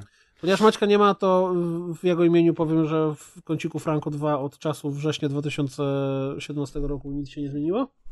Dalej jest jak było. A teraz jesteśmy w dziale kulturki, w którym Adek chce nam opowiedzieć o serialu internetowym, webowym pana Abelarda Dokładnie Gizy. tak. Serial pod tytułem Kryzys do obejrzenia na YouTubie. Tak jak wspomniał Piotrek, tworzony przez Abelarda Gizę, znanego z kabaretu Limo, czy też ostatnio kariery stand-upowej. I o tym, że stand-upie właśnie jest serial, bo Abelard gra w nim siebie. To znaczy jest stand-uperem, który przeżywa kryzys i nie może wymyślić odpowiednio fajnego materiału. I z tego powodu dzieją się bardzo różne dziwne rzeczy. Jak sam Abelard zaznacza, to jest serial wzorowany na serialu Louim, Louisa C.K., którego niestety nie widziałem, więc nie wiem na ile jest to prawda. E, Dodatkowo inspiracją były też całe życie Abelarda i życie innych komików. W ogóle tych komików jest w całym serialu bardzo dużo. Jeżeli ktoś jest fanem polskiego stand- stand-upu, a wiem, że na pewno jesteście fanami, Totalnie. Nie, to Nie. rozpoznacie dużo twarzy. Tak, tam I Rafał Paczek ludzie- się pojawia, pojawia się ten tak, czy i ten Lotek, Wojek, i, i ta Lotek kobieta właśnie. taka dziwna. Katarzyna No masa, masa ludzi. Tak, dokładnie ta. I serial jest smutno-śmieszny. Taki smutno-śmieszny jak, jak w Ricku i Mortim trochę, nie? Że z jednej strony się śmiejesz, ale jak sobie No, Rick Morty był uświadamiasz... śmieszniejszy bardzo. To jest dramat, w którym czasem się uśmiechniesz. No tak, tak. To jest, na przykład zdradzę z ostatniego odcinka fragment. To nie ma co się bać spoilerów, bo to naprawdę nie jest taki serial, w którym ta fabuła jest na pierwszym planie. Jest scena, gdzie Abelard sika w lesie i podchodzi do niego prostytutka i zaczyna mu robić wyrzuty, czy nie jest mu wstyd, że robi to tak publicznie. A oni zaczynają wyśmiewać, że on to w sumie dotyka tylko swojego chuja, ona bierze do buzi różne. Adek, Adek! To z cytat z tego, z tego serialu. I No chyba tam zaczyna. słownictwa użył jednak. Wydaje mi się, że jest Nieważne. dokładnie to słowo. Nieważne, to, to nie ma aż takiego znaczenia. To, jest- to właśnie pokazuje, bo ten serial jest taki, taki brudny, chamski. I zaczyna się z niej śmiać, że ona bierze do buzi różne i śmieje się, że ona przyjechała z Ukrainy, żeby spełniać marzenia i co jej marzeniem jest branie do buzi, na co ona zaczyna płakać i mówi, że nie może wyżyć z pensji nauczycielki, a jej córka jest chora. Tak, i zaczyna go pytać, czy on kiedykolwiek, y, czy on kiedykolwiek wiedział, jak się żyje w mieście, w którym jest wojna, kiedy co noc budzą cię tam Tak. odgłosy moździerza za okna, nie? I bombardowania. No i wtedy jest taki zjazd Abelarda i tak widać, że nie do końca o to mu chodziło. I cały serial tak jest. Właśnie takimi, takimi scenkami. Miejscami te scenki są troszkę słabo odgrywane. Troszkę jak w Kasi i Tomku. Mhm. Nie wiem, czy oglądaliście kiedyś. Tak. Że czuć, że to nie są profesjonalni aktorzy. Ale to nie przeszkadza, bo wydaje mi się, że oni są świadomi tego wszystkiego. Bo na przykład za każdym razem, jak ktoś dzwoni do Abelarda, to jest taki chamski najazd na telefon i tam widać, że to nikt nie dzwoni, tylko budzik jest ustawiony. Więc, no mówię, wydaje mi się, że oni są świadomi tego wszystkiego i celowo niektóre rzeczy są słabiej zrobione niż inne. Ale generalnie to polecam. To są krótkie odcinki po 10-20 minut. Na razie wyszły 3, a mają być 4. I przyjemnie się to ogląda, chociaż smutno. Czyli No, to że jak takie... chcemy Kryzys. dołapać doła, to możemy sobie odpalić, tak? Znaczy, co, to, bo to jest serial, to nie jest Nie na to, to złapiesz jest doła serial po taki, który tak oglądasz go z takim wrażeniem Ja takiego powiem ogólnej szczerze- beznadziei, o tak bym to określił. No to Nie. super. Ja powiem szczerze, że jakby jestem... Nigdy się nie mogę przekonać do stand-upu. Nie mówiąc już Bądź do tam jest jedna scena, która I ja, ja włączyłem podobała. sobie, ja włączyłem sobie, bo oczywiście YouTube to poleca w trendach i we wszystkim, więc sobie włączyłem i postanowiłem się zmusić na jeden odcinek, ale nie wytrzymałem. Gdzieś mniej więcej myślę, że z połowy obejrzałem. Po prostu kompletnie do mnie nie trafia mm, na żadnej płaszczyźnie. Od płaszczyzny tam fabularnej, zagranej, sketchowej, po, kończąc na fatalnej jakości produkcyjnej tego wszystkiego. I Ja mam wrażenie, że to jest kompletnie serial, nie mój klimat. Który jest tak naprawdę krytyką stand-uperów. Znaczy, tak w ogóle wydaje mi się, że to jest prawda to wszystko, co tam się wydarzyło, że są prawdziwe historie. To może dlatego nie rozumiem, bo po prostu jakby jestem daleko od tego. Tam jest taka jedna scena w tym najnowszym odcinku w trakcie wywiadu, która jest taka bardzo trafna, piękna. To Deuszowi by się spodobało. Tak, wywiad jest bardzo fajny. No dobrze. Yy, czas nadszedł na pozdrowienia. Prawda? Grzegorzu, jest. czy chcesz polecić jeszcze coś z naszej wspaniałej strony? Z naszych wspaniałych materiałów? Półgodzinny gameplay z y, Far Cry'a 5, gdzie I widać z A Way Out się również jest też długi gameplay. Dobranocka z A Way Out. Skończyłem A była. Out, jaka to jest dobra gra. Dobra, nie? Najmocniejsze dobra. zakończenie dla mnie ever z gier No. A ty grałeś z kim, Adek? z Asią. A, no tak, faktycznie, no to elegancko, czyli graliście na jednej kanapie, bo myśmy z Kuldanem Tak, grali tak. y, online, więc nie mogłem mu przywalić z łokcia, jak to u was było. Y, nie, żartuję, nie, nie, nie lecimy spoilerami. Y, Ja generalnie rzecz biorąc y, myślę, że nie ma czego, czego już polecać, bo wszystko było polecone. Oglądajcie to Dobranocki, bo wkładamy w nie dużo pracy, są naprawdę fajne. Recenzje jakieś pewnie się pojawią pisane, chociaż rzadziej już niestety niż kiedyś swego czasu, a tymczasem przechodzimy do pozdrowień. Tak, ja właśnie jeszcze zerknę, bo czasem o tym zapominam. A Diskus ma taką śmieszną cechę, że jak ktoś na przykład link wklei do swojego komentarza albo napisze tam kutas, to ten komentarz się w ogóle nie wyświetla, więc patrzę, czy coś jest not approved by Diskus, ale widzę, że A tu jest, wszystko jest. tu jest jakiś błąd, bo komentarz Szokiza się wyświetlił. O, to zapomniałem skasować, wiesz? To dlatego. Dobrze, zaczynamy. Eee, Zablokuj użytkownika. Oznacz jako niestosowne. No kurde. To Adrian, zaczynaj. Ty pierwszy. Eee, to nie... O 11-letni, Jezus. 11-letni Marcin Men. Nie, no nie będę tego czytał, to jest pasta. Ja bałem, No to jest czytaj, pasta. czytaj, jedziesz. To nie jest pasta, tym razem to jest... Ja to czytałem już wcześniej, to nie jest pasta. Chyba. Chyba. Pozdrawiam rozgrywkę. Tyle. I słuchających ten podcast od razu potwierdzam, że jak usunąłem Facebooka z powodu, że i tak uważałem, że to mi nie, się nie przyda, sorka. A jak dołączyłem się do grupy rozgrywki, Nie to no, nie wtedy dziwimy miałem... ci się, bo interpunkcja jednak troszkę kuleje. No właśnie tak, coś mi nie pasowało już teraz wiem co. I to wtedy miałem bardzo dobry powód do tego i jestem z tego bardzo zadowolony. Dzięki wielkie. I mam dla mnie bardzo ważne pytanie, bo jakiś czas temu skończyłem słuchać wszystkich rozgrywek, a niektóre nawet po kilka razy, zwłaszcza ten ośmiogodzinny, Achievement jakiś taki życiowy. albo przegryw życiowy. Jaki dobry przypadek dzisiaj jest na bułce, człowieku. Na jeżyku raczej. Oglądałem sporo stand-upu dzisiaj jeszcze. Jestem na fali. Oprócz tych, co miały w sobie coś z Wiedźmina 3. Czyli tego nie Ojej. posłucha. No, Ojej. bo pomimo tego, że minęło kilka lat, to ja nadal nie wiem nic na temat tej gry, oprócz tego, co było na trailerach. Zapewne za kilka lat go odpalę, bo chcę na ultra oraz zagrać jeszcze raz w jedynkę oraz zaraz po niej w dwójkę, bo savey. Co? No, savey troszkę bolały na początku tej gry. Bo Tak Savi tu jest napisane. Bo Savi.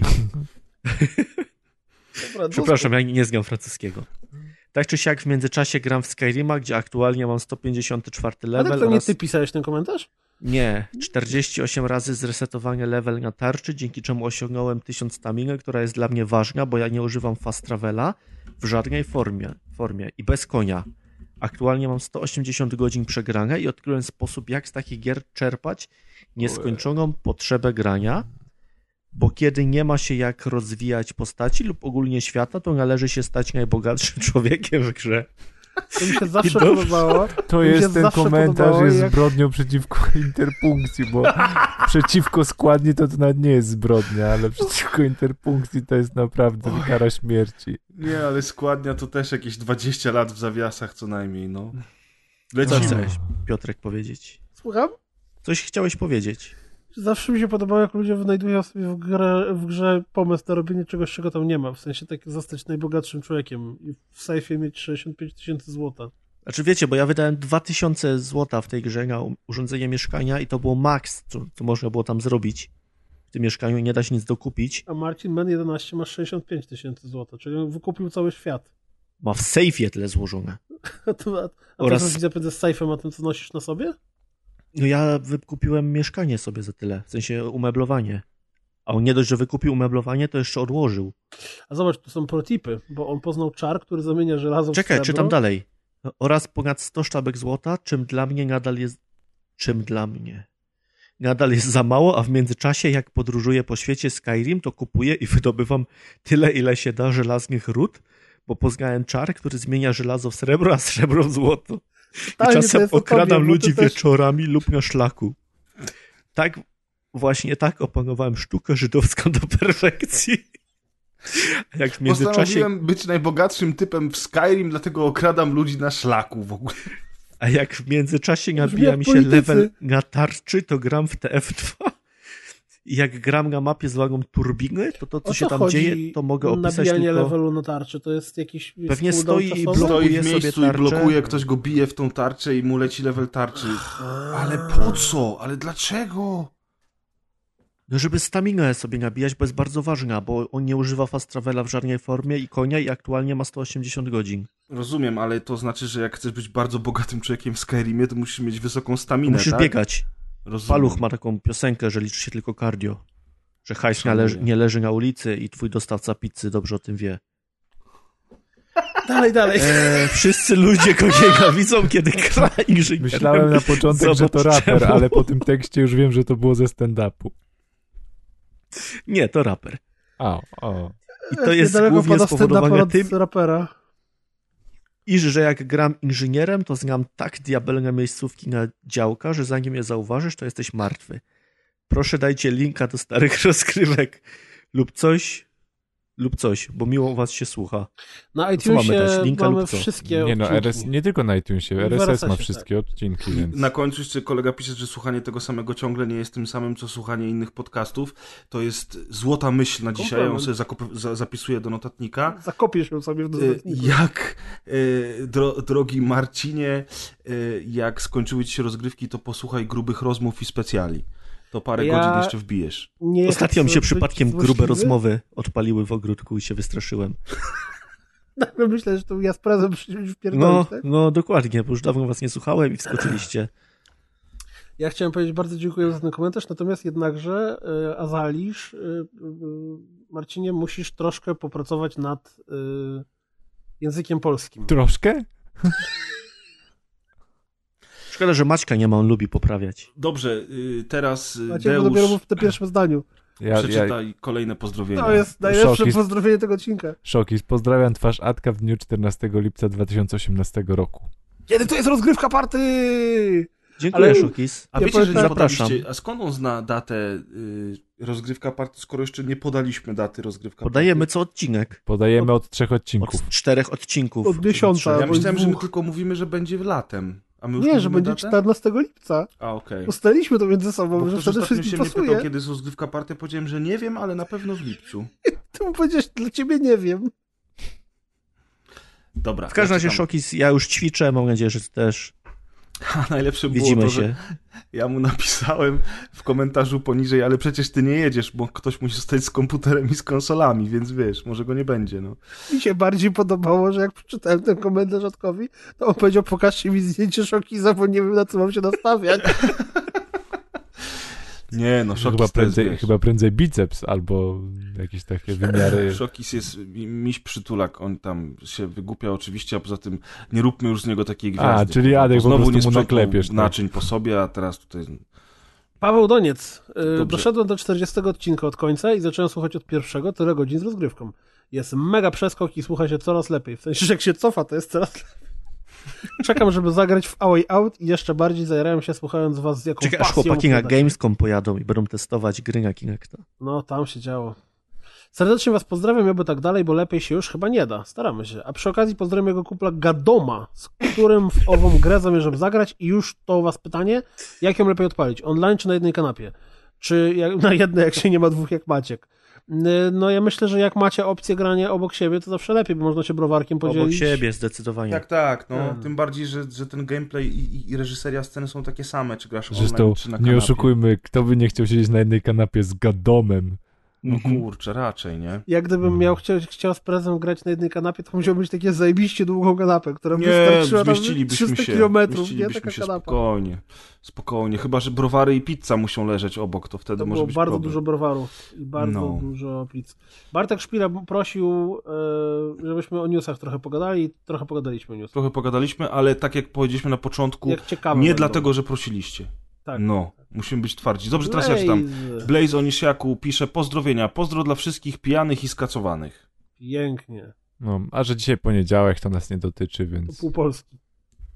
Jak był poniedziałek, to była cała Polska. No ale w piątek wyjdzie, w sobotę ktoś posłucha, akurat będą pozdrowienia e, na kaca. Kto teraz czyta? Teraz Adrian. Adrian. O, Alice. Pozdrawiam Patty z okazji jej 18 urodzin. Podeślij fotki. Teraz zrozumiesz mój ból bycia dorosłym i niechęć do wyprawiania kolejnych urodzin. 100 lat. Po 18 jeszcze... 100 A, lat. Nie. Niech żyje, żyje nam. już. Czytaj, czytaj, czytaj po skryptum, Adek, bo jest ważne. Odnośnie Death Note'a to było to moje pierwsze anime z japońskim dubbingiem. To chyba nie jest dubbing japoński, tylko że ci ludzie po prostu mówią po japońsku. To się dalej nazywa dubbingiem, podkładanie głosów, wiesz? W kreskówkach. Tak? Mhm. Nawet jeżeli to jest takie natywne? Nawet jeżeli Tak. to jest po- polska kreskówka i mówią po polsku, to wtedy Dobra, dubbing. tak się znacie wszyscy. Widzieliście kiedyś jakieś anime? Widzieliście jakiś dubbing? To... Ja od w tego wieku właśnie, 8 lat. właśnie tytułu zaczęło się u mnie mangozjebstwo. Ha, przykro nam. Może jeszcze się uda wyleczyć. Czytaj dalej. Dzi- Dobrze, bo chciałem wyjść, wiesz, nie chciałem czytać dalej. A jestem jedną z tych osób, która twierdzi, że historia powinna się skończyć na tym niespodziewanym wydarzeniu, ponieważ dalej manga zaczęła się gubić i tracić klimat. Dobra. Bardzo dobry Ja komentarz, nikogo to nie obchodziło, także... Ja Mhm. chciałem powiedzieć, że y, podoba mi się, że Adrian ćwiczy bardzo mocno, bo nie wiem, czy wiecie, ale będzie nagrywał nową wersję Iwony. Będzie nie Iwona, tylko będzie Adek. I on bardzo stara się, czytając pozdrowienia, być absolutnie bez żadnych emocji. No, ja w ogóle... Ale Deusz, dlaczego nikogo to nie obchodziło? To jest komentarz bezpośredni do recenzji pana króla Kaza. No właśnie dlatego to Dlatego. powiedziałem. No. Raczył pojawić na odcinku i opowiedział nam o No, mandze. I no tutaj i- słuchacze bardzo zadowoleni byli z owego Czy ta faktu. manga nie jest starsza niż Patty? Znaczy, znaczy, znaczy powiem tak, pewnie mówisz tak. słuchacze, a ja tu widzę jeden komentarz, także... Nieprawda, widziałem również na grupie i na, na fanpage'u, że, że, że, że, że było zadowolenie. Nie jest, manga ma 12. Zobaczymy, Deusz, w komentarzach pod tym odcinkiem, ile będzie zadowolenia z twojego wystąpienia. Ho, ho, ho. A nie wiem, niech mnie wywalą. Żartuję. Deusz, Ja napiszę, że się cieszę, że byłeś. Dobra. Bunkier. Bunkier pozdrawia inżyniera dźwięku. AKKS trzyma poziom od początku podłączenia nowego mikrofonu, aż tak kiedyś to były czasy. O, Widzisz? to jeszcze chyba nie było takiego ładnego hashtagu. Na coś to. Michał Haba, Haba, Haba. Haba, Haba, Haba. A Ja- Już mamy 10 kwietnia, także proszę z szacunkiem dzisiaj. Ja pierdolę, Adek, ty dzisiaj. Chyba na dwóch bułkach jesteś, a nie na jednej. Z szacunkiem powiedziałem, nie wiem czemu się śmiejecie. Okej. Widziałem dzisiaj dużo memów z człowiekiem zamienionym w drzewo. Więc Też widziałem. ty nic nie mów. To jest jednak... Polska jest mój kraj taki I czy to jest przypadek, że akurat dzisiaj jest premiera gry Extinction? Nie szanują Polaków. No. przypadek? Nie sądzę. Musiałem dokręcić śrubę, przepraszam. Michał, haba, haba, haba. Jako, że przed ostatnim odcinkiem nie miałem okazji tego zrobić, nadrabiam zaległości. Niniejszym pozdrawiam wszystkich, z którymi miałem okazję spotkać się na Szlamfeście. To znowu coś o tym dzisiaj Pozdro. Dalej mi wisisz piwo swoją drogą. A to nie kupił ci tego piwa w końcu? No nie, bo musieli szybciej wyjść, wiesz? To taka ściema była. Przecież ten szybciej wyjść. No dobra, skończyły się pozdrowienia. Dzieci śmieci. Nie wiem jakim cudem przy trzech grach gadaliśmy ponad trzy godziny. No bo numersów. Cry'a. Ja wiem, była godzina Far Cry'a i 20 minut Wiedźmina 3. To było 20 pytanie ponad. retoryczne. Ale o Extinction też strasznie długo było w sumie, aż się nie spodziewałem. No bo to jest No bo gra, trzeba trochę wyśmiać na początek kilka gier. Nie, i ja dopiero potem przejść do merytorycznych uwag. No kurczę, nie mogłeś od razu tak, tylko teraz dopiero? Przecież to jest taki gniot. No Ja nie, się- tak, no, tak jak mówiłem, to nie jest taki straszny gniot. To jest. Jak dobrze ci wyjdzie krojenie tych orków, to to jest nawet spoko. Ale widzieliście, jak bardzo. Kuldan się wstrzymywał przed powiedzeniem, że to taki średniak 7 na 10? Ja nie mówię takich rzeczy, ja nie mówię ocen żadnych, nie daję na tym podcaście. No ostatnio dawałeś. O, to była Nie zasługujecie na moje oceny. Powiedział Jeżeli nie rozumiecie skali, to nie zasługujecie. Ogólnie to powiem jest- wam tak, może nie było w bloopersach, ale Kuldan tak y, o- off the record mówi, że 7 na 10 średniak. Także jak Takiego macie zastrzeżenia do skali Kuldana, to normalnie piszcie komentarze, także oznaczajcie To, go. to jest, Deusz jak się aktywował na koniec, zobacz. Przepraszam cię bardzo, ta gra to nie jest nawet mega spoko 6 na 10. No nie, nie jest. Ale nie dajemy żadnych ocen. To nie było Słuchajcie, y, a propos y, tego, te, tego Extinction, to szkoda, że nie ma Kaza dzisiaj z nami na odcinku, bo ja naprawdę jestem ciekaw tego Attack on Titan i widziałem już, że y, nie, nie dość, że jest manga i że jest serial, to jeszcze powstały filmy fabularne z aktorami. Gry też powst- powstały. Dwie nawet gry i ja jestem bardzo ciekaw, czy ktoś z naszych słuchaczy w komentarzach pod odcinkiem namówi mnie do tego, żebym się tym zainteresował, bo y, naprawdę mnie to intryguje i chciałbym się Ja dowiedzieć, widziałem czym serial. to jest. Czy wiem, że kiedyś na rozgrywce była o tym mowa? y, Znaczy, natomiast- trzy razy próbowałem obejrzeć i zawsze odpadałem w którymś momencie. No ja jestem kurczę trochę ciekaw. dzieją. No właśnie, Nie, to, nie, nie warto, to nie jest warte twojego czasu. W sensie, to jest dobre manga, anime i tak dalej, ale tobie się nie spodoba. To nie jest coś, co lubisz. ale to jest takie wykręcone, chore trochę psychicznie. To ja lubię takie rzeczy. Nie a lubisz czemu to o komiksach już żadnych nie opowiadasz na nagraniu? Bo on już jest teraz Do, profesor. dorósł. Wiesz co, bo zwykle już jest taka pora, że się muszę zmywać i, i, i dlatego już, ale kiedyś mogę się przygotować specjalnie Ja z jakichś takich bo- zbiorczych. Natomiast, natomiast chcę tutaj jeszcze zastosować uwagę, że jeśli chcecie posłuchać o Attack on Titan, to wystarczy wejść na naszą stronę, mamy wyszukiwarkę, wpisać Attack on Titan i dzięki wspaniałemu dodawaniu przez naszą redakcję hashtagów do wszelkich odcinków i materiałów możemy zauważyć, że w rozgrywce numer 136 w dziale Kultura jest mowa o Attack on Titan. Ciekawe, kto o tym mówił. No proszę. Także można Kas sobie opowiadał o mandze wtedy. Bardzo bezpośrednio. fajnie. E, Również są do wszelkich jap spamów też y, odnośniki, w których mówiono o. Ale o tam oni już mówią w takim języku w japspamach, że ja nic nie zrozumiem, nie? To, wiesz, to jeszcze Kaza posłucham. O, to był ten dobry odcinek z Outlastem, pleśniowe, Pleśniowe sery i hejt na puzzle. To był No. tak fajny odcinek, hejt na puzzle był najlepszy. Adek, ty miałeś hejt na puzzle, nie? Nie, nie chyba. Mnie nie było wtedy.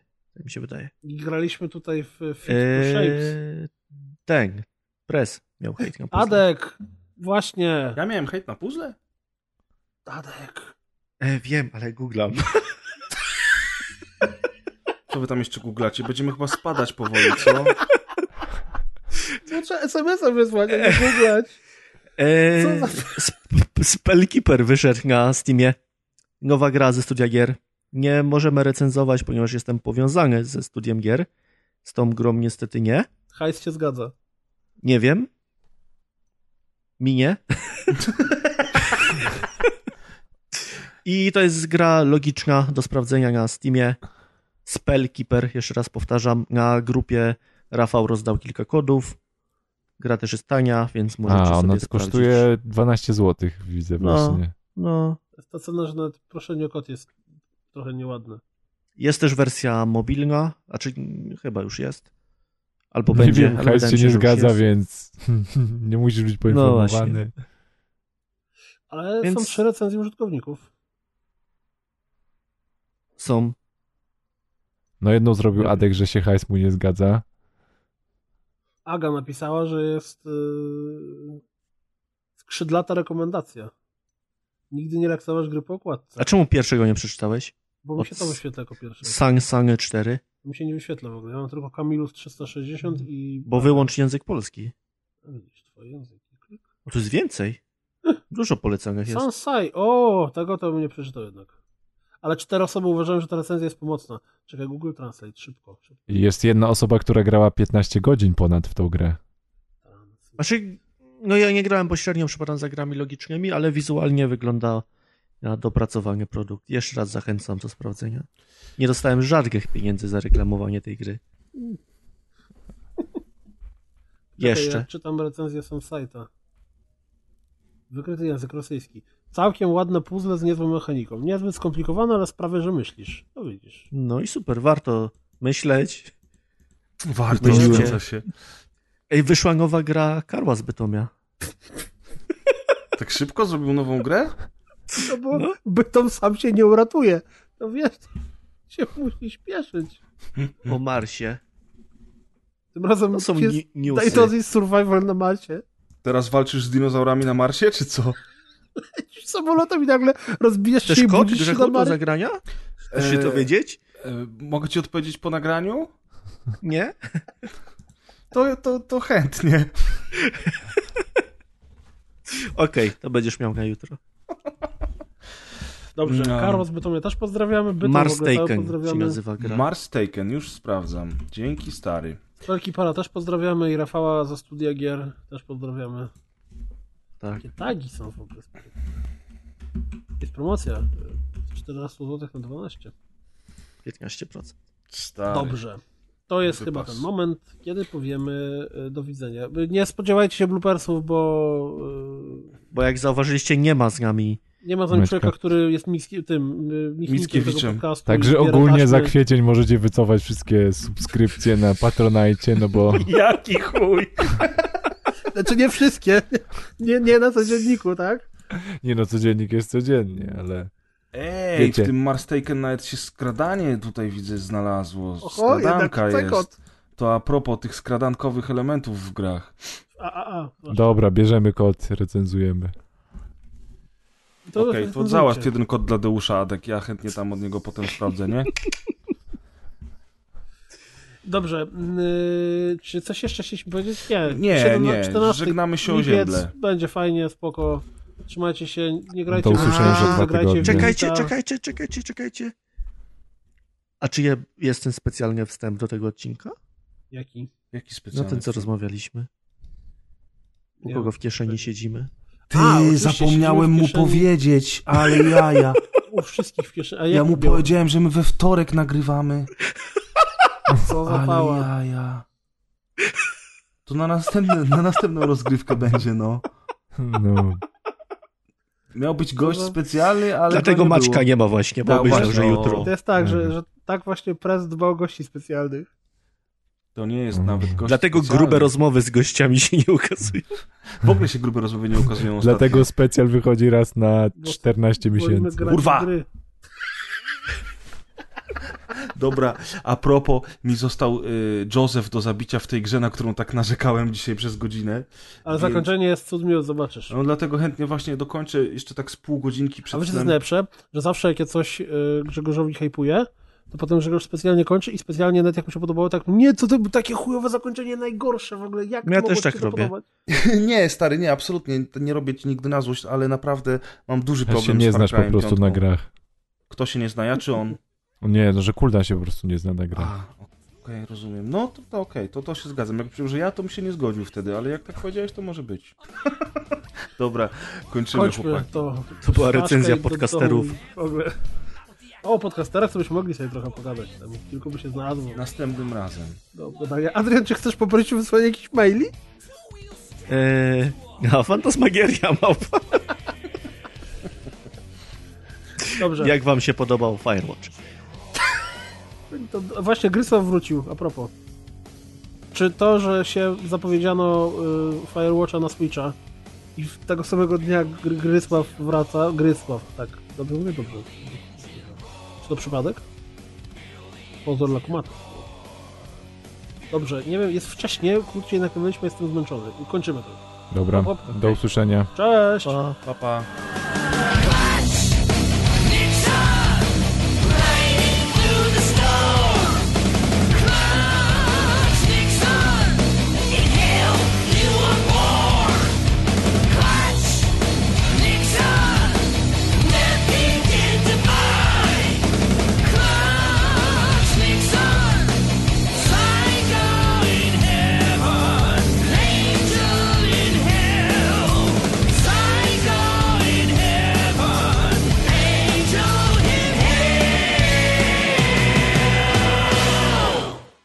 Dworze jest śmieszne jakieś ciepło. No, po, po dziewięciu miesiącach jesienio zimy jest śmiesznie jak jest ciepło. No chciałem wychodzi z domu, idzie do biura dzień. i cały czas tak, ha, ha, ha. No, ale wiesz, jaki śmiesznie. wczoraj- Jest film, jak ja się czołgam po ziemi, machając kredkami na boki, maluję po, po płachcie papieru, które jest na ziemi.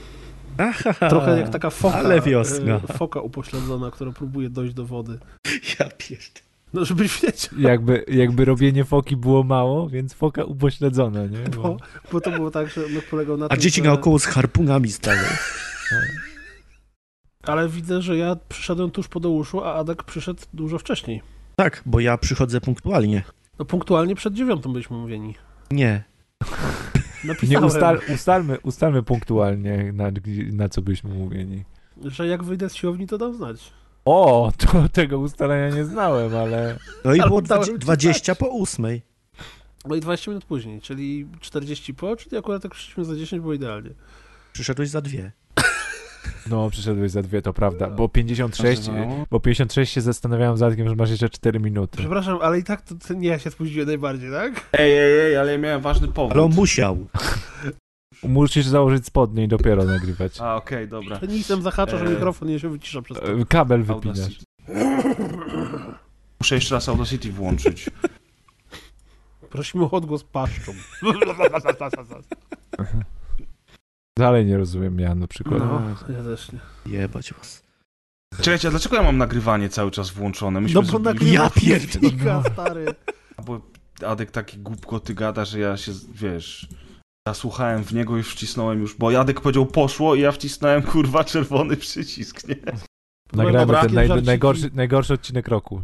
Nie, zobaczysz jaki co robię teraz. Dobry Wejście będzie. takie, że no rozpierdoli kosmos. No. Dobra, proszę cię, sami nudziarze. Mm, Czujesz marihuanę? Czuję strasznie znowu. O kurde. Zajebiście, jedziemy do Wrocławia. Ale co? Ty, Otwieraj okno, bo u nas, u nas sąsiad jest jakiś taki palacz ostry marihuany i po prostu Zajebiście. codziennie tak czuć, A. sobie popala. To zapukaj Dobrze. do sąsiada, przywitaj się, a nie tam z, za okna, czy tam za ściany. Jastem na gastro. Otwieramy okno zaraz i nie idę spać, tylko Łap do worka. na, na sznurku. Palenie bierne, nie?